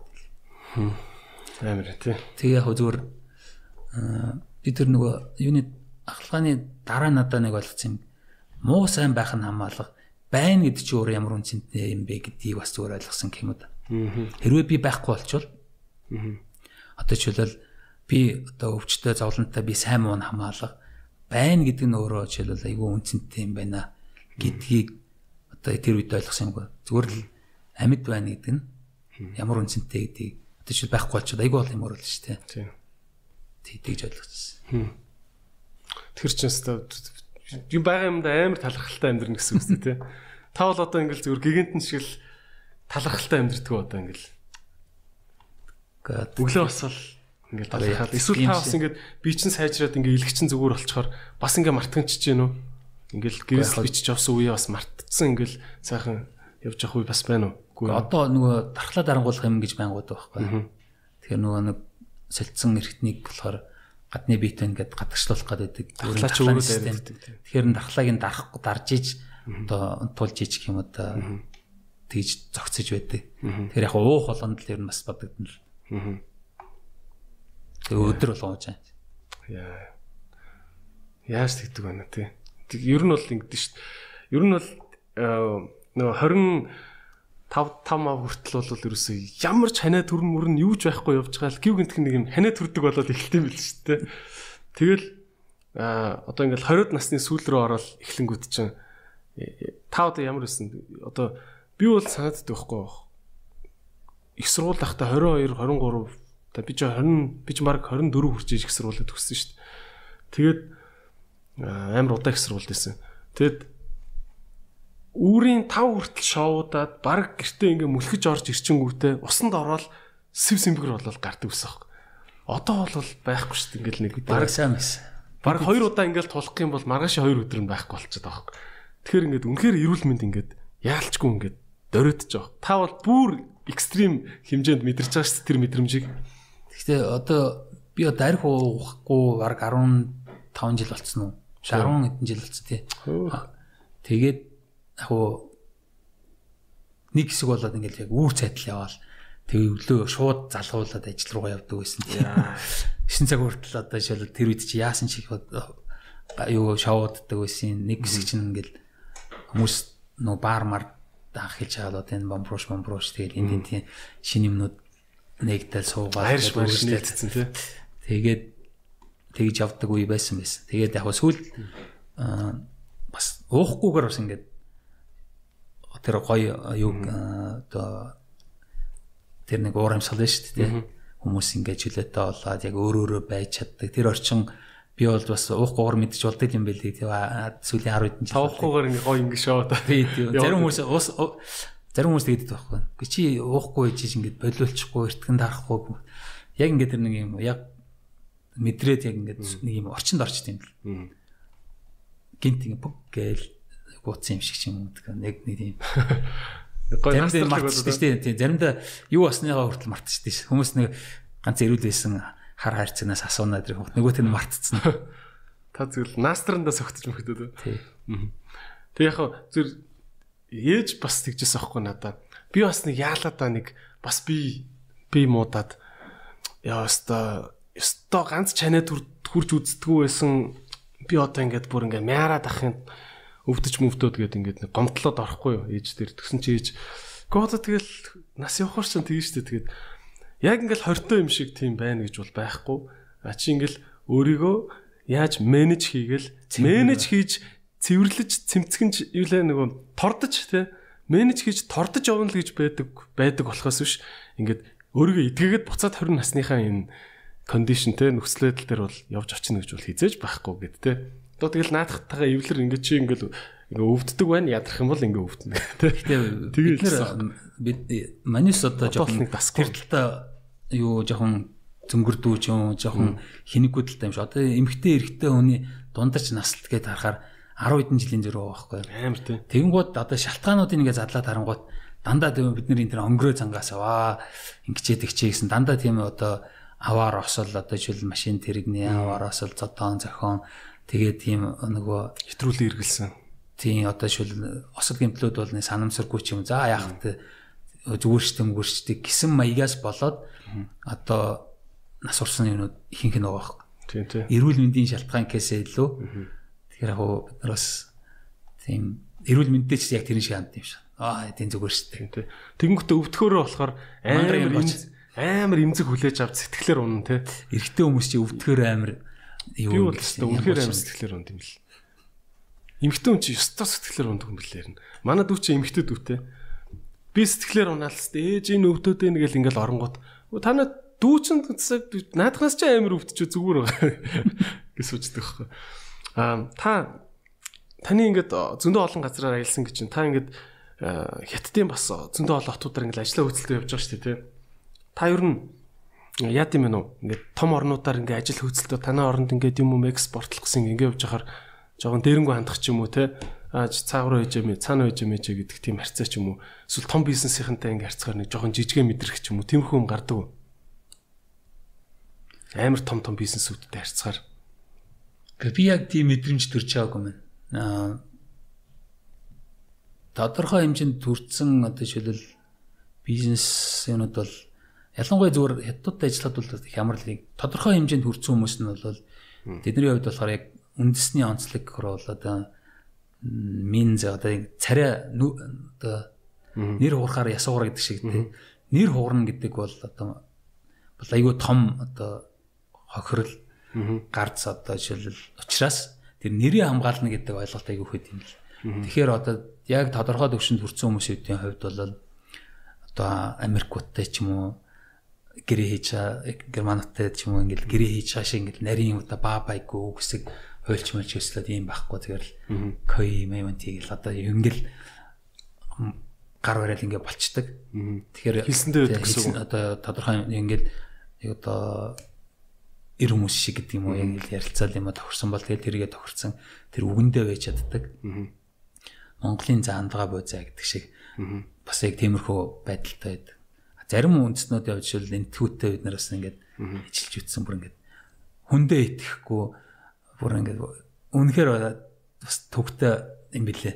Зарим нэг харилцаанууд яг өмнө байжсэн өнөдр ингээд бие бинийг хуурсаар бат ч юм ингээд юу бий болцсон. Тэгээ тэрнээс хамаарат улс үндэстэн болгоны харилцааны яг онцлогуд байгаа. Өөр өөр та үндэснүүдийг ингээд яриач за хиттэг ирлээ, сентгийг ирлээ өөр. За ер нь барууныхан бол яг бичиг цаас одоо үгсэг яриа бол хамаагүй цаас тий. Тий, цаасан дээр гол юмнууд явж иж байна. А Японуудтай бас би тэр Sumitomo Metal-тай юу нэг усан онгоц нүүрс явуулах гэж бүтэн жил харилцсан байхгүй. Тэгээ ингээд асуудлуудаа ингээд яриалаа нэгэл ерөнхийгээс нь ингээд нарийн өвчлүүлээд тэгээ яг нэг тодорхой хэмжээнд ингээд хөрсний дараа болохоор дарга байна уу, цэрэг байна уу бүгд нэг ойлголттой. Одоо жишээлбэл манайхан чинь зарим захирлын бүх мэдээллийг аваад ажилтнууд нь барс ойлгохгүй ш мэдээгүй явж идэх чинь тийм байхгүй. Доотлын хүнтэй ч ярьсан адилхан дээдлийн захиралтай ч ярьсан адилхан байдаг учраас хинтээ ч уулзсан шууд л яг нэг шийдвэр гаргаад ингээд явцдаг тодорхой ойлголт авсныхаа дараа тэр автлаа бол нэлээд удна. Тэгээ үйл ажиллагаанууд бас нэлээд сериус юу одоо нэрийн хандд юм билээ. Одоо шил бид нэр юу Астарнтын тэр бомтуудаар Владивостокоор явуулахад Транссибирийн төмөр замаар ингээд амжихад Японуудын тусламжтай явсан байхгүй. Тэгэхэд тэд нэр бүр амар нарийн бүр ингээд төмөр замын тооч болгоныг нь тэмдэглэсэн тентх байдаг хүмүүсийнх нь утас. Тэгэхгүй бол Орос чинь нэг богон ороод өөр тийшээ хаашаа явсан алга мэддэхгүй алгуулчдаг. Тэгээ баг тооч болгоноор за энэ гарсан уу тэр гарсан уу гэл хүмүүсийн хөслөөд ч юм уу яг таньж мэддэг хүмүүсийн хуучин тэр үний дарга марга нарын тэр Японод чинь олоо зохицуулаад ингээд хамтраад хийсэн байна. Тэгэхээр юмыг айгүй улс суурьтай хийдэг. Нэг шийдэл төрсэн байвал одоо жишээлбэл бүх төвшөндөө ижил ойлголттой. Бас айгүй мундал юм байлаа. Тэгээд солонгосуудтай бас Skytel дээр ажиллаж исэн. Яг солонгосууд үстэй солонгосууд. За би одоо нөгөө уудаг үед дээр тэр хийж юм байлаа. Них ууж исэн санахгүй байна. Тэгэл сонсч ирсэн. Тий. Дуудаж гэсэн бас ингэж яг өөчөөж юм зардаг юм дээр уухгүй мөртлөө юм зараад яваад хахаар бас намайг нэг хэсэг хүмүүс гайхдаг гэсэн. Чи яаж юм уухгүй гэж нүрс зардаг. Тэгээд солонгосууд яг уу жоохон төвхтэй гэх юм уу да. Бизнесийн төвшгүүд нь өөрөөж магадгүй. Төөч манай гэр бүлийн бас нэг солонгос хүнтэй хамтраад бас нэг бизнес хийж исэн. Тийм аж явуулж байгаа арга барил нэг тийм өөр юм билэ. Жижиг бизнесүүдээр жишээлбэл ингээд нэг тийм онцлог юм тийм аж ахуй маягаар ингээд хой хүн юм хийж аим шиг хэлэл юм бизнесийг хэлбэл сонирхолтой. Том компаниудынх нь бол айгүй хөрсөлдөөнтэй. Тэгээд зарим нэг юмнууд төр болохоор ингээд эхлээд нэг баг орж ирнэ. Тэнгуудаа дараа нэг юм тохирсны дараа дахиад шал өөр баг орж ирэнгууд өмнө ярьжсэн юмнууд харилцаанд чинь ингээд утга учиргүй ч юм уу дахиад шинэ хүмүүсийн шал уур зэрэг тэр өмнө ярьсан чинь би сайн мэдэхгүй байна ч гэдэг юм. Хэмжлэнгийн байдал. Заван тактиктэй юм тий. Тийм бас тохиолдож байсан. Яг улс үндэстэн болгон нэг тийм соёлын бий болгоод ирсэн онцлог багш. Бидний хувьд бас яг тэгж хардаг л та монголчуудад. Солонгосуудын хувьд надад бас амар ингэдэг юм шиг санагдаад байна шүү дээ. Нэг солонгос нөхөр ирэнгүүтээ а би цаанаа тэр томчуудыг амар таньна гэж ярьдаг. Аа тэр Samsung-гийн чинь босс чи өстой миний ах юу гэл Дандаа нэг тийм хятадууд бас яг адилхан. Дээрээ би тийм том найзтай гэж амар их тэгж худлаа ирт юм шиг санагдаад тий. Зарим нэг юм дээр тийм юм жоохон хиймэл юм бас байгаа тийм шүү. Дүүрс би ч баг тэр э, том даргынх нь хүүн байгаа ингээд баг тэгж ирт юм шүү. Хятадууд бас яг тэгдэж шүү. Өө би тэр чинь ингэжсэн тэгжсэн ингээд. Аа. Тэг тэрэн зарим ихтэй хотлоо те. Тэгээ тэр яг таньдаг байж болно, мэддэг байж болно. Гэтэ тэр нэг тийм чухал шүү. Тийм тий. Бас тэрүүгээр их ажлын болдог юм шиг тий. Тий, тийм багш. Яг ер нь ингээд нэг юм Одоо ингэж штэ. За мэдээж ингээл Монголд бол мэдээж за ингээл ус төрчтөн ч тэгэл сэвхийн тэгэл мэдээж энэ бас тэр политик юу те одоо нэг олон улсын төвшөндөө ус төрийн ингээл янз бүрийн юмнууд байгаа бах. Гэхдээ бид нар хүссэн үсээгүй хятадын эдийн засаг амар өссөн байгаа те хятад гэдэг ийм мөнгөтэй газар байгаа. Эндээс ямар ч үсэн одоо юан зулгаач гэх юм уу те ийшээ юм зархаас л өөр аргагүй л үе үстэй. Тэр төрөө Монголын заргаж байгаа бүх юмны 80%-ийг хятадууд л авч байгаа үстэй тий. Бараг 90%-ийг хятадууд авч байгаа үстэй. Тэ. Тэгэд ингээд хятадуудад юмаа зархад одоо та жишээ надад зөвлөгөө өгөөч гэх гээд тахгүй юу. За би жишээ нь одоо боловсролын юм хийдэг хүн шүү дээ тий. Бас технологийн бизнес хийдэг, жижиг бизнес хийдэг. Тэгэхээр за би хятадуудад ингээд очиод битсэн ингээд програма заръя. Хятадуудад ингээд гар утасны аппликейшнаар юм заръя гэвэл та та одоо байгууллагт програма зарна хувь хүмүүст би ингээд юм зарыг те аппликейшнэр юм зарыг. Та надад ямар зөвлөгөө өгөх вэ? За цаадал чи ийм нөхдөж шүү. Ингэж зардыг шүү. Хятад компани байгуулах хэрэгтэй шүү ч юм уу? Юу яах хэвээр юм бэлээ яг уу яг хятад соёлыг нь өөрөө аюу сайн ойлгох хэвээр юм бэл энэ хүмүүс одоо жишээлбэл яг онцлог нь бий болсон. Одоо жишээл хаан үндэстэн ч юм уу үндэсний цөөнхүүд бас байгаа. Тэгэхээр дотроо бас өөр өөр соёлууд байгаа. Ерөнхийдөө яг энэ хүмүүсийн үнц нь одоо ямар зүйлэнд ач холбогдол өгдөг ямар соёлыг илүү чухалчилдаг тэднэртэй харьцаа бий болохын тулд яг ижилхэн тийм хөрс суур төвшөнд очиж ойлгож харьцуул илүү амжилттай болох магадaltaй. Тэгэхээр одоо жишээлбэл бид түрүү хэлсэн тэр нэг тодорхой төвшөнд хүрсэн хүмүүсийн хувьд бол яг тэр нэр хугарна гэдэг бол одоо айгүй том үнцэн. Одоо шүү зүгээр ингийн жишээнүүд харах чинь хоолн дээр өгж байгаа ач холбогдол бол одоо шал уурахгүй. тэгээ эдүүдтэй ч юм ингээ уулзаад хийж хахад яг хоолны цаг болоод ирчвэл ингээд ерөнхийдөө ингээ юм төвдөрч өгөхгүй. Тэгээ хоол идээд ингээд юм ярахаар өста юм ярахаар одоо юмнууд харцсангуу одоо асуудалтай байсан юмнууд ингээд шийдэгдэж штеп. Тэгэхээр яг үндэснийг нь өөрийг нь нэг соёлыг нь аягүй сайн ойлгож иж арцах хэрэгтэй юм шиг санагдсан. Тэгвэл илүү зөв шийдлүүд яг гаргаж болохоор зөвхөн яг хятад биш өөр зах зээлүүд рүү ажиллахад ч гэсэн нийтлэг одоо зөвлөмж гэх юм уу бид нар яг нөгөө талаас Монголд ирж ажиллаж байгаа одоо хөрөнгө оруулалт ч юм уу гадны компаниудтай бид нар хамтарч ажиллаж байсан тэр туршлагад дээрсээ харахад бол яг өөрсдийнхөө чадах төвшөндөө хүртэл ажиллаад чадахгүй юм а чаддаг хүмүүстэй хамтарсан дэр юм билээ. Өөрөлдөө нэг далайг одоо шилэл өөрөө алхаж хэрэг гүнзгий гэдгийг нэмчих гээд хэрэггүй. Тэгээд цаашаа хөрөх цэг хүртлээ хүрээд цаашаа бол илүү чаддаг хүмүүстэй хамтарсан дээр юм болов гэж бодсон. Тэр одоо шилэл чи өөр зах зээлүүд рүү ажиллая гэж бодож ивэл чиний чи айл хүртэл хүрч чадхын тэр хүртлээ хүрээд тэрнээс цаашаа үргэлжлүүлээд чиний дутууг нөхөж чадах тийм л хамтрагчтай ч юм уу түнштэй болж явхан дээр юм болов гэж бодсон. Тантай ингээд эмсэс ярихгүй гэхээр ингээд гарч ирээд тах юм ба.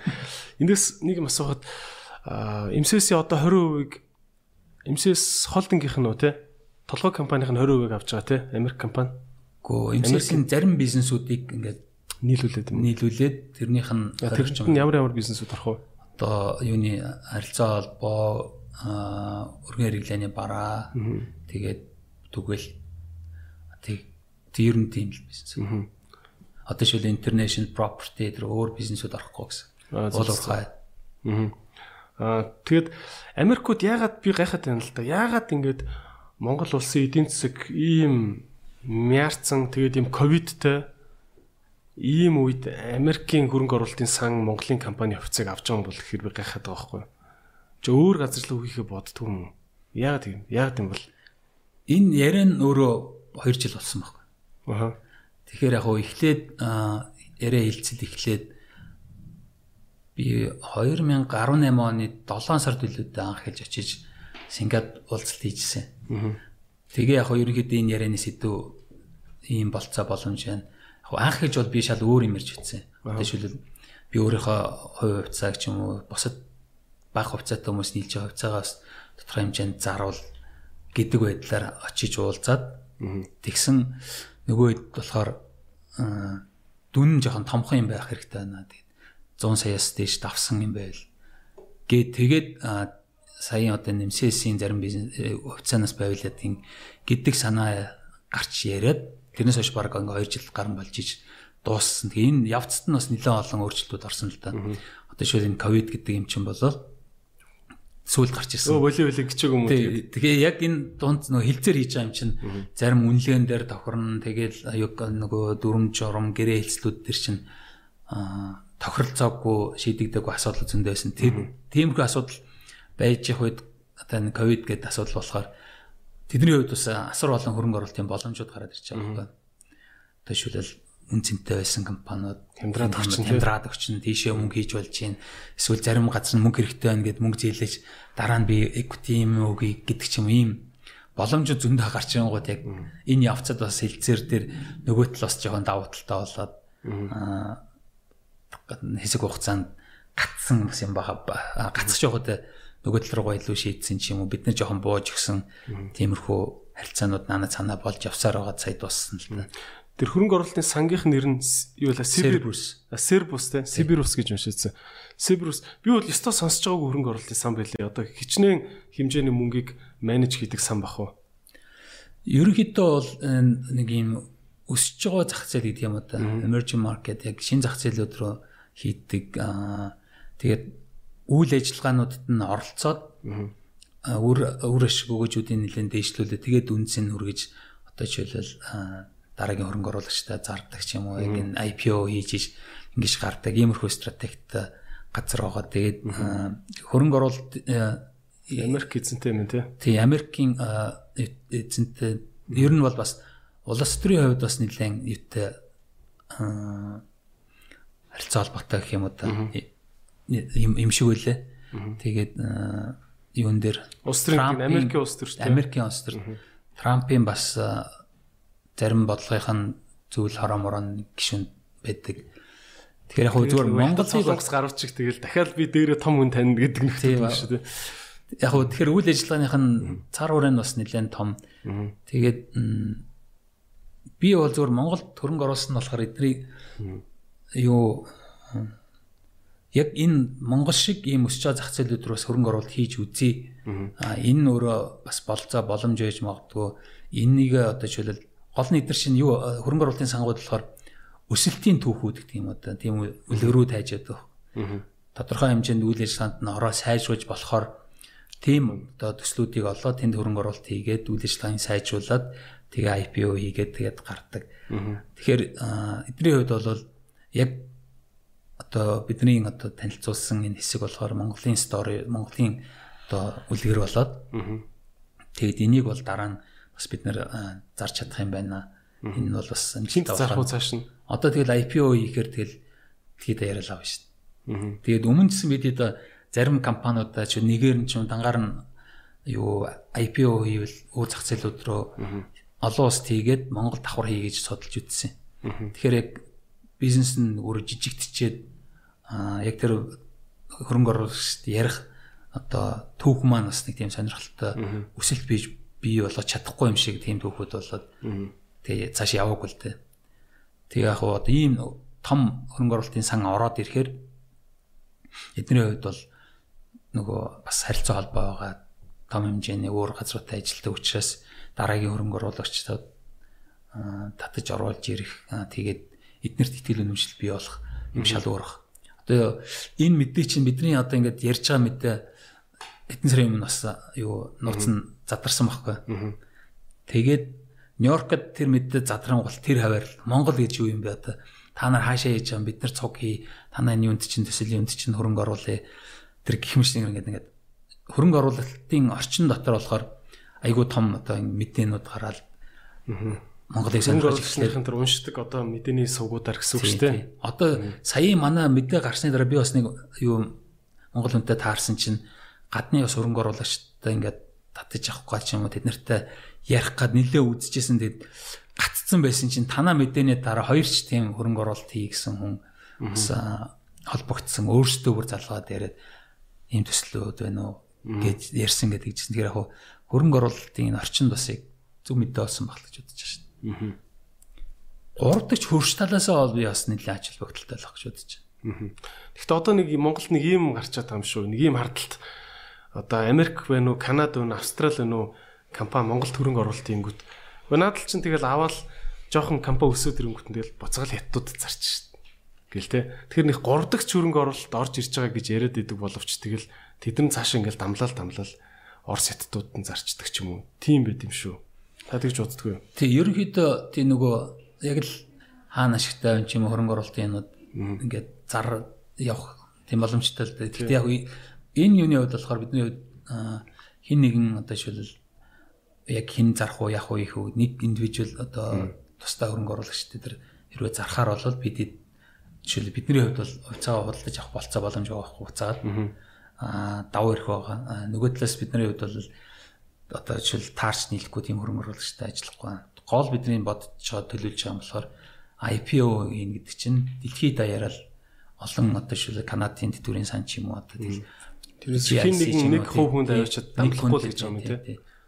Гэрээний тийм нөхцөл байдаг уу те? Ер нь байдаг л ах л та те.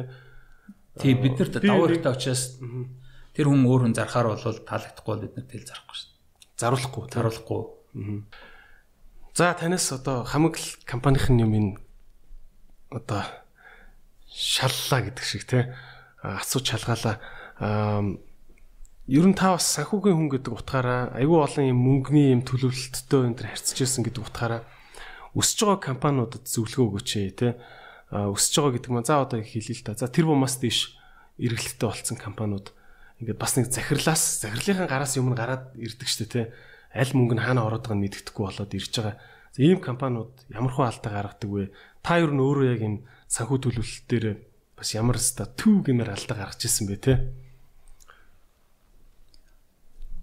Одоо зөв манай чин дээр харахад төсвөр өдөрддөг байхгүй.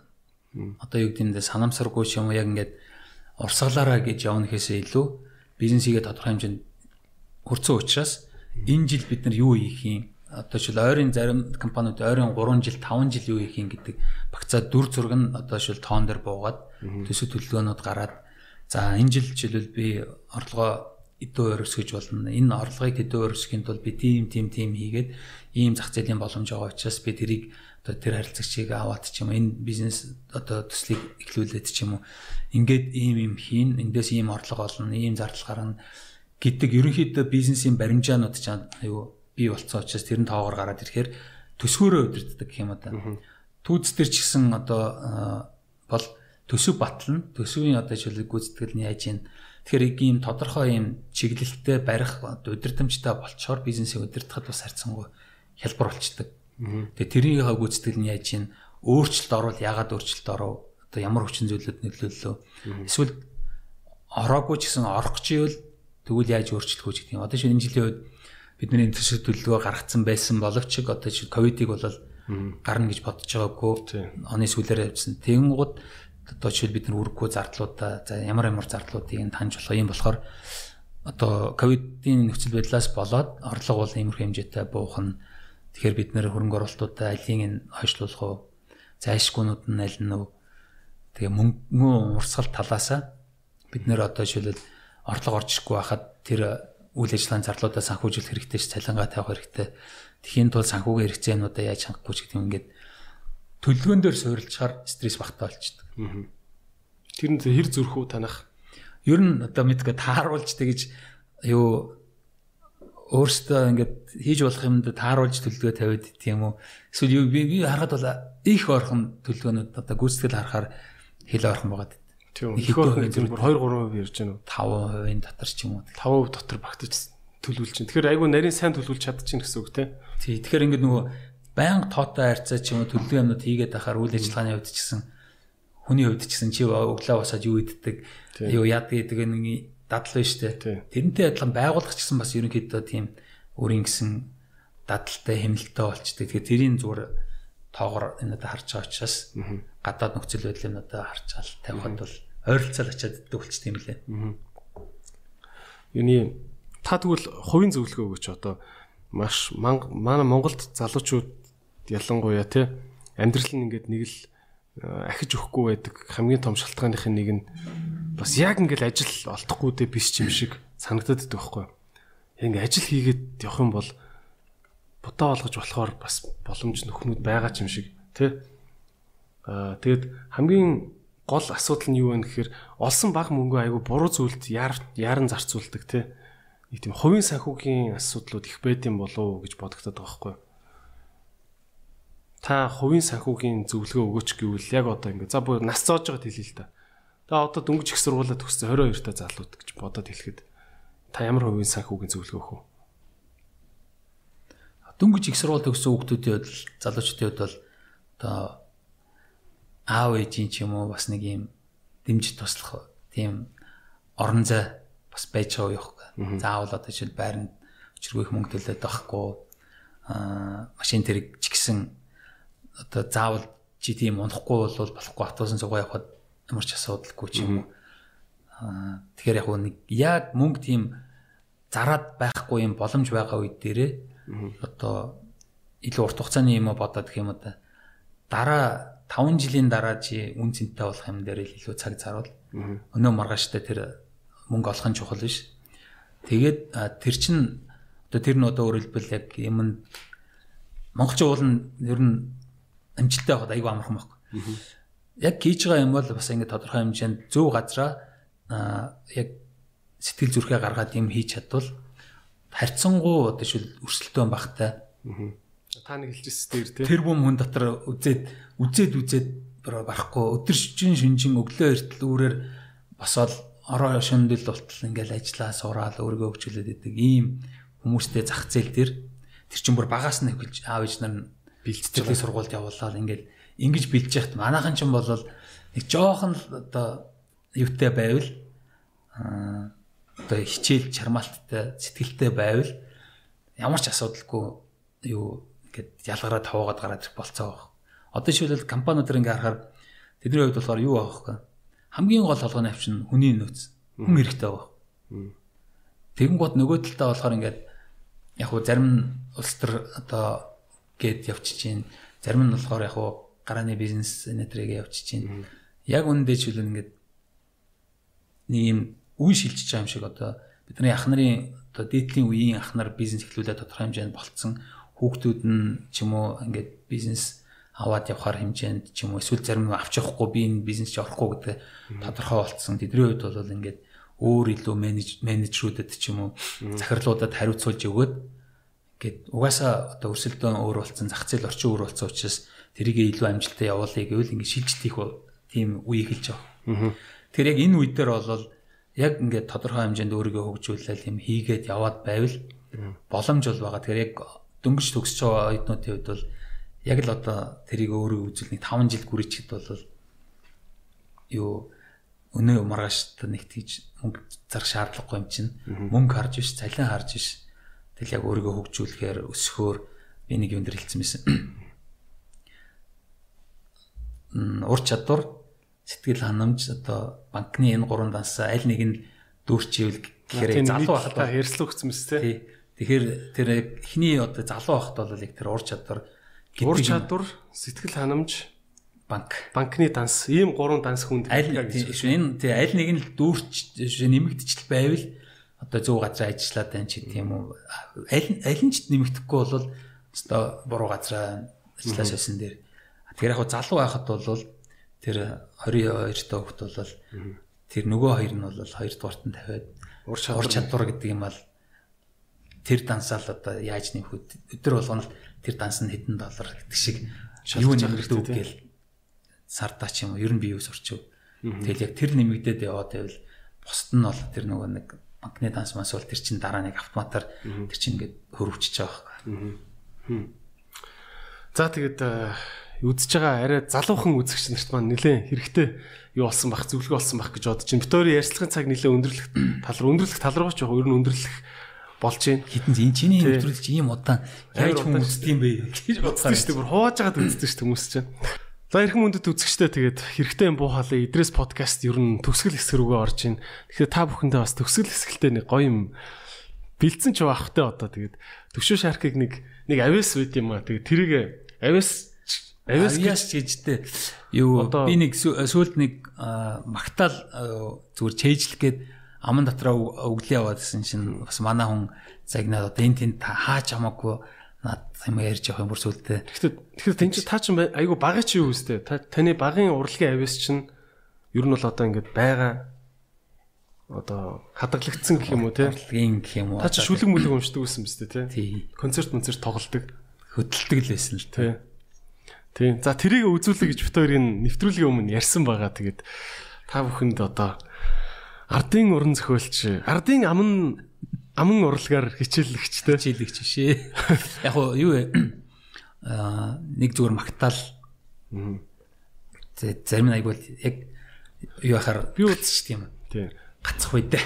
Тийм. За яг уу тэр манайхан гэхдээ нэг амир тэ дарамт өөд хэрэггүй байх төвшөө шаркт Аа би яг хөө ингэж бодод байна л төшөө шарка.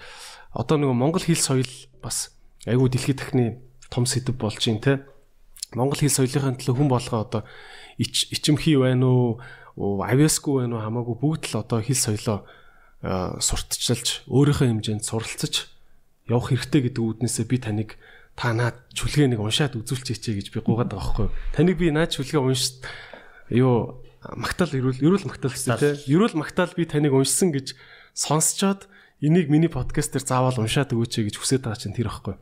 Тийм тэгэд би бас үзэгч нартай хэлэхэд та бүхэн одоо ависта авиасгүй хамаагүй одоо ингээд төвшөө шаркаас шаркийг би бол одоо эхний үлгэрэл болгож гаргамаар штэ. Би бол одоо чойнмын шүлэгнүүдээс нацаг доржин шүлэгнүүдээс нэг хит хитэн мөрт бол мэддэг. Гэхдээ бүтэн шүлэг мэдгүй юм ардын эрүүл магтаал энтер гэвэл за арга мэдгүй дээ. Тийм болохоор би таныг яг ингээ ерөөл магтаал мэддэг уншсан гингүүт чинь би амар вау лагин бэ гэж бодсон байхгүй. Тэгэхээр та надад зүгээр бас жишээ болох хэрэгтэй байна. Уншаатхаа гэж хэлмээр байна. Надад зүгээр гой санагдаад бас зүгээр аа сурыг гэж бодчихсон. Гэтэ бүр мундаг юу ачаагүй зүгээр галшрын магтаал гээд явчих юм. За тэгээ тэгээ явъя. Та юу хөгжмөнтэй юу? Зүгээр шууд явчихууд дараа нь Айгүй. Таны утсан дээр шууд явчихвал гоё хаа. тийм үү. Тэгэхээр чанд би утсаа авчих санаа тийм. Таны миний утсан дээр ич. Ай нөх болов. Ай гэж юу миний утсан дээр л үзнэдэ. Тийм үү. За за тэгвэл хоёлаа айгүй шууд явчих. За эрхэм мөндөд үзэгчтэй тэгээд гал шарын магтаал гэдэг энэ сайхан Монголын аман зохиол гэж хэлэх бах те. Ерөөл магтаалыг одоо манай студид хамгийн анх ерөөл магтаал уншсан хүнээр төвшөө шарк болж байна. Тэгээд За Сонсё. мартч тасалдаж магадгүй шүү. Хамаагүй. сайн юу зүгээр тийм чи соёлол яа штэ. Соёлол сурчилж байгаа асуудал болохоос биш. жижигхэхгүй бас зүгээр сурыг гэж боддог бодсон учраас. Явъя. За За. Зэ намын цэнхэр зандан хүрний удамтай малар хүрэн хонгор зэрдийн угшалтай элбэг хэрийн гайхам хурдыг дуурайсан жили хэрийн үр хойчийг залгасан. Наран гимэл тэнгэрийн адил зүстэй найман зохил алсын бараа ширтсэн. Навчин хөөрхөн чих юугаан солбуулан нарийн уртал хүзүү юугаан дуухайлган Эрдэнийн дээдэл толгоо юугаан өргөн эвтэд цагаан шүд юугаан яралзуулан эзэн хүнээ харан харан ившээдэг ижил сүргээ хайн хайн өрсдөг. Дөрвөлжин зонд нь хүч тэнхэл хуралдсан дөрвөн чадсан хурдан шанцаар цогцолсон холын холдол цоцолгүй гүймээр хурдан шинж төгс төгөлдөр цогцолсон. Наастан буурлуу зүйл бүрээр магтагдсан. Нутгийн айлуу зураг хөргийн хадгалсан. Ийм хурдан хөлөг гал шардал байдаг юм. Тийм хурдан хөлөг гал шардал төрдөг юм. Зэ гал шарын унган ату. Хосол хүрэн зүрхтэй гэдэг хоёр суган даагуурстай гэдэг хонгор голдуу зүстэй гэдэг хулан дахин удамтай гэдэг зэ гал шарын хурдан хөлөг гал боторгох тууртай нүнэн газар товчлох шандастай нүнэн тураг сайхан биетэй нүнэн төрийн адамд төрүүлдэг нүнэ гээд яа Яа. Тасарцсан. За тэгээд манай студийн жаврыг ингэж сайхан үргэлсэн Төвшөө шаркта баярлалаа. Монгол соёлоо ийм сайхан цэжиндээ авч явдаг. Барууны энэ мундаг IPO, өсто Хонконгийн бирж мэрж ярддаг ч гэсэн бас те. Монгол соёлоо ингэж сайхан цэжиндээ цэжрээ авч явдаг.